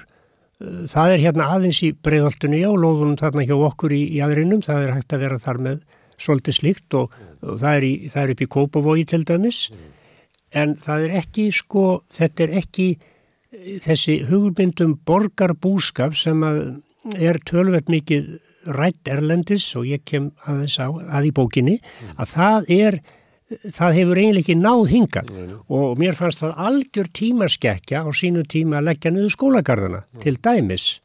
Og núna þegar við erum að til dæmis slófút helt alveg feiknarlega gott málþing inn í Laugardal fyrir eitthvað þrejum vikum og, og það er alveg ljóst að sko, það er, það er fullt af fólki sem er að hugsa um þessa sjálfbærni, sjálfbærni við matalaframlöslu, uh, halda við fjölbreytnið, þú ert múin að koma vel inn á það varðandi, varðandi mat, að viðhalda fjölbreytni, viðhalda gömlum hefðum og slíku, mm.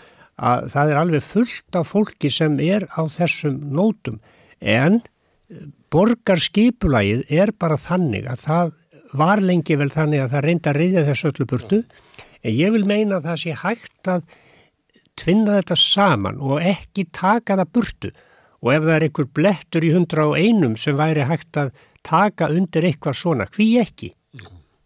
Hví ekki? Já, við bara hvetjum borgaröðul til þess að gera það hægt að bæla niður bundan í okkur. Já, hvað, að... hvað um klambratúnið? Ha? Hvað um klambratúnið? Klambratúnið, Já.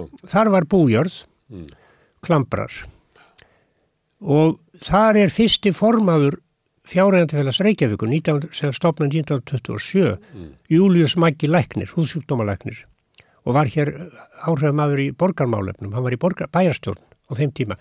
Ég meina, Klampratúnið var bara bújörð og ég man eftir því sem slíku, ég man eftir gamlu klombrum. Mm.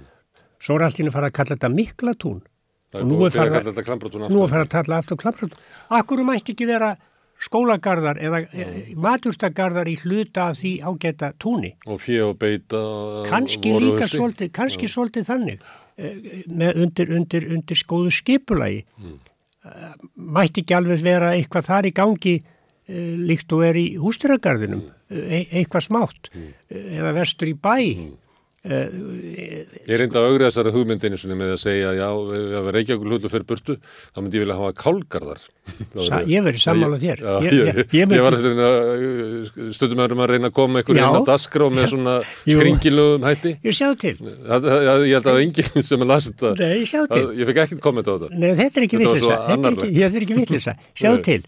Á þeim árum þegar ég er að byrja eiga kindurnar mm. svona já, svona í kringu 60 no. þá eru þessi svo kallu aldabótagarðar no. nokkur með það sem umferðarmiðstöðin er núna mm. og þetta voru stór garðlönd þarna nú það var náttúrulega búskapur þarna mm. það, var, það, var, það voru bæði fíu og kýr og beit þarna á sömurinn það var meirið að segja upp úr 1950 er enn kúabúskapur niður á Grettiskötu og það var rekið yfir, niður njarðagötun og yfir, yfir hæðir skólaverðuholtið og, og yfir í, yfir í hérna Vassmýrina mm. og það voru fjárúst þar, ég með myndað þeim í bókinu minni, það voru, það voru fjárúst nokkur meginn þar sem að þessi gardar voru og þessum umferðarmiðstöðinu núna mm. og, og, og sko, sko, ég held að borgar skipulægið þurfi aðeins að fara að skoða þessa möguleika mm vegna að þetta er eitt af því sem gerir umhverfi manneskjulegra. Og þetta er sagan okkar líka. Þetta er sagan okkar. Já, hvaðan við erum komin. Já. Erðu dásvægt að fá þig hingað, Ólafur Dýrmyndarsson? Komðu bara sem oftast. Þakkaði fyrir, þakkaði kærlega.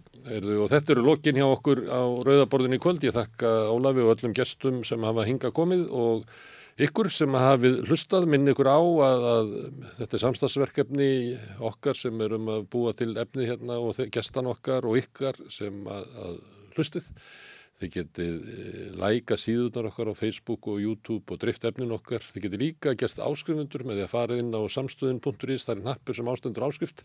Það kostar 2000 krónur á mánuði að vera áskrifundi að samstöðinni og taka þátt í að byggja hana upp. Því sem að viljið geti látið áskriftin að renna sem félagsgjöldin í alþjóðfélagið og það er alþjóðfélagið sem á og rekur samstöðina. En ég þakka aftur kellaði fyrir mig og segi góða nótt. Hvernig getur við réttlætt að um 63% eblingarkvenna eigi erfitt með að ná endum saman?